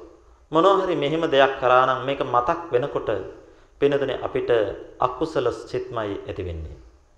ඒ දේ තණ්හා දිට්ටි මාන විදිහට අපි ගන්නවා. කොහොමද අකුසලයේ අපි තණ්හා ගන්නෙ? අකුසලයක් කරපු දෙයක් Tamanට මතක් වෙනකොටත් පෙන්නතුනේ මම කරපු දේනේ මේක කියලා තමන් කියන ග්‍රහණයක් ඇති කරගන්නවා. මගේ දේනේ කියන ග්‍රහණයක් ඇති කරනවා. අයියෝ මගේ අකුසලේනි කියලා හිතා ගන්නවා. අනේ මගේ පවනි කියලා හිතනවා. අනේ මගේ කරුමෙනි කියලා හිතනවා. මෙහෙම හිතනකොට පින්නතනි මගේ කියන ග්‍රහණය තියෙන තැන තියෙනවා තණ්හාවක්. ඒ වාගේම තමයි මම තමයි මේ දේ කරේ කියන මම කියන ග්‍රහණයට එනකොට පින්නතනි මම කියලා සත්වෙක් ඉන්නවා කියන දිට්ඨියක් ඇති කර ගන්නවා. මම මෙහිම අකුසලයක් කරානේ වෙන කෙනෙක් කරේ නෑනේ කියලා Tamante හීනමානයක් ඇති වෙන්නත් පුළුවන්. සමහර වෙලාවට අතිමානයක් ඇති වෙන්නත් පුළුවන්. වෙන කාටවත් බෑ මේ සතාව මරන්න මට විතරයි පුළුවන් උනේ. හොඳ අපි හිතමු දරුණු සතෙක් හිටියා මෙල්ල කරන්න බැරි කෙනෙක්. මේ පුද්ගලයෙක් ඉදිරිපත් වෙලා ඒ සතාව මරනවා. එයා පස්සේ සිහිපත් කරනවා. වෙන කාටවත් කරන්න බෑ මේ වැඩේ මම කරා කියලා. අන්න එයාට ඇති වෙනවා මානයක්. එහෙම නැත්තම් තමන් කරපු දෙයින් පසුතැවිලි වීම වෙසින. අයියෝ වෙන කවුරුත් කරේ නෑනේ මේක මටමන කරන්න උනානේ කියලා හිතනකොට හීනමානයක් ඇති වෙන්නත් පුළුවන්. මේ නිසා තණ්හා දිට්ඨි මාන විදිහට අපි කරපු අකුසලේ මතක් වෙනකොටත් අපි ප්‍රපංච ඇති කරනවා. ඒ වාගේම තමයි කවුරු හරි කෙනෙක් කරපු කුසලයක් මතක් කරනවා. කොහොමද? මම හොඳ දානයක් දුන්නනේ කියලා මතක් කරනවා. මම හොඳ දානයක් දුන්නනේ. ඒ මන් දුන්නු දාණයනේ කියලා මතක් කරනවා. පස්සේ වෙලාවක් කවුරු හරි එක්කෙනා මගේ දානේ දවසේ නම් අපේ දානේ දවසේ නම් මෙහෙමයි. අන්න මගේ දානේ අපේ දානේ කියලා අපි ග්‍රහණය කරගන්නවා. එතකොට තියෙනවා තණ්හාව. මම දානයක් දුන්නනේ කියන මම කියන ග්‍රහණයට එනවා. එතකොට තියෙනවා පිළිතන දිට්ඨියක්. ඒ වාගේම තමයි මේ වාගේ දානයක් නම් කාටවත් දෙන්න බෑ මං තමයි දුන්නේ. අන්න තියෙනවා මානය. මේ විදිහට කරගත්තු කුසලය අරමුණු කරත් අපි තණ්හා දිට්ඨි මාන ඇති කරගන්නවා. මේ තණ්හා දිට්ඨි මාන ඇති වෙනකොට පින්නතුනේ ඒවට තමයි අපි කියන්නේ ප්‍රපංච කිරීම. ඒ ප්‍රපංචවල ඇලිලා ගැලිලා වාසය කරනකොට පින්නතුනේ අපිට අකුසල් සිද්ධ වෙනවා. අපි මේ සංසාරේ ඇදලා බැඳලා පවතින ඇදලා බැඳලා පවතින තෘෂ්ණාව අපි වැඩෙනවා. මේ නිසා අපිට බුදුරජාණන් වහන්සේ දේශනා කරේ එත්තචේ නත්ති අභිනන්දිතබ්බං. මේ ආරම්මන අරමුණු වෙන මේ කිසිම ආයතනයක අපිට සතුට වෙන්න දෙයක් නැත්තම් ඇස ආදී ආරම්මනවල ආයතනවල වෙන්නත් පුළුවන්. එහෙම නැත්තම් මන ආයතනෙ වෙන්නත් පුළුවන්. අපිට සතුට වෙන්න දෙයක් නැත්තම්. මමය මගේය කියලා ග්‍රහණය කරගෙන කියන්න දෙයක් නැත්තම්. තණ්හා දිට්ඨි මාන විතියට බැසගෙන බැස ගැනීමක් නැත්තම්. අන්න එතන අපේ අනුසය ධර්ම ෂය වෙනවා. ඒ අනුසය ධර්ම ෂය වෙන ආකාරය මහා කච්චායන මහරහතන් වහන්සේ මේ සූත්‍රයේ ඊළඟ කොටස්වලදී පැහැදිලි කරා. අපි එතනත් පළවෙනි කොටස පැහැදිලි කරා මේ ඇස කියන අරමුණ අරගෙන ඇස කියන ආයතනය අරගෙන සෝ වතාවුසෝ චක්කුස්මින් සති රූපේ සති චක්කු විඥානං සති පස්ස පඤ්ඤත්තින් පඤ්ඤපෙස්සති තී ඨානමෙතං විජ්ජති. එවත්නි මේ ඇසක් තියෙනකොට රූපයක් තියෙනකොට තමයි චක්කු විඥානයක් පහළ වෙන්නේ මේ තුන තියෙනකොට විතරයි මේ පස්සේ කියලා දෙයක් ඇති වෙන්නේ කියලා කියනවා. මේ විදිහටම ධර්ම ආරම්භණය සම්බන්ධයෙන් මනස සම්බන්ධන මහා කච්චායන මහරහතන් වහන්සේ දේශනා කරනවා. එවත්නි මේ මනසක් තියෙද්දී සෝවතාවසෝ මනස්මින් සති ධම්මේ සති මනෝ විඥාන මනෝ විඥානං සති පස්ස පඤ්ඤත්තින් පඤ්ඤ පෙස්සති තී ඨානමේතං විජ්ජති මේ මනස කියන භවංග චිත්තේ තියෙනකොට ඒ වාගේම ඒකට ලක් වෙන ධම්ම ආරම්මන තියෙනකොට ඒ දෙක එකතු වීමෙන් පවතින මනෝ විඥාන චිත්තයන් පවතිනකොට තමයි පස්සේ කියලා දෙයක් තියෙන්නේ. ඒ වාගේම පස්සේ තියෙනවා නම් තමයි වේදනාවක් තියෙන්නේ. වේදනාව තියෙනවා නම් තමයි සංඥාවක් තියෙන්නේ. සංඥාව තියෙනවා නම් තමයි විතක්කයක් තියෙන්නේ අරමුණට නැංවීමක් වෙන්නේ. ඒ අරමුණ නංවනවා නම් තමයි අපි තණ්හා දිට්ඨි මාන විදිහට ප්‍රපංච කරන්නේ. මේ ප්‍රපංච කිරීම නිසා තමයි ලෝක සත්වයා මේ සංසාරේ නැවත නැවතත් ඉපදි ඉපදි යන්නේ. ඒකයි බුදුරජාණන් වහන්සේ යතෝ නිදානම් පුරිසා ප්‍රපංච සංඥා සමුදාචරಂತಿ කියලා කිව්වේ මීළඟට පැහැදිලි කරනවා මේ සංසාරයේ නැවැත්ම. සංසාරයේ දුක කෙලවර කරන ආකාරය නිවන් දකින ආකාරය. අපි ඒකට කියනවා විවට්ටය කියලා. කොහොමද ඒකත් අපි මුල් කාරණේ පැහැදිලි කරා? සෝ වතාවසෝ චක්කුස්මින් අසති. රූපේ අසති චක්කු විඥානං අසති. පඤ්ඤ පස්ස පඤ්ඤත්තිම් පඤ්ඤපෙස්සතිති නේතන්තානං විජ්ජති. එවත්නි මේ ඇසක් නැත්තම් ඇසට ලක් වෙන රූපාරාමන නැත්තම් මනෝ විඥානයක් නැත්තම් පස්සයක් ඇති වෙන්නේ නැහැ. පස්සයක් නැත්තම් වේදනාවක් නැහැ. වේදනාවක් නැත්තම් සංඥාවක් නැහැ. සංඥාවක් නැත්තම් විතක්කයක් නැහැ. විතක්කයක් නැත්තම් ප්‍රපංච කිරීමක් නැහැ. මෙතනදී අපි පැහැදිලි කරා ඇස නැහැ කියලා කියන්නේ ඇස් පේන්නේ නැහැ කියන එක නෙමෙයි. ඇස් පේන්නේ නැති කෙනා එහෙමනම් නිවන් දකින්න ඕන ඉක්මනටම. මෙතනදී චක්කුස්මින් අසති කියලා කියන්නේ ඇස තියෙනවා. ඇසෙන් රූප දකිනවා. නමුත් ඒ දකින රූපයන් කෙරෙහි ආයතන කෘත්‍යයක් ඉටු කරන්නේ නැහැ. අපේ සිතට ආගන්තුක කෙලෙස් ඉපදවීමක් සිදු කරගන්නේ නැහැ ඇසෙන් රූප දැකලා. ඇසෙන් රූපයක් දැක්කහම ඒක දැක්ක විතරයි කියලා කල්පනා කරනවා. එතනින් එහාට ඒ රූපේ කෙරෙහි ඇලීමක් ඇති කරගන්නෙත් නැහැ, ගැටීමක් ඇති කරගන්නෙත් නැහැ. ඒ රූපේ සම්බන්ධයෙන් මධ්‍යස්ත භාවයකටපත් වෙනවා. ඉතින් මේක කොහොමද කරන්නේ? මේ සඳහා තමයි අපිට යෝනිසෝ මනසිකාරී කියන එක උපකාර වෙන්නේ. යම් කෙනෙක් නිරන්තරයෙන් මේ සියලු සංස්කාරයන් අනිත්‍යයි දුකයි අනාත්මයි කියලා මෙනෙහි කරමින් ඉන්න කෙනා ඇසට රූපයක් දකිනකොට එයාට අරමුණු වෙනවා. මේ රූප දකින ඇසත් අනිත්‍යයි. ඒ ඇසට ලක් වෙන රූපයත් අනිත්‍යයි. ඒ දෙකම නිසා ඇතිවෙන චක්කු විඥානයත් අනිත්‍යයි. එතනින් එහාට ඇතිවෙන සියලු ඉතර ධර්මතා සියල්ලත් අනිත්‍යයි. එහෙම හිතනකොට පින්නතුනේ එයාට මම ලස්සන රූපයක් දැක්කනේ ලස්සනයිනි කියන තෘෂ්ණාව ඇති වෙන්නේ නැහැ. මම ලස්සන දෙයක් දැක්කනේ කියන මම කියන දිට්ඨිය ඇති වෙන්නේ නැහැ. ඒ වාගේ මමනේ දැක්කේ වෙන කෙනෙක් නැහෙනේ කියන මානය ඇති වෙන්නේ නැහැ. මෙන්න මේ තණ්හා දිට්ඨි මාන නැති තැන පින්නතුනේ ප්‍රපංච නැති වෙනවා. ඇස කන නාසය ආදී දොරටු වල මේ විදිහටම විදිහට තමයි අපි අද පැහැදිලි කරපු මනෝද්වාරයේත් මේක වෙන්නේ. ඒ නිසාම කියනවා. සෝ වතාවසෝ මනස්මින් අසති. ධම්මේ අසති මනෝ විඥානං අසති. පස්ස පඤ්ඤත්තින් පඤ්ඤපෙස්සතිති නේතං ඨානං විජ්ජති. එවත්නි භවංග චිත්තය නැත්නම් චිත්තේ නැහැයි කියලා කියන අපිට චිත්තේ නැති වෙන්නේ නැහනේ. එහෙමනම් මෙතනත් කියන්නේ මේ සිත නැත්තම් ධර්ම ආරම්මන නැත්තම් මනෝ විඥාන නැත්තම් කියලා කියන්නේ පින්නතුනේ අපේ සිතට අරමුණු වෙන අරමුණු වලදී අපි ආයතන කෘත්‍ය සිදු කරගන්නේ නැහැ කියන එකයි. ආගන්තුක කෙලෙස් ඉපදවීම සිදු කරගන්නේ නැහැ කියන එකයි. අපිට ඉන්නකොට මතක් වෙනවා අපි කලින් දැකපු දේවල්. අපි දැකපු දෙයක් මතක් වෙනකොට පින්නතුනේ අපිට එතන යෝනිසෝ මානසිකාරෙන් සිත පිහිටව ගන්න පුළුවන් නම් මම මේ එදා දැකපු දේ එදා ඒ මොහොතේ දැකලා නිරුද්ධ වෙලා ගියා. පින්නතුනේ මේ රූපේක ආයුෂ කොච්චරයිද? චිත්තක්ෂණ 17යි. එක රූපයක් ඇති වෙලා නැති වෙන්න යන චිත්තක්ෂණ 17යි. එතකොට අපි මේ මොහොතේ දකින රූපය චිත්තක්ෂණ 17කට පස්සේ තියෙන්නේ වෙන රූපයක්. මේක අපිට ප්‍රකට නැහැ. මේ නිසා අපි අතීතයේ යම් රූපයක් දැක්කනම් ඒ රූපය අපිට මතක් වෙනකොට එයාට තමන්ගේ යෝනිසෝ මනසිකාරයෙන් මතක් කරලා දෙනවා නම් මේ රූපේ මම එදා දැක්කේ ඒ දැකපු වෙලාවේ ඒ චිත්තක්ෂණ 17ක් ඇතුළත මේ රූපේ නිරුද්ධ වෙලා ගියා. එතනින් එහාට තිබුණේ අලුත් රූප પરම්පරාවක්. එතනින් එහාට තිබුණේ අලුත් රූප પરම්පරාවක්. මේ නිසා රූපයත් අනිත්‍යත්වයටපත් වුණා.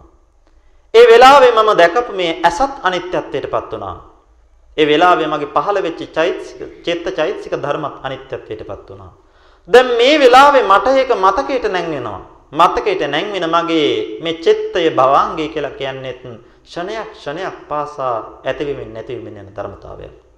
ඒ වාගේම තමයි මට මේ අරමුණු වෙන ධම්ම ආරම්මණය මේ මතක් වෙන දේ ක්ෂණයක් ක්ෂණයක් පාසා ඇතිවෙමින් නැතිවෙමින් යන දෙයක්.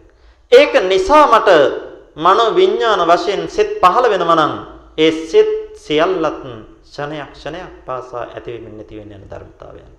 මේ නිසා මේක කෙරෙහි මට සතුටු වෙන්න දෙයක් නැහැ. මම මගේ කියලා ග්‍රහණය කරගන්න දෙයක් නැහැ. තණ්හා දෙට්ටි මාන වශයෙන් බැසගන්න දෙයක් නැහැ කියලා කෙනෙකුට නුවණක් පිහිටනවා පින්නතුනි. අන්න බුදුරජාණන් වහන්සේ දේශනා කරපු දේ එතන සිදු වෙනවා. එත්තචේ නත්තේ අබිනන්දිතබ්බං අභිවදිතබ්බං අජ්ජෝසේතබ්බං මෙතන නැහැ සතුටු වෙන්න දෙයක්. මෙතන නැහැ අභිවදිතබ්බං මමය මගේ කියලා ග්‍රහණය කරගන්න දෙයක් නැහැ. මෙතන නැහැ අජ්ජෝසේතබ්බං තණ්හා දිට්ටි වශයෙන් බැසගන්න දෙයක් නැහැ. අන්න එහෙමනම් පින්නතුනේ ඒ පුද්ගලයා ඒ සිතක් සිතක් පාසා විදර්ශනාවට ලක් කරනවා. අන්නේ විදර්ශනාවට ලක් කරන කෙනාට පින්නතුනේ යම් අවස්ථාවකදී වැටහෙනවා. මේ සිතිවිලි සියල්ල මේ චිත්ත චෛතසික ධර්ම සියල්ල ක්ෂණයක් ක්ෂණයක් පාසා ඇතිවීමින් නැතිවීමින් යන අනිත්‍ය ධර්මතාවය. ඒ විතරක් නෙමෙයි ඇසට රූප ලක්වෙන වෙලාවේදී ඇතිවෙච්ච මේ ඇස රූපය කනට ශබ්ද අසන වෙලාවේදී මේ කන අහපු ශබ්ද නාසයට ගඳ සුවඳ විඳපු වෙලාවේදී මේ විඳපු ගඳ සුවඳ මේ සියල්ලක්ම රස විඳපු වෙලාවේදී විඳපු රස විඳපු දිව ඒ විඳපු රසය කයට ස්පර්ශ විඳපු වෙලාවේදී ඒ ස්පර්ශ විඳපු කය ඒ වාගම විඳපු ස්පර්ශය මෙන්න මේ සියල්ලක්ම ක්ෂණයක් ක්ෂණයක් පාසා ඇතිවීමෙන් නැතිවීමෙන් යනවයි කියන ධර්මතාවය එයාට වැටහෙනවා. අන්න එතකොට එතන එත්තචේ නත්ති අභිනන්දිතබ්බං. එතර සතුට වෙන්න දෙයක් නැහැ. ඇයි? ක්ෂණයක් ක්ෂණයක් පාසා ඇතිවෙන දෙයක ඇතිවීමෙන් නැතිවීමෙන් යන දෙයක පින්නතුනේ අපිට සතුට වෙන්න දෙයක් නැහැ. අපිට මමය මගේ කියලා ග්‍රහණය කරගන්න දෙයක් නැහැ පින්නතුනේ. එයාට මෙතන තියෙන නාම ධර්ම සමුදායක්, රූප ධර්ම සමුදායක් කියන වැටහීම ඇති වෙනවා. ඒකට අපි කියනවා නාම රූප පරිච්ඡේදය කියලා. ඒ පුද්ගලයාට Taman මේ සත්වයේක පුද්ගලයේක දකින සියල්ල සත්වයෝය පුද්ගලයෝය කියන සංඥාව බෙදලා පින්නතුනේ. එයා නාම ධර්ම රූප ධර්ම විතරක් කියන සංඥාවට පැස ගන්නවා. ඒ සංඥාවෙන් යතුව පින්නතුනේ ඒ සියලු නාම ධර්ම රූප ධර්ම නැවත නැවතත් ඇතිවීමෙන් නැතිවීමෙන් යන අනිත්‍ය ධර්මතාවයක කියන වැටහීම ඇති වෙනවා. අපි වටා පිටාවේ තියෙන මේ සියල්ලක්ම හිත ඇති හිත නැති සියලු සංස්කාර ධර්මයන් ක්ෂණයක් ක්ෂණයක් පාසා ඇතිවීමෙන් නැතිවීමෙන් යනවානි කියන නුවණ වැටහෙනවා. ඒ සියල්ල ඇතිවීම නැතිවීම දෙකෙන් පෙළෙන නිසා පින්නතුනේ අපි මේ සතුටෙන් මගේය කියලා ග්‍රහණය කරගන්න දෙයක් නැහැ. මමයි කියලා ග්‍රහණය කරන්න දෙයක් නැහැ. තණ්හාවක්, දිට්ඨියක්, මානයක් ඇති කරගන්න දෙයක් නැහෙනේ කියන අවබෝධයටපත් වෙනවා. මේ නිසා මේ සියල්ලක්ම ඇතිවීම නැතිවීම කියන දෙකෙන් පෙළෙන නිසා ඒ සියල්ලක්ම පීලන අර්ථයක් අපි පෙළනවා. ඒ වාගේම ਸੰతాපන අර්ථයක් තියෙන්නේ අපිට තැවීමක් ඇති කරනවා. ඒ වාගේම සංකත අර්ථයක් තියෙන්නේ හේතුන් නිසා හටගන්නවා. මේ නිසා පීලන සංකත ਸੰతాප ඒ වාගේම විපරිණාමය මේ සියල්ලක්ම විපරිණාමයට වෙනස් වීමටපත් වෙනවා. මේ සියලු සංස්කාරයන් කෙරෙහි ඔහුට නුවණක් වැටහෙනවා පින්නතුනේ. මේ සියල්ලක්ම පෙළෙන අර්ථයක් අපිව පෙළෙන භාවයටපත් කරනවා. අපිව තවන භාවයටපත් කරනවා. හේතුන්ගෙන් ඇතිවෙන ධර්මතාවයන් තියෙන්නේ ඒ හේතුන් නැති වෙනකොට නැති වෙනවා ඒ සියල්ල. ඒ වාගේම වෙනස් වෙනවා. මේ නිසා යම් සංස්කාර ධර්මයක් පීලන සංකත ਸੰతాප විපරිණාම කියන අර්ථයන්ගෙන් යුක්තයිද ඒක ඒකාන්තයෙන්ම දුක්ඛ ආර්ය සත්‍යයක් කියන නුවණ වැටහෙනවා පින්නතුනේ. ඒ දුක කියන එක අපිට නැවත නැවතත් ඇති උනේ පින්නතුනේ අපි මේ සියල්ලක්ම තණ්හාවෙන් ග්‍රහණය කරගත්තු නිසායි මේ නිසා ඒ දුක ඇතිවීමට හේතුව තෘෂ්ණාවයි කියන වැටහීමට ඇති වෙනවා. යම් තැනක මේ දුකත් තෘෂ්ණාවත් දෙකම නැද්ද? ඒ අසංකත ධාතු නිර්වාණය දුක්ඛ නිරෝධ ආර්ය සත්‍යයි පින්නතුනේ. ඒ දුක්ඛ නිරෝධය එහෙම නැත්නම් නිවන සාක්ෂාත් කර ගැනීම සඳහා තිබෙන ඒ කායන මාර්ගය දුක්ඛ නිරෝධ ගාමිනී පටිපදා ආර්ය සත්‍ය ආර්ය අෂ්ටාංගික මාර්ගය පින්නතුනේ. ඒ පොත්ගලයට වැටහීමක් ඇති වෙනවා මේ සියල්ලක්ම ක්ෂණයක් ක්ෂණයක් පාසා අනිත්‍ය දුක්ඛ අනාත්ම ධර්මතාවයේ සියල්ල පින්නතුනේ ඒකාන්තෙම දුක්ඛාරි සත්‍යයි. ඒ දුක ඇති කරපු තෘෂ්ණාව සමුදයාරි සත්‍යයි. ඒ දුකත් තෘෂ්ණාවත් දෙකම නිවන නිරෝධාරි සත්‍යයි. ඒ නිවන සඳහා වැඩි යුතු මාර්ගය දුක්ඛ නිරෝධගාමිනී පටිපදාරි සත්‍යයි. මෙන්න මේ කියන චතුරාර්ය සත්‍ය ධර්ම අවබෝධය පින්නතුනේ ඒ පුද්ගලයාට ඇති වෙනවා. මෙන්න මේ නිසා ඒ පුද්ගලයා මේ අවස්ථාවේදී පින්නතුනේ සියලු සංස්කාර ධර්මයන් අනිත්‍ය දුක්ඛ අනාත්ම වශයෙන් මෙනෙහි කරලා විදසුන් වඩලා විදසුන් නුවණ මස්තක ප්‍රාප්ත කරගෙන පින්නතුනේ පිළිවෙලින් උදයබ්බේ ඥාන භංග ඥාන බයතුපට්ඨාන ඥාන ආදීනම ඥාන නිබ්බිදා ඥාන මුංචිතු කම්මිතා ඥාන පටිසංකානුපස්සනා ඥාන සංකාරුපිකා ඥාන කියන පිළිවෙලින් විදර්ශනා ඥාන කෙලවරටපත් වෙලා ඒ විදර්ශනා ඥාන මස්තක ප්‍රාප්ත කරගෙන පින්නතුනි අවසානයේදී මේ සියලු කෙලෙස් නසා මහා රහත් භාවයට සෝවාන් සකදාගාමි අනාගාමි අරිහත් කියන සතර මග සතර ඵල පිළිවිලෙන් පින්නතුනි අග්‍ර අමා මහ නිවන් සාක්ෂාත් කරගන්නවා. මෙන්න මේ නිසා පින්නතුනි මේ අවසාන මනෝද්වාරයේ අරමුණු කරගෙනත් මේ මන ආයතනයේ අරමුණු කරගෙනත් මහා කච්චායන මහරහතන් වහන්සේ අපිට පැහැදිලි කර දෙනවා. අපේ සිතට ධම්මාරම්මන එළෙමින්නේ කොහොමද? ඒ එළෙමෙන ධර්මාරම්මන වලදී අපි ප්‍රපංච ඇති කරගෙන මේ සංසාරේ ඇති කරන්නේ කොහොමද?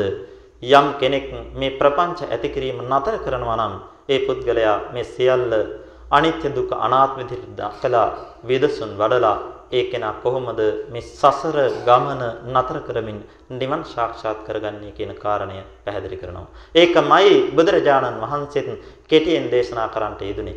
එත්තචේ නත්ති අභිනන්දිතබ්බං අභිවදිතබ්බං අජ්ජෝසේතබ්බං මේ අරමුණු ඇති වෙන තැන අපිට සතුටු වෙන්න දෙයක් නැත්තම් මම මගේ කියලා කියන්න දෙයක් නැත්තම් තණ්හා දිට්ඨි වලින් වශයෙන් බැස ගන්න දෙයක් නැත්තම් ඒ සේවන්තෝ රාගානුසයානං මේ පුද්ගලයාගේ මේකම තමයි රාග අනුසය කෙලවර වීම. ඒසේ වන්තෝ පටිඝානුසයානං ඒ පුද්ගලයාගේ පටිඝ අනුසය කෙලවර වීම ඒකමයි. ඒසේ වන්තෝ දිඨානුසයානං ඒ පුද්ගලයාගේ දිඨි අනුසය කෙලවර වීම ඒකමයි. ඒසේ වන්තෝ මාන විචිකිච්ඡානුසයානං ඒ පුද්ගලයාගේ විචිකිච්ඡා අනුසය කෙලවර වීම ඒකමයි. ඒසේ වන්තෝ මානානුසයානං මාන කියන අනුසය කෙලවර වීම ඒකමයි. ඒ සේවන්තෝ බවරාගානුසයානං බවරාගය කියන අනුසය කෙලවර වීම ඒකමයි. ඒ සේවන්තෝ අවිජ්ජානුසයානං අවසානයේදී අරිහත් මාර්ගඵල ඥානයේදී ඡය වෙන අවිද්‍යා අනුසය ඡය වීමත් මේකම තමයි.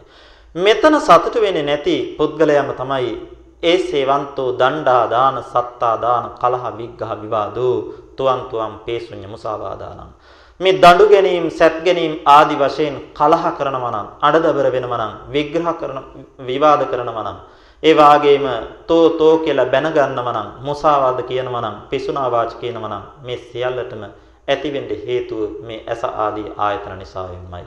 ඒ ඇස ආදී ආයතනවල සතුට වෙන්න දෙයක් නැති කෙනා මේක විදසුන් වශයෙන් කල්පනා කරන කෙනා පින්නතුනේ කලහ විග්‍රහ විවාද කරගන්න දෙයක් නැහැ. අඬදබර කරගන්න දෙයක් නැහැ. ඒ වාගේම තමයි එත් එත්තේතා පාපකා අකුසල ධම්මා අපරිසේසා නිරුද්ධಂತಿ මෙන්න මේ කෙලෙස් ඇති වුණු ඇස ආදී මන ආයතනෙ දක්වා සියලු ආයතනයන් වලමයි අපිට කෙලෙස් ඇති උනේ ඒ කෙලෙස් ඇති වෙච්ච ආයතන වලදීම අභ්‍යන්තර ආයතන හයක් බාහිර ආයතන හයක් කියන මේ ආයතන 12 දිමයි අපිට කෙලෙස් ඇති උනේ ඒ ආයතන වලදීම එත් එත්තේ එත්තේසා පාපකා අකුසල ධම්මා ඒ ආයතන වලදීම මේ පාපී අකුසල ධර්ම අපරිසීසා නිරුද්ධಂತಿ කෙලවරක් නැතුව නිරුද්ධ භාවයටපත් වෙනවා. අර මහා සතිපට්ඨාන සූත්‍රයේ සඳහන් කරපු ආකාරයට මේ තෘෂ්ණාව කියන එක උපදින්නෙත් මේ ඇස ආදී ආයතනයන් වලමයි.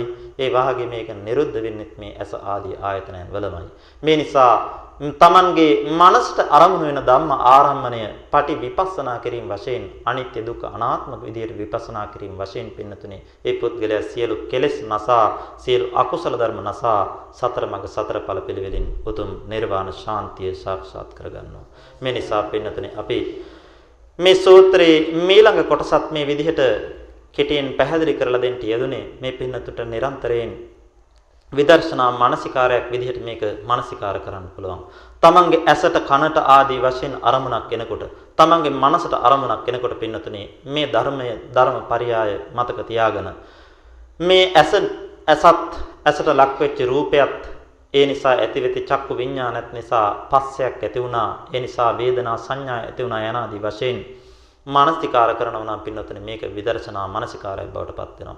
ඒ විදිහට විදර්ශනා මානසිකාරයේ පුරුදු පුහුණු කරගන්න කෙනා පින්නතුනේ යෝනිසෝ මානසිකාරයෙන් ඉන්නවා. අන්නේ යෝනිසෝ මනසිකාරයෙන් ඉන්න නිසා මේ පින්නතුන්ට මේක නිරන්තරයෙන් පුරුදු පුහුණු කරගත්තාම ඇසට රූපයක් අරමුණු වෙන වෙලාවෙදි පින්නතුනේ යෝනිසෝ මනසිකාරයෙන් තමන්ගේ අකුසල චිත කුසල සිතට හරප ගන්න පුළුවන් වෙනවා. මේ නිසා පින්නතුන් අපි සියලු දෙනාටම ආරාධනය කරන්නේ මේ ධර්ම කරුණු තව තවත් සොයලා බලලා මේ වගේ ගැටලු තැන් අහලා දැනගෙන निराකරණය කරගෙන මේක තමන්ගේ මානසිකාරයක් විදිහට නිරන්තරයෙන් පුරුදු පුහුණු කරගන්න නිරන්තරයෙන් පුරුදු පුහුණු කරගෙන යෝනිසෝ මානසිකාරයේ පිහිටවාගෙන මේ සංසාර දුක කෙලවර කරගෙන සියලු සංස්කාර ධර්මයන් අනිත්‍ය දුක්ඛ අනාත්ම වශයෙන් විදර්ශනාවට ලක් කරලා සියලු දුක් කෙලවර කරගෙන සතර මඟ සතර ඵල පිළිවෙලින් නිවන් දකින මාර්ගයට අවතීර්ණ වෙන්න කියන ආරාධනය අපි සෑම සිල් දෙනාටම මතක් කරනවා. මේ අවස්ථාවේදීත් අපි පැයක පමණ කාලයක් ධර්ම ශ්‍රවණය කරන්නට යෙදුනා. සීලයක පිහිටලා ධර්ම ශ්‍රවණය කිරීම වශයෙන් රැස්පත් කරගත්තු සෑම සුළු කුසල ධර්මයක්ම අපි අනුමෝදන් කරමු. අපියත් අපගේ සම්බුද්ධ ශාසනයත් ආරක්ෂා කරන අල්පේශාක්‍ය මහේශාක්‍ය ආත්මාරක්ෂක ලෝකපාලක සෑම සුළු දිව්‍යතා මණ්ඩලයටම මෙපින් අනුමෝදන් කරමු. අනුමෝදන් වේවා. දෙවියෝ මෙපින් දැක බලා සතුට වී දිව්‍ය ආශිෂ්ඨ වඩ වඩාත් වර්ධනය කරගෙන අපි සෑම තුළ දෙනාට අවශ්‍ය ධාර්මික දිව්‍යතා මණ්ඩලයේ රැකවරණය ලබා දේවා දෙවියොත් මෙපින් බලයෙන් ප්‍රාර්ථනීය බෝධියකින් නිවනින් සැනසෙත්වා කියලා ප්‍රාර්ථනා කරගෙන දෙවියන්ට පින් අනුමෝදන් කරලා අවසන් කරමු ආකාසට්ඨා ච බුම්මට්ඨා දීවානාගා මහිද්దికා පුඤ්ඤන්තං අනුමෝදිත්වා චිරං රක්ඛන්තු ශාසනං ආකාසට්ඨා ච බුම්මට්ඨා දීවානාගා පුඤ්ඤන්තං අනුමෝදිත්වා චිරං ආකාසට්ඨා ච බුම්මට්ඨා දීවානාගා මහිද්దికා පුඤ්ඤන්තං අනුමෝදිත්වා චිරං රක්ඛන්තු මං පරන්ති